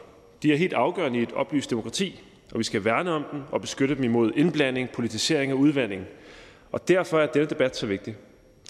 Et universitet kan kun fungere og udfylde sin rolle i samfundet, hvis disse basale frihedsrettigheder er beskyttet. Det er sundt for et hvert universitet at have denne diskussion. At diskutere, hvad forskningsfrihed, ytringsfrihed og undervisningsfrihed egentlig er. At konkretisere, hvordan man bedst værner om den frie debat og den frie tanke. For det er naturligvis et hvert universitets ypperste opgave at sikre netop disse friheder. Og hvordan gør man så det? Jamen, forslagstillerne foreslår, at vi indskriver de såkaldte Chicago-principper i universitetsloven, eller rettere, at vi indskriver otte principper, der er formuleret på baggrund af og oversat med udgangspunkt i den tekst, der blev skrevet på University of Chicago tilbage i 2014. Og det er helt grundlæggende nogle rigtig gode principper, og det er en rigtig god tekst, som jeg kun kan opfordre til, at man læser. For hvis ikke den frie debat og den frie tanke lever på vores universiteter, hvor lever den så? Når jeg så alligevel værer mig lidt ved at støtte forslaget, som det ligger her, så skyldes det ikke modstand imod idealerne. Nej, jeg er overbevist om, at hr. Henrik Dahl og jeg er enige om vigtigheden af disse principper. Det er kerneværdier på et hvert universitet. Og det leder mig så frem til min første anke. Principperne er der som sagt ikke noget galt med. De beskytter ytringsfriheden, forskningsfriheden og den frie debat. Men i Danmark beskytter universitetsloven i forvejen vores forskningsfrihed, ligesom ytringsfriheden, som blev nævnt af blandt andet den forrige taler, er indskrevet i grundloven, der så vidt jeg ved også gælder på landets universiteter. Så er dette overhovedet en nødvendig øvelse, og mere væsentligt, er det nødvendigt at udføre i den konkrete form, som der foreslås her. Og det leder frem til min anden anke, nemlig konteksten. Chicago-principperne er formuleret med udgangspunkt i nogle specifikke episoder på konkrete universiteter i en bestemt tid. De tager ikke højde for de forskelle og ligheder, som der er imellem et privat amerikansk universitet med deres traditioner og et dansk offentligt universitet med deres traditioner. De tager ikke højde for de forskellige samfund, de er en del af. Og jeg er ikke overbevist om, at det er den optimale strategi at kopiere en tekst på den måde, selvom jeg igen må understrege, at de konkrete værdier er gode. Og således ender vi med min tredje anke, som er lidt mere principiel. Fordi naturligvis skal ytringsfriheden gælde på vores universiteter, ligesom den gælder i resten af samfundet.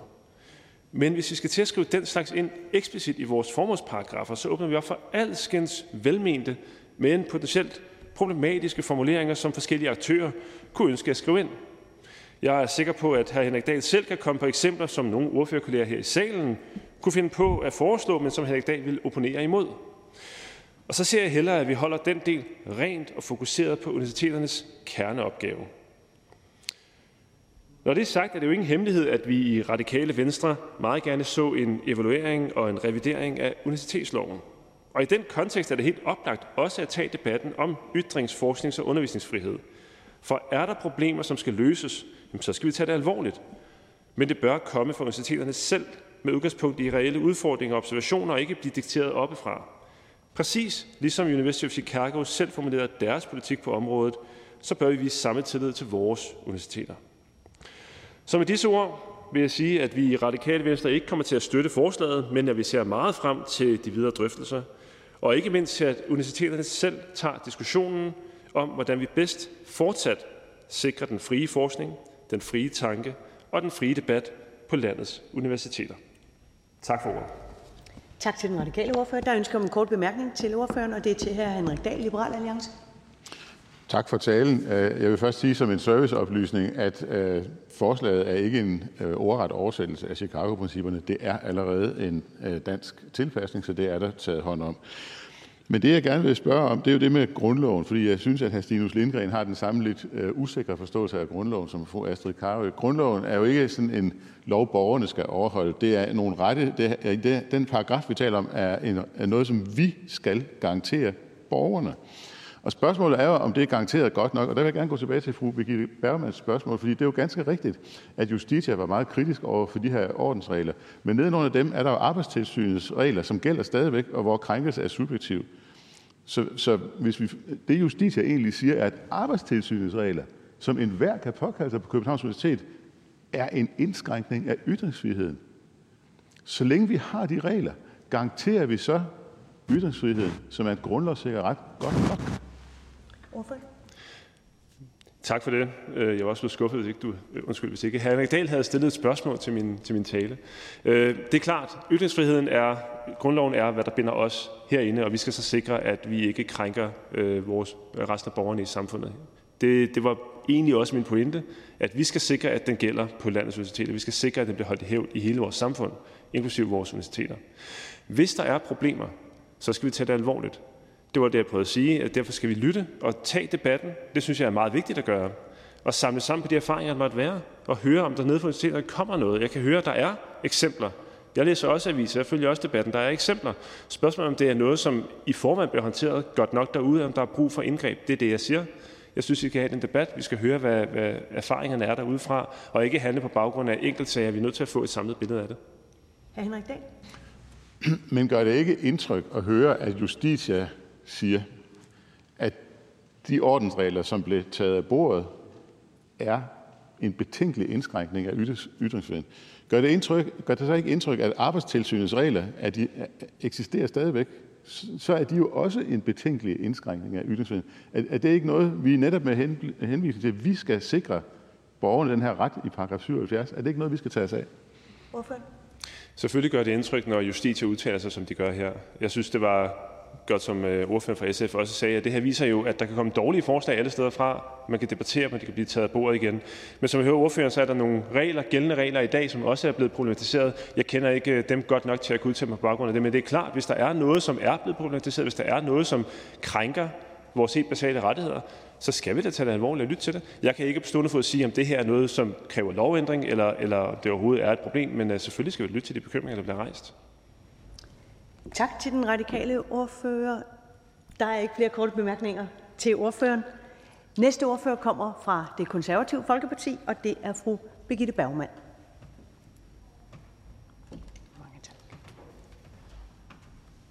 Velkommen. Skal vi ikke? Skal vi? Det er venligt. Det er venligt. Så vi gider være venligt. Nej. Tak til øh, hr. Henrik Dahl fra Liberal Alliance øh, for at stille det her øh, forslag og for at sætte fokus på en, en meget vigtig debat. Jeg synes på mange måder, vores, vores samfund og vores universiteter efterhånden bevæger sig hen et sted, hvor, hvor vi har brug for i hvert fald at, at have den her debat, en meget vigtig debat, øh, og sikre den ytringsfrihed, som, som vi alle sammen, jeg lytter mig til, øh, går meget, meget op i. Øh, for vi skal også sikre øh, forskningsfriheden. Med det her beslutningsforslag, så ønsker Liberal Alliance, at ytringsfriheden skal fremgå tydeligere af formålsparagrafen i universitetsloven ved at indskrive de såkaldte Chicago-principper. I dag er forskningsfriheden nævnt, men ytringsfriheden står ikke eksplicit. I det konservative Folkeparti er vi enige i, at der er et stigende pres på åndsfriheden på amerikanske universiteter. Lignende tendenser ser vi desværre også på danske universiteter, hvor grupper af studerende presser deres medstuderende eller underviser til at rette ind efter deres snævre verdenssyn under påberåbelse af, at de af at være de marginaliserede, det var et svært ord, beskyttere. Når en universitetsleder griber ind med regulering, når en studerende er klædt ud som en bestemt befolkningsgruppe eller bestemmer, at man ikke må synge en bestemt sang fra en højsangskole, for en højskolesangbog, eller når studerende klager over, at en underviser i biologi taler om mænd og kvinder, så er vi desværre i en situation, hvor selve universitetets ånd og rolle i samfundet er troet. Derfor er vi også meget positive over for at skrive ytringsfriheden klart frem i universiteternes formålsparagraf. Vi er enige i, at der er eksempler på ytringsfriheden har været under pres i nogle universitetsmiljøer, og vi vil gerne være med til at drøfte, hvordan vi kan skrive ytringsfriheden stærkere frem i formålsparagrafen med afsæt i Chicago-principperne og med afsæt i dansk lovgivning, sammen med forslagsstillerne og forhåbentlig bredt flertal i Folketinget. I den forbindelse skal vi se på, hvordan det kan skrives ind på en måde, der giver bedst mening i forhold til den nuværende formålsparagraf, om det er alle otte principper, der skal indskrives, eller om det er dele af dem. Formålsparagrafen kan måske blive lidt lang og tung, hvis alle principper skrives ind i en, men hensigten er, at vi er enige i Chicago-principperne er et fint sted at hente inspiration. Vi skal styrke ytringsfriheden for underviserne og i undervisningsmiljøet, og vi skal sikre den akademiske frihed. Derfor er vi i det konservative Folkeparti ser vi frem til at diskutere mulighederne i udvalgsbehandling. Tak for ordet. Tak til den konservative ordfører. Der er ikke ønske om korte bemærkninger. Og tak til ordføreren for også at rengøre talepulten til den næste taler. Den næste taler er ordføreren for forslagsstillerne. Det er hr. Henrik Dahl, Liberal Alliance. Velkommen. Tak for ordet, og tak til alle for en virkelig god debat om nogle meget vigtige øh, principielle spørgsmål. Sådan nogle debatter burde vi have, hver gang vi er samlet her i salen. Øh, det er altid en fornøjelse at deltage i dem. Den øh, 15. Oktober i år der øh, skrev den lektor i retsfilosofi ved Københavns Universitet, jeg allerede har omtalt, Jakob Holtermann, et indlæg i Politiken, og der skriver han, at der er et åbenlyst behov for, at danske universiteter tilslutter sig Chicago-principperne. Det hedder blandt andet, at det vil, og nu citerer jeg, være en helt afgørende forstærkning af det institutionelle beredskab, hvis alle højere læreanstalter tilslutter sig Chicago-principperne. Citat slut. Det indlæg øh, blev øh, skrevet i anledning af etårsdagen for øh, mordet på den franske lærer Samuel Paty, han blev, som alle her i salen ved, myrdet af en islamist, fordi øh, han øh, ovenikøbet på en meget respektfuld øh, måde, øh, det er vigtigt at tilføje, havde benyttet tegninger af Mohammed i sin undervisning. Og det Holtermann han siger i sit indlæg, det er, at lærerne ved de danske videregående uddannelser, de er ikke godt nok beskyttet af de eksisterende regler. Og i den forbindelse nævner han læreren, som går under pseudonymet Charlotte, som ikke er altså lærerens øh, virkelige navn. Hun er nødt til at leve under jorden, fordi hun har sagt, at hun ville bruge tegningerne i sin undervisning. Og det er jo et godt eksempel på, at som tilstanden er lige nu, så er grundlovens paragraf 77 en rettighed, som Charlotte ikke nyder godt af. Det er jo et eksempel på, at den rettighed kan vi for hendes vedkommende i hvert fald, det kan vi være sikre på, den rettighed, den kan vi godt garantere bedre. Som et plaster øh, på såret for, at Charlotte øh, ikke nyder godt af sin grundlovssikrede ret, så har hun modtaget Trykkefrihedsselskabets fine Sapfo-pris, der bliver givet til en person, der øh, i særlig grad har kæmpet for ytringsfriheden. Men det er kun et plaster på såret. I det samme indlæg der gennemgår Holtermann, hvordan ledelsen af Københavns Universitet svigter. Øh, det eksempel, øh, jeg kom øh, med før, det var faktisk fra en anden artikel, som Holtermann skrev i april. Denne her er fra oktober. Men problemet er jo, at det lader til, at den nuværende ledelse ikke spontant afviser kritik, men tværtimod kalder læreren til samtale, den lærer, der prøver at bruge sin ytringsfrihed. Det har øh, rektor helt åbent øh, vedgået på DR2 Deadline. Det er der, Holtermann han øh, citerer fra. Så Holtermann peger altså med et eksempel, der er tilgængeligt i offentligheden på, at Københavns Universitet svigter, når det kommer til ytringsfrihed i undervisningen, og at rektor i hvert fald har tilkendegivet helt åbenlyst, at han holder med de forkerte. Hvis der bliver klaget så vil han holde med dem, der prøver at indskrænke ytringsfriheden, og ikke dem, der gør brug af den. Og derfor er jeg enig med Holtermann i, at universiteterne bør have en hjælpende hånd fra Folketinget. Men det stopper jo faktisk øh, ikke her, for i Jyllandsposten for i går, den 1. december, der skriver redaktør Palle Weiss, at beslutningsforslag B19 er, og jeg citerer igen, uhyre vigtigt, citat slut. Og som jeg så har været inde på i dagens Information, der skriver redaktør øh, Niels Iver Larsen, at Chicago-principperne er fine og bør, og her citerer jeg igen, nyde fremme, citat slut. Øh, jeg har faktisk øh, korresponderet med øh, redaktør Larsen i den anledning, og han siger i den her korrespondence, at han kan overhovedet ikke se nogen gyldige argumenter for at lade være. Det kan jo være, at der kommer et lille stykke i hans avis, hvor han gennemgår det synspunkt. Og så er det jo endelig sådan, som fru Ulla Tørnes har været inde på, at på Facebook der er der en forening, der er opkaldt efter Samuel Paty, og som hedder Gruppen Paty. Øh, og den tilkendegiver jo altså også, selvom jeg er enig i, at man gerne vil gå længere, men så tilkendegiver man jo altså også, at man gerne vil støtte forslag.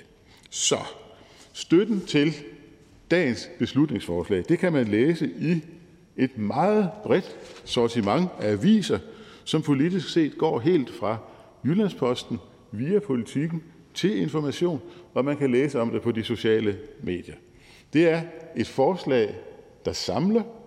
Det er svært at forestille sig, at vi vil blive kritiseret rigtig meget uden for slottet, øh, hvis vi vedtager det, men derfor lader vi alligevel være. Forslaget samler mærkeligt nok ikke her i salen, selvom det stort set samler hele den, dan- den danske presse.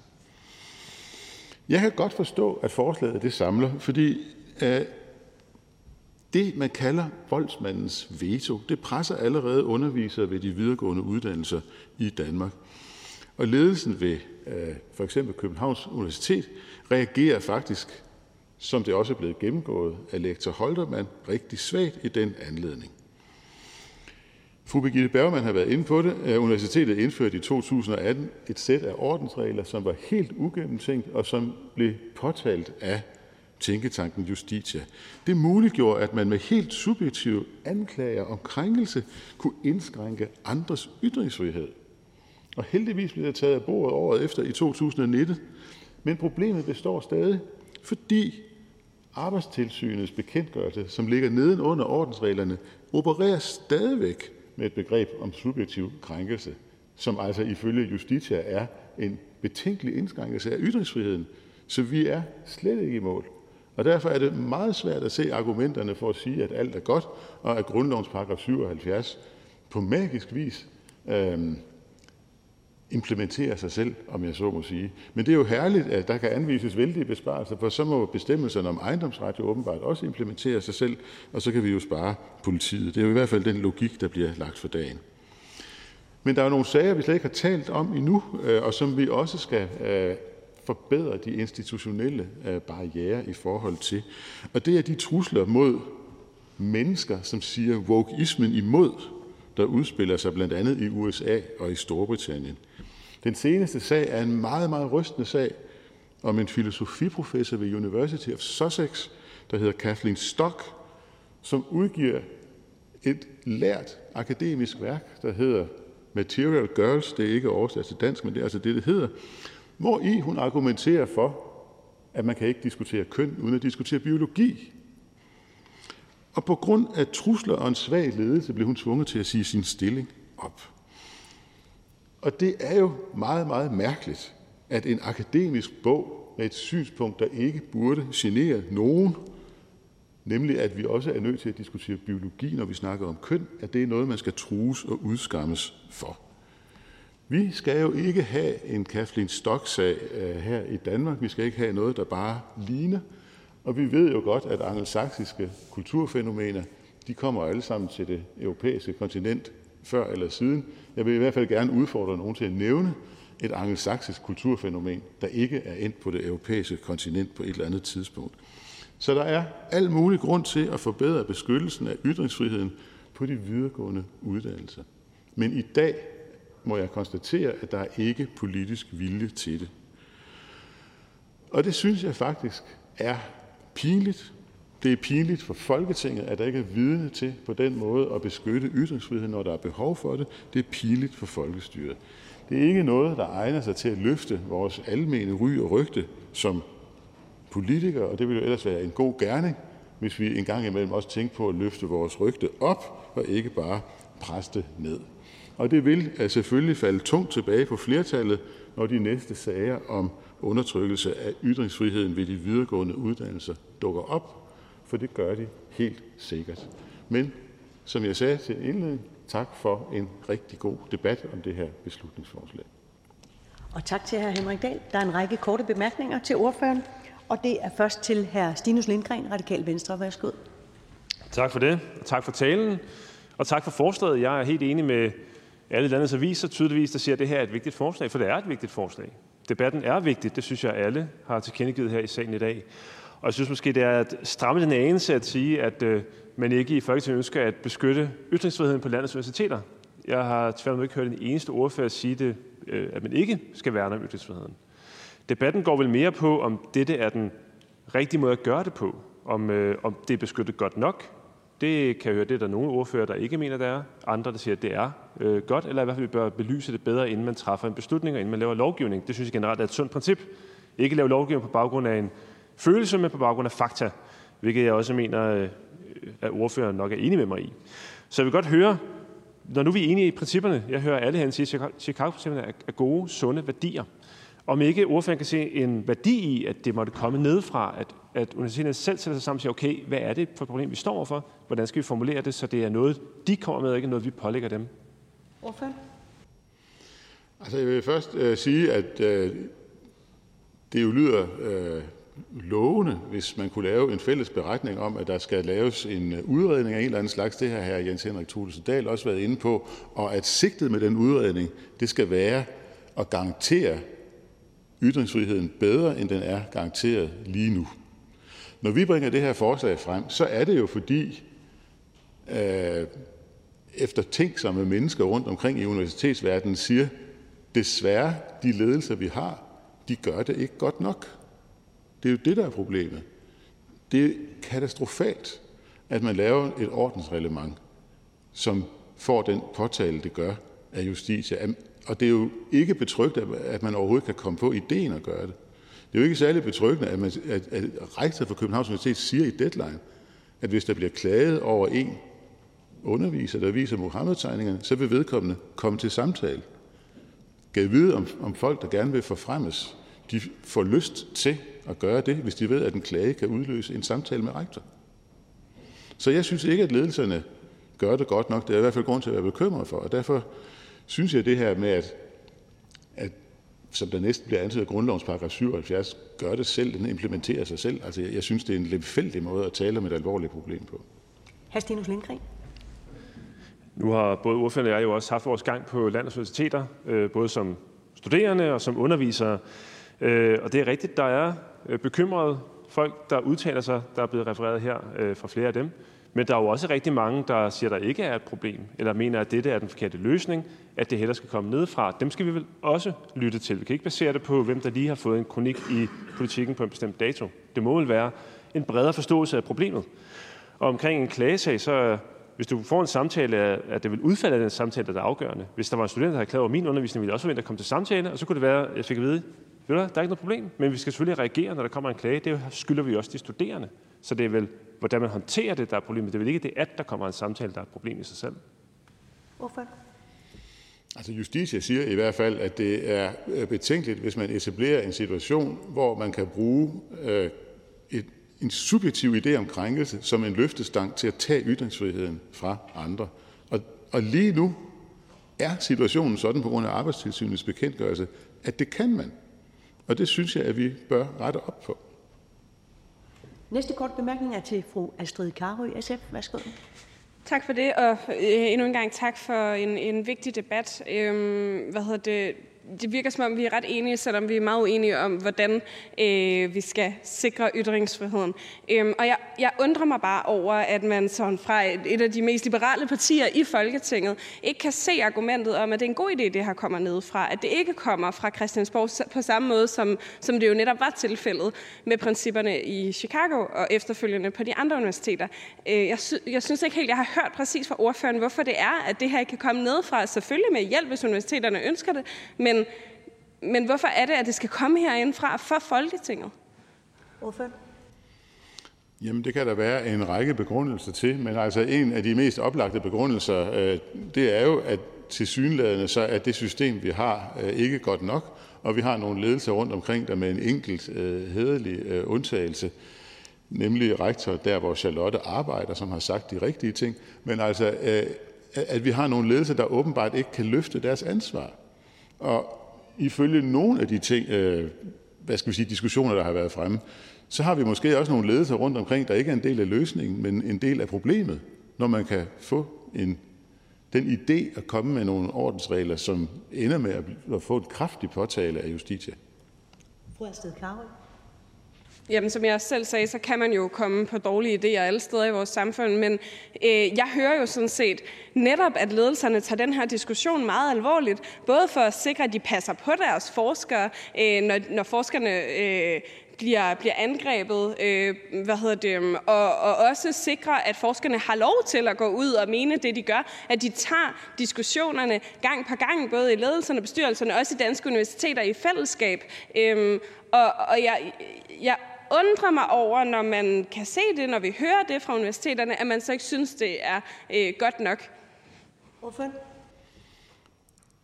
Jamen det er jo netop på grund af, af det, der er essensen i grundloven, som jo netop ikke er, at de her paragrafer de er selvimplementerende. Det er nogle meget alvorlige ting, som vi alle sammen, kvæg vi er folketingsmedlemmer, har skrevet under på, at vi vil garantere de her rettigheder for vores borgere. Og spørgsmålet er jo så, om vi garanterer de rettigheder godt nok. Og det er der noget, der kunne tyde på, at vi ikke gør. Den næste kort bemærkning er til fru Ulla Tørnes, Venstre. Værsgo. Ja, tak. Jeg vil også gerne sige endnu en gang uh, tak for en uh, initiativ til en rigtig, rigtig vigtig debat, og uh, også tak for talen her, som jo er sådan en afrunding uh, på debatten som uh, forslagsstiller.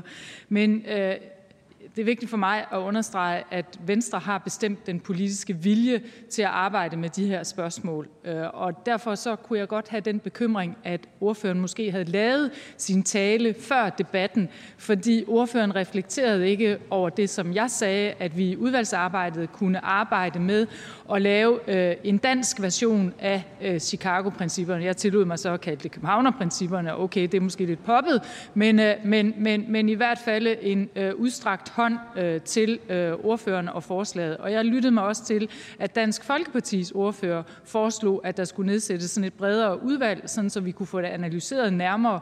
Hvordan kan vi lave det her, så det passer til en dansk kontekst? Det vil jeg bare lige høre, om ikke øh, ordføreren kunne øh, reflektere lidt over øh, den del af Folketingets øh, bemærkninger til øh, beslutningsforslaget.